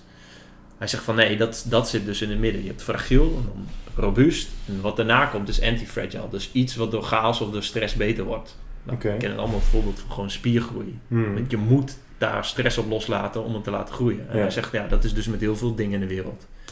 Dus je moet, je hebt een soort chaos, een soort van volatility nodig om beter te worden. Dus bijvoorbeeld guerrilla-bewegingen, die, Hmm. die, ja, die, die kun je wel heel erg bestrijden, maar die zijn zo erg, ja, mis- misschien niet goed georganiseerd, maar zijn zo erg ingericht dat ze juist daardoor beter worden. Mhm. En dat is dus, en zo geeft hij dus heel veel voorbeelden ehm, in dat boek. Anti-fragile. Ja. Ik moet nog een paar boeken hebben die ik mee ga nemen naar eh, Valencia volgende week. En, ehm, en hij vond, dat heb ik laatst in mijn nieuwsbrief gezegd, dat ehm, procrastination, dus het uitstellen van iets, dat het juist iets, iets is wat je moet koesteren. Omdat dat een heel, hele natuurlijke benadering van dingen is. Omdat je dan, het is heel efficiënt. Maar dat, dat het goed is om iets uit te stellen. Als, omdat je, je kunt jezelf wel gaan forceren om iets te doen. Bijvoorbeeld iets stuk schrijven. Mhm. Dat heb ik dus heel vaak. Ja, ik heb geen vaste dingen op mijn blog. Geen rubriekjes of zo. Ja, die ja. Geen eh, shit die ik bijvoorbeeld iedere maandag dit, iedere woensdag dat, iedere donderdag dat. Want ja, dan ja, maak ik iets om het te maken. Het Maar- enige wat ik heb, vaste dingen, is, is mijn nieuwsbrief. Maar ja, ik heb altijd wel iets. Maar hij, hij nuanceert het wel iets meer, toch? Ik bedoel, ik neem aan dat hij niet gewoon zegt van ja, uitstellen is gewoon altijd goed. Nee, nee, nee. Nee, maar hij laat... Dit is gewoon heel erg steeds een andere, een andere benadering laat hij steeds zien. En die gast die komt dus voort uit die financiële wereld. En die vindt dus ook... Hij vindt die Alan Greenspan ook een enorme mogol. Wie? Alan Greenspan, die van de... Zeg ik dat goed? Van de Amerikaanse Federal Reserve. Oké, ja, Ik weet niet of ik het goed zeg. Maar ehm, hij vindt dus heel erg in stand houden van financiële instellingen zo heel erg robuust maken. Zorgt ervoor dat je eens in de zoveel tijd knetterdikke eh, ehm, dalen hebt waar alles doorheen gaat. Terwijl als je een heel flexibel systeem hebt, dan, gaat het wel, dan is het, gaat het met vallen en opstaan. Hij is heel erg voorstander van trial and, er- trial and error Ja, ja, ja. omdat je dan de hele tijd een kleine incremental eh, progressie maakt. Dus je checkt de hele tijd, oké, wat gaat goed? Oké, eh, dit gaat fout, oké, dan was dat niet goed, dan ga je weer verder. Dus trial and error is niet de hele tijd random dingen doen, maar gewoon de hele tijd kijken, oké, dit, oké, dit werkt, dan ga ik hierop door. Dat is, ja, precies. Ja, ja, ja. Eh, Daar is hij heel erg voorstander van. En hij vindt dus ook dat je, je kunt als wetenschapper wel de hele tijd wetenschappelijke theorieën gaan maken. En nog een keer theorieën en nog een theorie en daar een theorie op baseren. Maar je moet, op een gegeven moment moet je het ook proberen in de praktijk. ja, dat moet. En dat is, dat is ook waar eh, trainers vaak eh, gewoon niet in, eh, niet in slagen. Ja, dat is dus het Ja. topic van onze vorige podcast. Van ja, je kunt wel de hele tijd. En, en, en dan ga ik nadenken en dan lees ik dat boek en dan denk ik, kloten, volgens mij. Ik zit natuurlijk ook gewoon veel te veel shit te lezen en op mijn computer te doen. En ik doe ook veel te weinig om echt te ervaren hoe het is. Dat vind ik ook een mooi stuk uit. Daarom vind ik Ja. zwemmen ook zo leuk. Dat ik opeens zo achter kan. Oh ja, tering, kan ik nu opeens iets leren. Ik kan opeens borstcrawl leren. Ik ben trouwens even die dingen aan het eh, bestellen, die boek, dat boek. ik heb het nu gelijk gedaan. In de trant van eh, uitstellen is goed voor je. Dat vind ik mooi aan dat eh, boek van eh, Mark Mason. Manson? Mason. Nou, Mark Manson is die van eh, Mark Mason. Manson. Dat is ja. Charles Manson. Mark Manson is Subtle Art. Ja, precies. Ja. Ehm, dat hij zegt dat mensen zijn vaak op zoek naar inspiratie en motivatie voordat ze actie ondernemen. Ja. Maar juist wordt actie ondernemen al Ja, voor... precies. Dat is wat je net zei met gewoon zomaar een stuk schrijven. Ik ben het wel met je eens van als je gewoon zomaar iets gaat doen, ik ga een stuk schrijven, dat het gewoon vaak gewoon crap is. Maar juist als je begint met schrijven, ehm, inspireert je dat juist tot andere dingen. Ja, maar dat is, dat is wel een groot verschil met het vaste rubriekje hebben. Oh zo, ja, ja, ja. Ja, ja. ja vast rubriek, ja, nee, dat, daar hou ik ook niet Maar ik, ik heb het ook, want ja, dan, als ik een gedachte heb of weet ik veel, iets waar ik iets mee wil later nog of zo, omdat ik het niet precies weet, ja, dan zet ik een notitie in mijn Evernote. Maar dat, dat is midden in de nacht of in de trein hier naartoe of weet ik veel wat. Het is niet zo dat ik op dinsdagochtend eh, tussen 10 en Nee, 12 precies. eh, besloot, oké, nu ga ik blog schrijven. Ja, Nee. dan forceer je zo echt. Ja. En een stuk, toch? Tim? Ferriss over... om even terug te komen op het zwemmen. Die heeft ook heel onderwerp, heel, heel hoofdstuk in zijn boek. Over hoe je best een borstkool kan leren. Ja, dat zei je de vorige keer ook al, ja. De, de total immersion swimming. Heb je dat gezien, ja toch?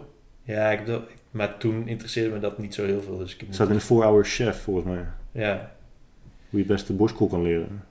ja, ik weet niet. Ik heb het geleerd bij de swim gym. ja, De swim gym? ja, ik weet dat. Aqua yoga. Wat? Aqua yoga. Nee, nee. Er staat gewoon een personal trainer langs de zwembadrand. Echt? Ja. Geen, geen badmeester. Ja ik, volgens mij willen ze geen badmeester genoemd worden. Maar ja, dat is het dus wel, ja. Dan hoef je in plaats van eh, je reps, in plaats van reps stellen, tel je gewoon hoeveel baantjes iemand zwemt. Eén. Nee, dan zegt hij gewoon, eh, oké, twee banen borstcrawl en eh, twee banen benen, noemt hij dat dan. Dan ga je... Dan mag je naar je benen gebruiken. Ja, Zo, ik heb één keer... plankje. Oh nee, ik heb een keer mijn broertje voor de grap... eh zei ik, oké, we doen allebei onze hand op onze rug. en aan je benen gebruiken. ben ik echt bijna verdronken, weet je, weet je hoe zwaar dat is? Ja, het is net te zwaar. Ja. Ja, ik weet niet man, mijn lichaam is gewoon niet gemaakt om te zwemmen. Nou ja, mijne dus, was dat dus ook niet, want ik was echt een mogoltje in het begin. Want ja, het kan dan twee slagen en dan verzuip ik en water in mijn neus. En het, het is gewoon echt heel debiel. Maar echt in tien lessen. En nu kan ik, ja, nu is het gewoon heel soepel en ontspannen en meditatief. En, Weet je wat ik mooi vind? Als mensen op het strand zijn... En dan eh, lopen ze het water in en dan duiken ze. Vaak rennen ze ook en dan springen ze in het water. en dan doen ze echt anderhalf meter borstkrol en dan stoppen ze met zwemmen. Ja. En dan kijken ze om zich heen. ja, that's me. Want ik kon, er, ik kon ook maar anderhalve slag. Ja. Maar het is ook makkelijk als je een duikbril op hebt, toch? Dat Ja. je gewoon normaal onder water kan kijken zonder dat je neus en je alles ja, maar ik kan, ik kan het denk ik niet zonder duikbril. borstkrol maken. Nee, want dan moet je je hoofd zo...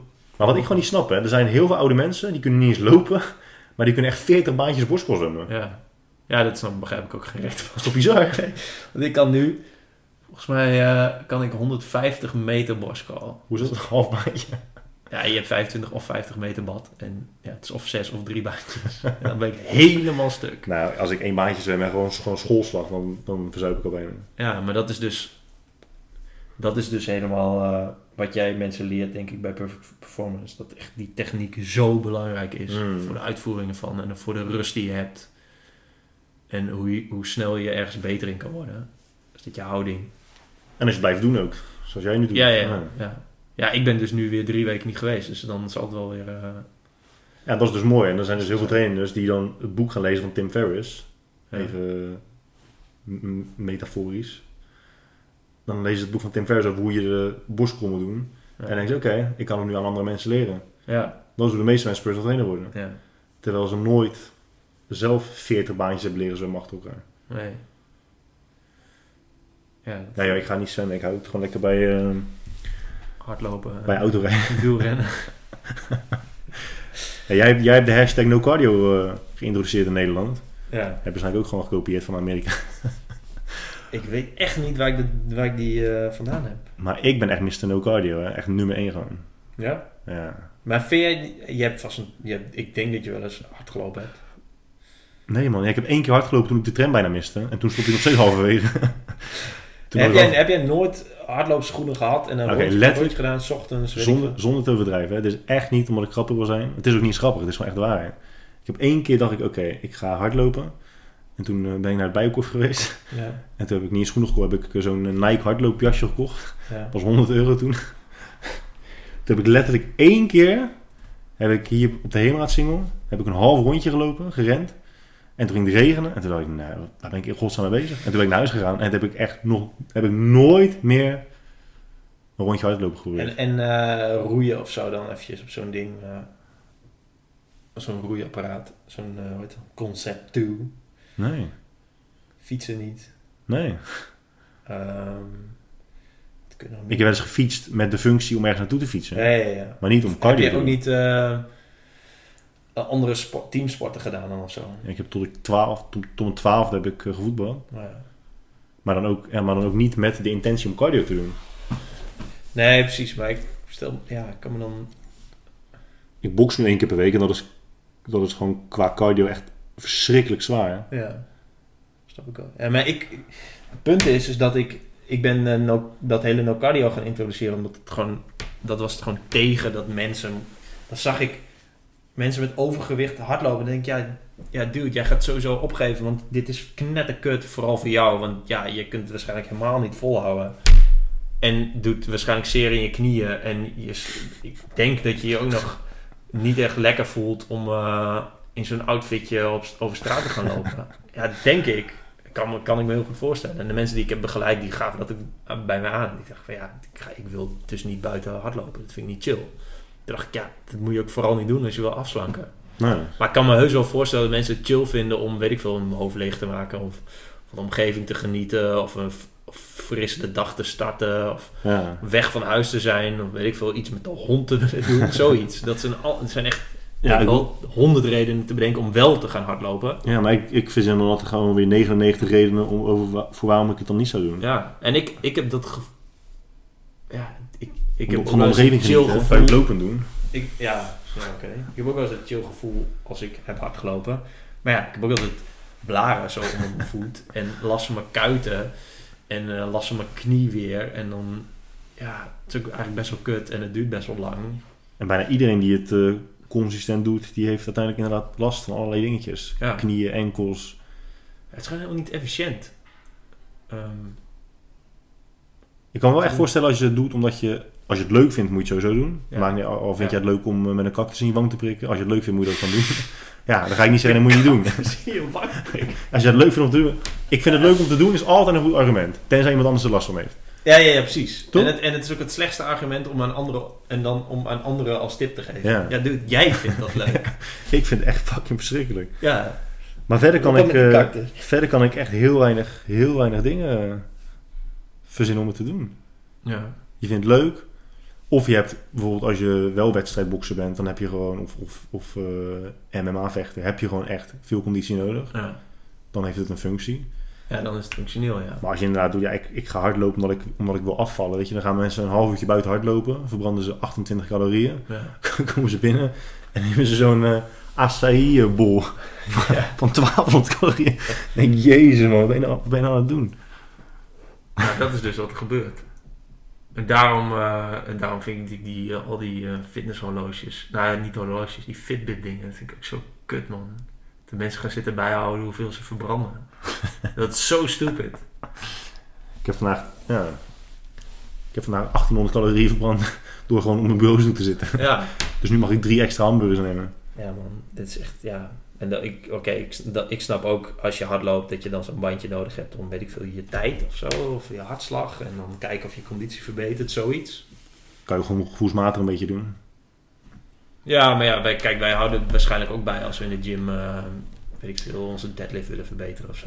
Ja, bijhouden. ja. Kun je ook gevoelsmatig doen. Maar als je met van die streeftijden hebt, dan... Ja, Theo, ja. ja. Dus dat snap ik.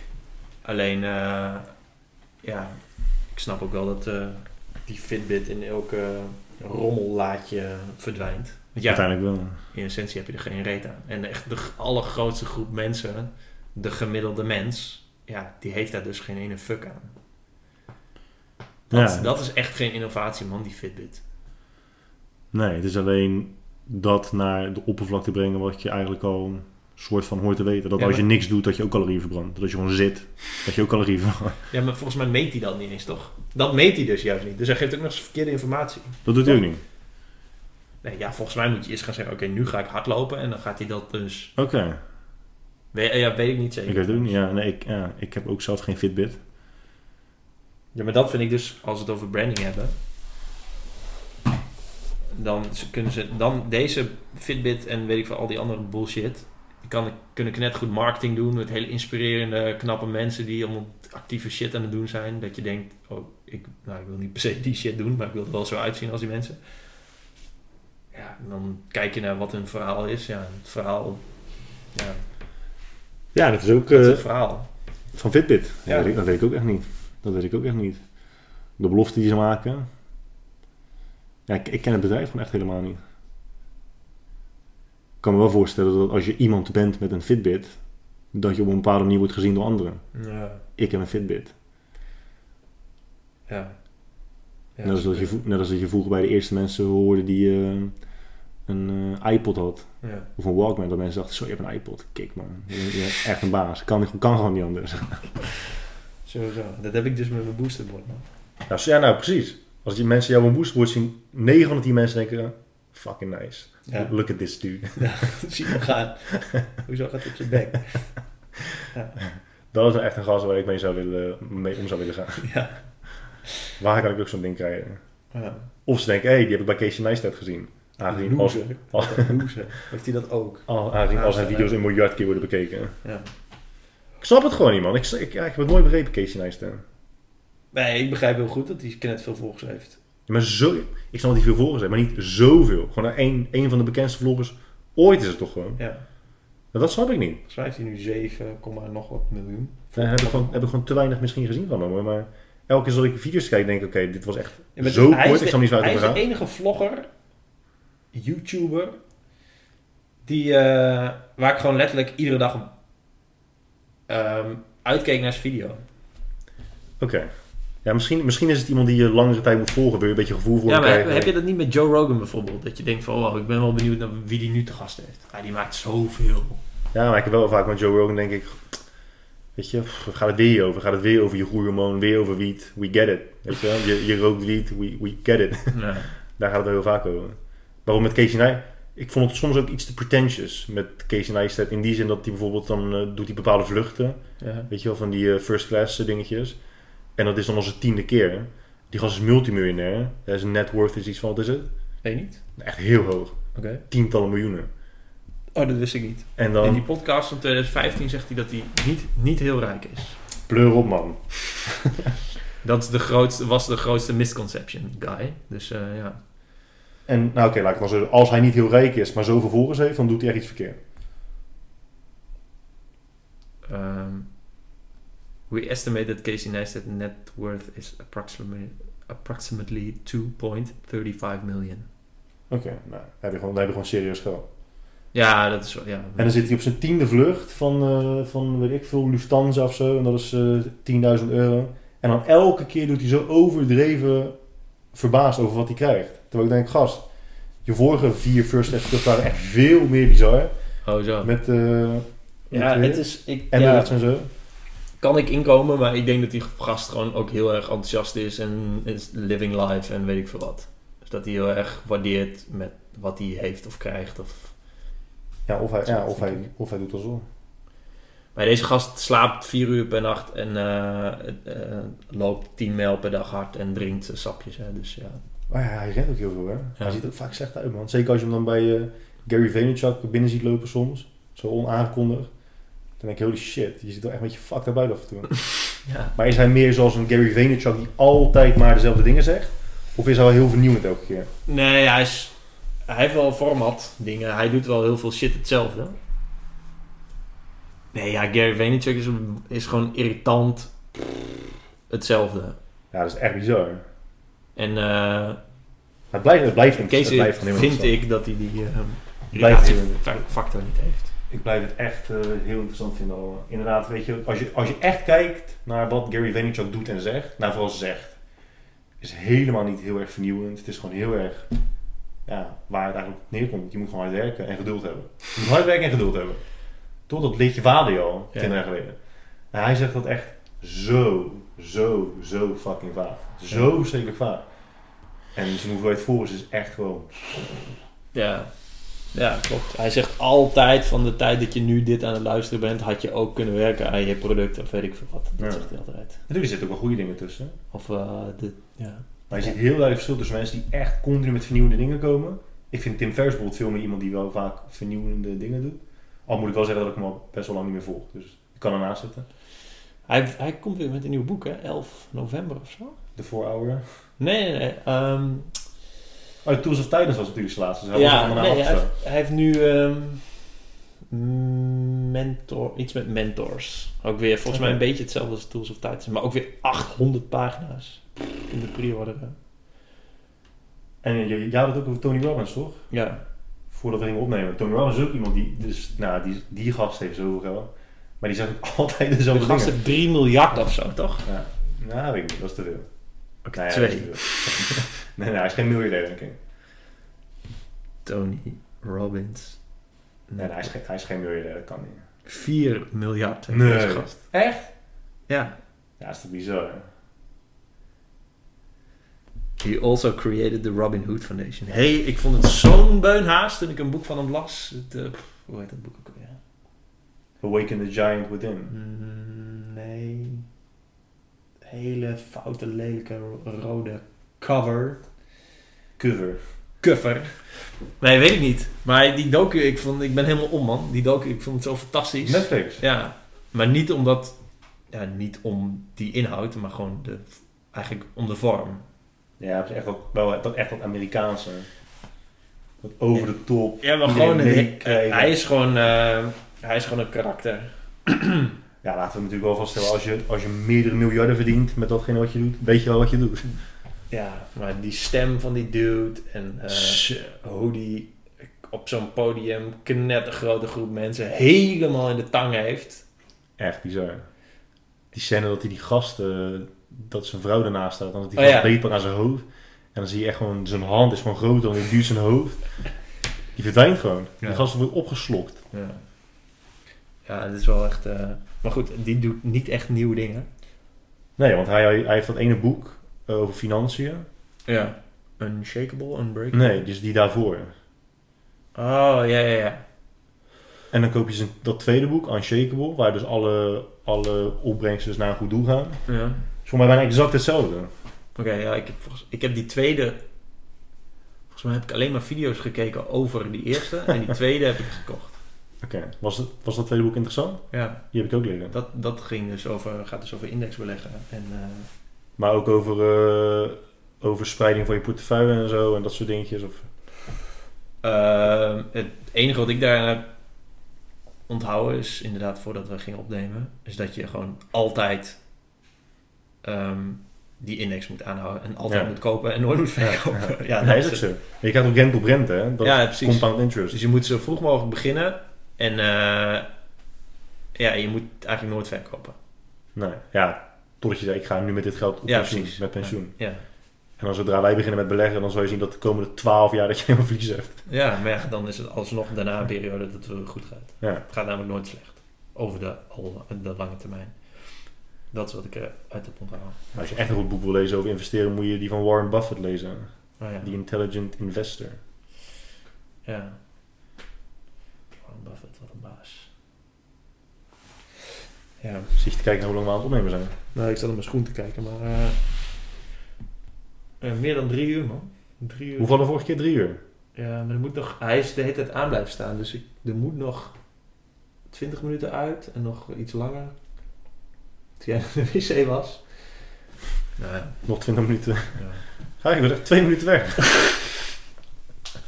is, de lang, is de langste podcast drie uur? Ja, zoiets. En dat was met mij. Ja.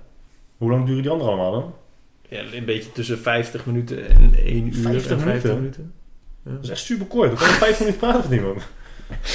Dat snap Ja. ik echt niet. Hè? 50 minuten. Ja. Als ik gewoon een snelle meeting heb met iemand, duurt, het anderhalf uur. En daarom heb jij, jij, jij, jij vond toch dat je, dat je zo weinig tijd hebt in de dag? Want dan komt er gewoon dat je de hele dag aan het lullen bent. Nee, ik heb heel weinig meetings hoor. Oh, Echt heel weinig. Dat doe ik echt bijna nooit. Ik hou nee, helemaal maar niet niet van. is ook echt heel, heel erg kut. Ja. Nee, meeten om shit te beslissen is heel erg kut. Ja. Oh, toevallig zat ik er nog vandaag in de auto aan te denken. Dus ik merk nu dat als ik een idee bespreek met iemand en het wordt tijdens dat eerste gesprek niet gewoon gelijk, er worden niet gelijk beslissingen gemaakt en doorgepakt, dan verwatert het meestal gelijk weer heel snel. Ja. Daar heb ik gewoon geen zin meer in. Want dan denk je, oké, er komt nog een meeting of nog een gesprek. En pff, echt geen zin meer in. Even over zitten. Even over zitten. Zullen we, ja man, zullen we even de koppen bij elkaar steken, even een bakje koffie drinken en ervoor gaan zitten? Nee, dude. Ik stuur wel een chatbericht over WhatsApp. Ik was ook vergeten, mijn voicemail is, eh, ik neem dan op en dan zeg ik van, eh, dit is Guy Droog, het is eh, 2017, dus stuur me maar gewoon een appje of zo. Klik. Ja. Was ik helemaal vergeten, dat heb ik ooit een keer ingesteld. Dus laatst had een eh, bedrijf mij gebeld, een SEO-bedrijf. Ja. En die eh, hadden me dus een mailtje gestuurd met uh, Hoi Guy, eh, ja, je hebt inderdaad gelijk, het is eh, 2017. maar, maar helaas is het bij ons nog de bedrijfsvoering dat we niet zulke dingen via WhatsApp mogen bespreken. Dus kun je me alsjeblieft bellen zodra het je uitkomt. heb nooit gebeld. Oh, ja. Ja, dit- ja, ik heb dus... eh, ik heb mijn telefoon op een maandje staan. Op een maandje, ja ik ook, omdat ik jou niet de hele tijd wil storen met... eh, Dus mensen eh, kunnen me niet bellen. anders dan ik letterlijk heel de dag naar mijn Ik heb nu. Forever Out of Office op mijn... ehm, Op je mail. ja. Ik zeg... eh, de Forever Out of Office zegt... Even kijken, kan ik me hier vinden? Settings. Wat bedoel je Forever Out of Office? Dus al, voor de Iedereen die van... mij mailt krijgt, hoi, sinds het begin van 2017 ben ik mijn e-mailgebruik aan het minimaliseren en nu ben ik ermee gestopt. Ik vind e-mail behalve voor nieuwsbrieven een, een slecht communicatiemiddel. Waarschijnlijk krijg je het snelste korte antwoord als je een tweet naar me stuurt. Heb je mijn nummer, stuur dan een WhatsApp bericht. Gebruik mijn telefoon niet om te bellen. Ik ben niet geïnteresseerd in algemene mails over events, boek- en productlanceringen en persberichten. Talk soon, Jelba. Dat is wat iedereen krijgt als mij mailen. En wat voor reacties krijg je daarop? Niks. Nee? Ik wil gewoon niet meer mailen, want het, het is gewoon... Het is gewoon niet handig, gewoon nooit. Om te bellen. Ja, bellen ook niet, maar mailen ook niet. Chatten is mailen- altijd het belangrijkste. Chat is namelijk, het is zwart op wit en het is snel. Nou, weet je waar ik achter kom? Dat ik gewoon echt misschien wel elke vorm, elke vorm van communicatie met anderen gewoon vervelend vind. Kut. Nou, ik weet niet man. Het is ook, want nu, net als nu. Hier ga ik naar Instagram. En dan staan er negen privé, ongelezen privéberichten. Eh, ik heb nu net toevallig mijn WhatsApp aangezet. Maar er staan nu nog hier 10 berichten. 2, 1, 2, 1. Ehm ongelezen e-mails 47. Ik zeg niet per dat het veel is. Maar wel allemaal dingen die aandacht vereisen. En denk ik ook van ja, weet je... Laat maar, laat maar. Ik stel het uit, ik stel het uit, ik stel het uit, ik stel het uit, ik stel het uit. Dat is wel uitstellen. Ja. En dat hoopt allemaal bij elkaar op. En nu als je gewoon tegenover elkaar zit, Dan kun je vier uur lullen. kun je gewoon lekker lullen, ja. Ik heb wel heel vaak lekker lullen gezegd als je houdt van lullen. Jij met je lul met, met stront. Gadverdamme zeg. Oh, shit. Nee, die moet ik niet uitknippen. Het enige nadeel is dat het me fucking veel cola kost. Die was ik nog glas. Ja, eigenlijk wel. eh. Even, even bevestigen dat ik echt om vijf uur PT heb, hè. Want ja, ik heb om vijf uur PT, ja. Oh, wow. Het is half vijf. Ja. Oké. Maar ik heb nog wel uh, 20, 20 minuten. Oké. Ehm, Vind je dat we het deze keer beter hebben gedaan, de podcast? weet, ja, dan moeten, dan moeten de luisteraars eh, laten weten. Het liefst niet via e-mail. ik heb echt tering veel e-mails gehad. Nee, ik denk serieus dat ik 20 mails heb gehad van mensen die even wilden melden. Omdat, omdat we er ook om vroegen. Van heb je nou deze teringlange podcast geluisterd? Laat het even weten. Dus mogen ze nog steeds doen. Maar dan wel via Twitter. Want eh, en er zit geen winactie in vast. Maar misschien wel. Wat we weten je? via Twitter. Hé, hey, maar dit is wel een goeie. Als mensen nou eh, deze podcast helemaal hebben Raad het geluid. Dan? Dan, eh, nee, ik doe geen winactie. Winactie van mijn nieuwe boek komt nog wel een keer. Denk je dat... Oh ja, het geluid. Dat is denk ik het stomste wat er... Nee, nee, nee, nee. Praten met andere mensen over wat het geluid van Q-Music is, is denk ik het stomste wat er is op deze wereld. Ja, maar besef hoe graag, hoeveel behoefte mensen hebben aan een soort van algemeen gespreksonderwerp. Hè? Hoeveel mensen daarover, daarover praten. En hoeveel geld die gasten binnenhalen. Ja. ja. Het geluid. En waar wordt er over het geluid gesproken? Bij bedrijven waar mensen een teringhekel hebben aan hun werk. Ja. En maar iets moeten hebben om over te praten. En dan ga je, ja, je waar de radio dus aan staat. Ik werd, ge- ik werd gecontact door Q-Music. Want er was laatst in het nieuws dat je tegenwoordig moet betalen bij luchtvaartmaatschappijen om naast elkaar te kunnen zitten. Nee. Echt? Als je wil inchecken. Is dat zo? Ja, kennelijk is dat zo. Ik weet niet welke. En toen eh stuurde ze mij een bericht. Of ik even wilde bellen. Met die andere. nee, ik eh, doe maar eventjes DM, Twitter. Want dat is namelijk een chat. Maar jij twi- twittert dus echt- Moet ik ook twitteren, denk je? Ja. Kom eens met een goed argument waarom ik moet twitteren. Tweeten. Ehm, een goed argument. Ik ga niet zomaar twitteren, omdat ik moet twitteren. Nee, omdat Twitter eh, verzamelt eigenlijk ehm, alles wat ik op een dag aan communicatie wil. Dus nieuws heb ik zo ingesteld dat ik het wel zie, maar niet over de onderwerpen die ik niet wil zien. Oké. Dus ik heb een knetterlange lijst met dingen die ik gemute heb. Trump, Poetin, weet ik veel, al, uh, fipronil. Ben je ook heel erg links of niet? Wat zeg je? Ben je heel erg links? Nee, ik ben recht door zee. Nee. Eh, nee, ik ben wel liberaal in, in dat, in iedereen, dat ik vind dat eh, vanuit eigen kracht en zo, dat iedereen vooral moet doen waar hij zin in heeft. En eh, en dat ik ook heel erg, als iemand knetterrijk wordt met een knettergoed idee, ja, dan gun ik hem dat ook van harte. Oké. Maar ik vind wel dat iedereen, of dat die, dat die inkomensongelijkheid, dat dat eigenlijk best wel gek is. Want ja, wat heb je, wat heb je nou aan. ehm, wat heb je, je hebt eigenlijk helemaal geen reet aan zo'n. Verschillen zijn fijn, want het zorgt voor actie. Alleen zulke hele grote verschillen, nou ja, dat zorgt alleen maar voor rare, rare Ja. situaties. Maar dat verschil zit hem niet even los van als je wordt geboren in geld. Het verschil zit er niet alleen maar in het geld dat iemand heeft. Want dat is het, dat is het eindresultaat. Het verschil zit hem ook gewoon in karakter. De ene persoon wil letterlijk heel de dag op de bank zitten en uitkering krijgen. Ja. En de ander wil 90 uur per week draaien. Omdat hij gewoon zoveel bevrediging haalt uit zijn passie. Ja. En het geld dat hij daarvoor verdient als een van vele vormen van beloning ziet. Ja, ja, klopt. Alleen moet je je afvragen waar, ja, dit is misschien wel een beetje vergezocht, maar waarom? Maar is die persoon die 90 uur werkt dan beter dan die persoon die de hele tijd op de bank zit? Maar wat, wat is Ik- dan het doel in het leven? Voor, ik denk dat een persoon die bijdraagt aan de maatschappij beter is voor een maatschappij dan iemand die heel de dag thuis zit en geen fuck Ja, maar dat ligt er dus aan wat die persoon met die 90 uur doet. Als hij een of andere, weet ik veel, baas is van een oliebedrijf of zo. Eh, ja, oké, tuurlijk, tuurlijk. Maar we kunnen wel in de algemene zin stellen dat mensen die... En als, als iemand nou gewoon de hele tijd, weet ik veel, in een hutje aan het chillen is. Nou, dat is prima, hè? ja, zeker. Ja. Ja.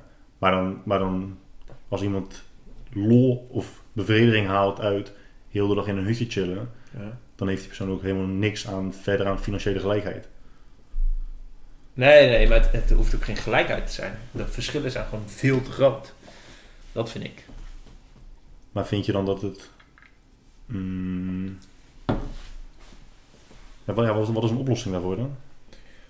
Nou, wat volgens mij nu... Wat is vandaag Prinsjesdag, toch?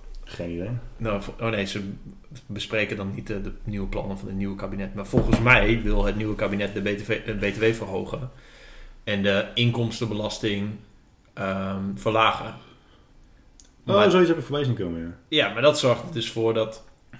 ehm, want ja. Dat die kloof veel groter wordt.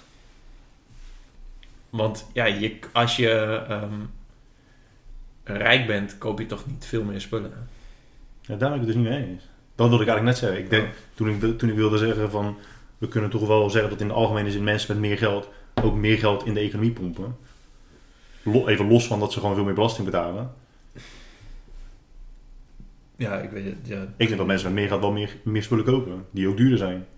Maar het is toch een, je kunt gewoon meten dat die, dat die kloof veel groter wordt. Dat de Ja. allerrijksten nog veel rijker worden en de allerarmsten nog armer worden. Ja. Of, of misschien niet allebei, maar wel in ieder geval het eerste. Maar komt dat, komt dat door het bestaan van zo'n kloof? Komt dat door de economie? Of komt het doordat mensen die geen geld hebben, geen werk hebben... vaak ook heel anders zijn dan mensen die veel werken, Ja, veel verdienen? Geen idee. Nou, dat kunnen we toch enigszins over generaliseren. Hoe dan? Nou, dat, wat ik net zei. Iemand die gewoon graag, die het prima vindt om van een uitkering te leven en heel de dag een beetje wil patiënten. ja, nee, maar qua karakter heel anders is, heel anders is dan, de, dan de zelfstandig ondernemer Die echt gewoon wil, die gewoon wil knallen. Die gewoon een succes wil maken van zijn bedrijf, van zichzelf. Even los van wat wij dan goed of slecht vinden aan bepaalde normen en waarden van succes of maatstaven van succes. Ja, maar dat, ja, oké, maar er zijn toch ook gewoon mensen die ehm, door allerlei verschillende factoren niet zoveel geld hebben of kunnen verdienen, of weet ik veel, misschien zijn ze niet zo eh, slim. Ja, maar die krijgen toch huursubsidie, kinderbijslag. Ja, maar dat is ja, niet heel. Dat is, het zou veel chiller kunnen zijn voor die mensen. Als ze nog meer geld krijgen. Ja, maar je, je zegt dan nu alsof het, alsof het mensen zijn die er niks voor doen. Oh nee, nee, dat is gewoon, dat is gewoon Nee, echt ja, maar je hebt, toch, je hebt toch mensen die ehm, een, eh, ja, moeilijk kunnen rondkomen en eh, maar wel heel erg hun best doen. Maar Ja. ja, weet ik veel, niet echt kans hebben op een betere baan. En, of weet ik veel, door, ander- door ongeluk of weet ik veel iets best wel veel kosten hebben. Of gewoon omdat ze niet zo handig met geld zijn omgegaan, Ja. waardoor ze in schulden zitten en heel veel problemen daardoor hebben. En volgens mij, daar heb ik ook heel weinig verstand van. Maar volgens mij, als je in Nederland schulden hebt, ja, krijg je de hele tijd boetes op je schulden. En ja, kom je er ook niet echt uit. En knetterrijke mensen hebben echt knetterveel geld. Echt gewoon fucking veel. En ik vind ook niet dat eh, ja, al dat geld weer naar armen moet. Maar Hmm. dat, dat verschil... Het verschil is gewoon totaal niet reëel meer. Ik las zo'n Reddit-thread over hoe rijke mensen, hoe die de wereld zien. Maar als jij, die hebt dus bijvoorbeeld mensen die... eh, kijk, stel gemiddeld inkomen is eh 40.000 euro per jaar. Ik weet niet of dat gemiddeld of Hmm. modaal is. Stuk minder. En, eh, maar je hebt ook mensen die verdienen 40 miljoen. Die zijn knetterrijk. Ja. Dus die hebben alles in een factor, factor 1000. Is, is voor hen met een factor 1000. Dus als jij en ik een auto willen kopen, dan is dat, weet ik veel, 20.000 euro of zo. De helft. ja, geen idee. De, de helft van je, van je salaris. Als je, ja, oké. Als je een auto van 20.000 euro wil, ja. Ja.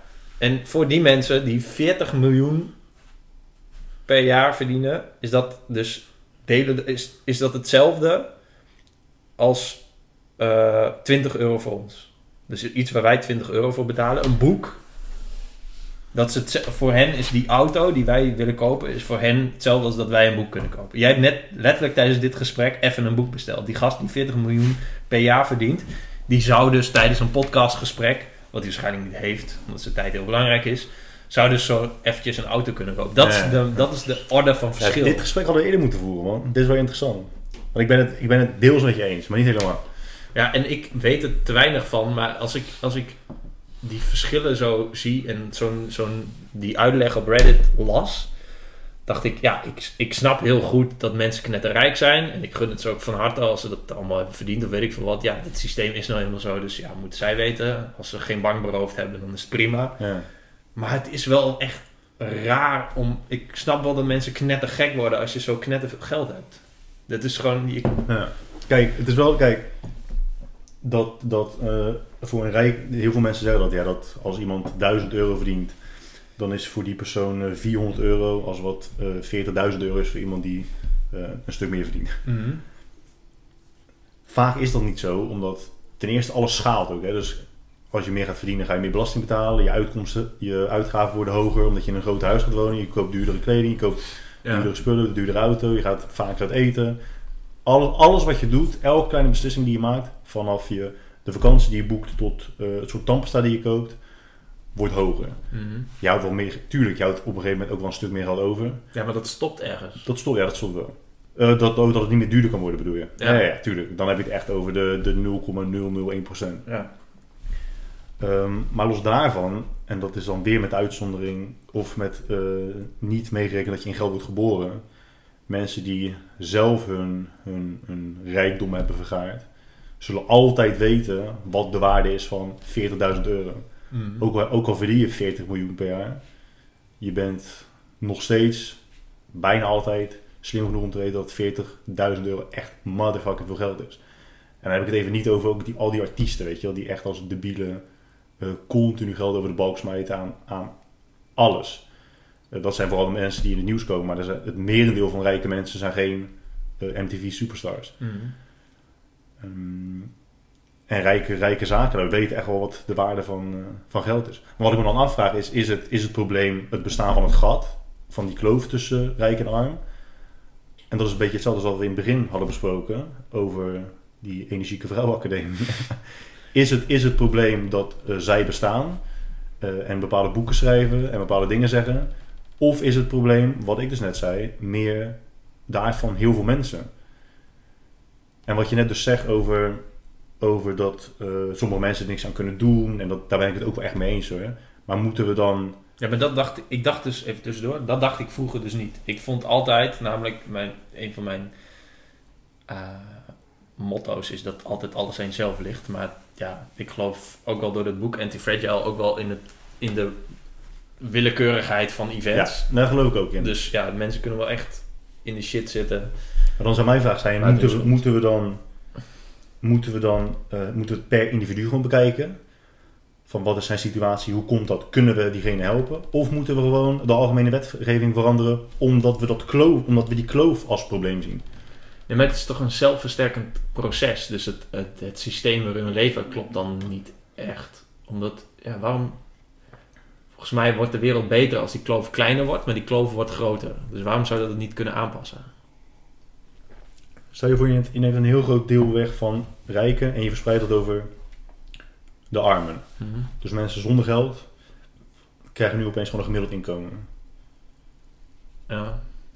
Ja, ik weet niet of dat, of dat iets gaat veranderen. Ik denk dat het merendeel van die mensen kan nog steeds niet met geld omgaan. Leeft nog steeds in, eh, onder dezelfde omstandigheden. Hebben hoogstwaarschijnlijk nog steeds dezelfde problemen.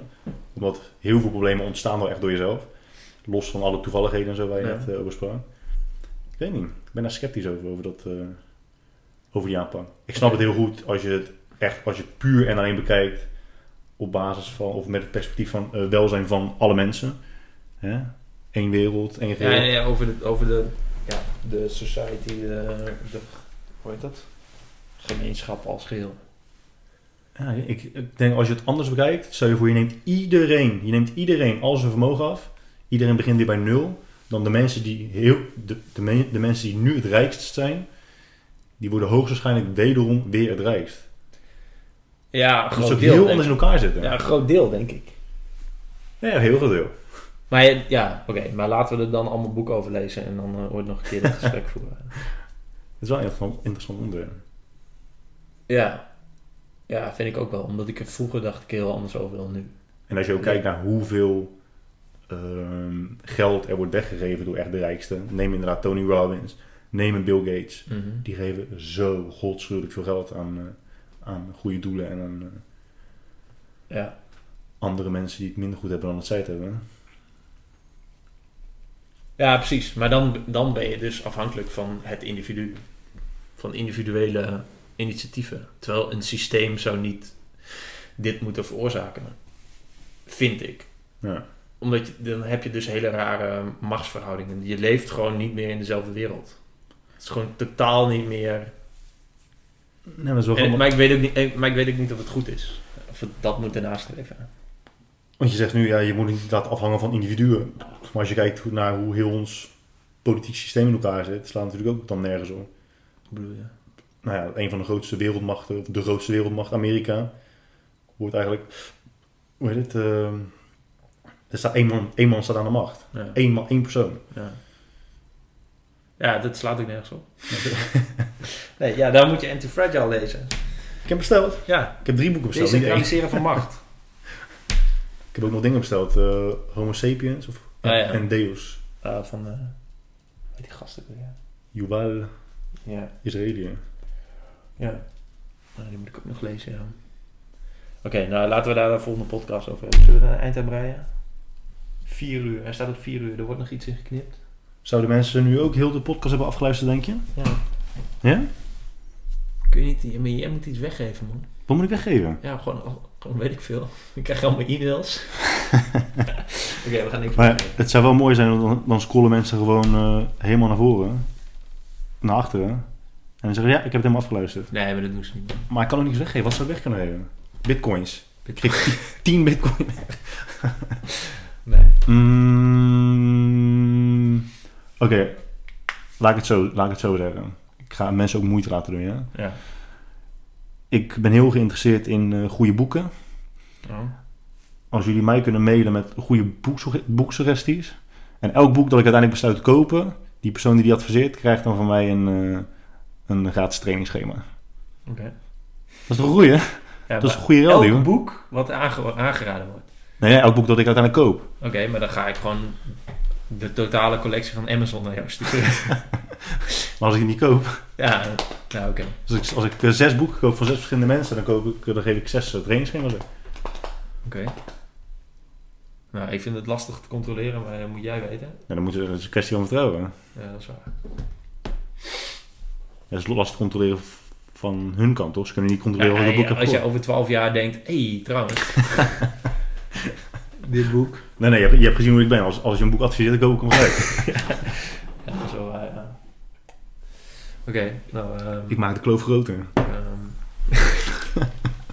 wow, ik spuug op je tafel. En jij zegt wel wat over mij. Je, we hebben ook, eh, je hebt net eh 17 stukken sushi in wafel geschoven. Terwijl de mensen onder de brug slapen. Heb jij net een, eh, een sushi Nee, burrito hier, hebben, gegeten? hier hebben we het ook al over gehad. Want als je dan eenmaal begint, dan dan moet je dus inderdaad vluchtelingen in je huis nemen en al je, al je geld wat je over hebt, overmaken. En nooit meer eh, vliegen. Ze hebben ook eh, bitcoin-technologie gebruikt om, om vluchtelingen in Syrië geld te sturen. Heel snel. Ja. Het is instant ook, hè? Hey, je moet af en toe het nieuws lezen, man. Dat zou je goed doen. Oké, nou, thanks voor de tip. Ehm, eh, lieve mensen, bedankt voor het luisteren. Ja, mensen gaan het gewoon afluisteren, dat kan gewoon niet anders. Nee, maar 3,5 uur. Waarvan we echt drie kwartier aan het smekken zijn. Ja, maar dit knip ik eruit. Ehm Nee, we hebben tijdens eten best wel goede dingen besproken. guy at guydroog.com No reply. voor je boeksuggesties. En, ehm, ik krijg geen training. en ik lees wel non-fictie. Tenminste, heel soms lees ik fictie, maar dan moet het wel echt classic zijn. Ja. Oké. Wil je verder nog iets kwijt? Aankondigingen? Bedankt, eh, Jelme de Boer. Lees eh, het boek van Jelme de Boer. Thuis blijven is duurder. En eh, mocht je personal trainer zijn of eh, toekomstig ondernemer, Be The Brand is wel een aanrader. Ik, heb er, ik ben er een beetje vaag over geweest. Beaterbrand.com? Of, Be- eh? nee, guidedroog.com slash Be The Brand. Ah, oké. Hey, ik moet trouwens nog een dingetje in mijn navigatie zetten. Be The Brand. Wat? Een linkje naar de Ja. pagina. Ja. Dan kan nu kan je alleen maar direct komen. Oké, nou, Guy gaat even aan het werk. Ik ga weer eh, terug naar huis. Bedankt voor het pers- ik luisteren. moet personal training geven over een kwartier. Ja, ja, ja. Ik ga er een eind aan brengen. Oké, doei.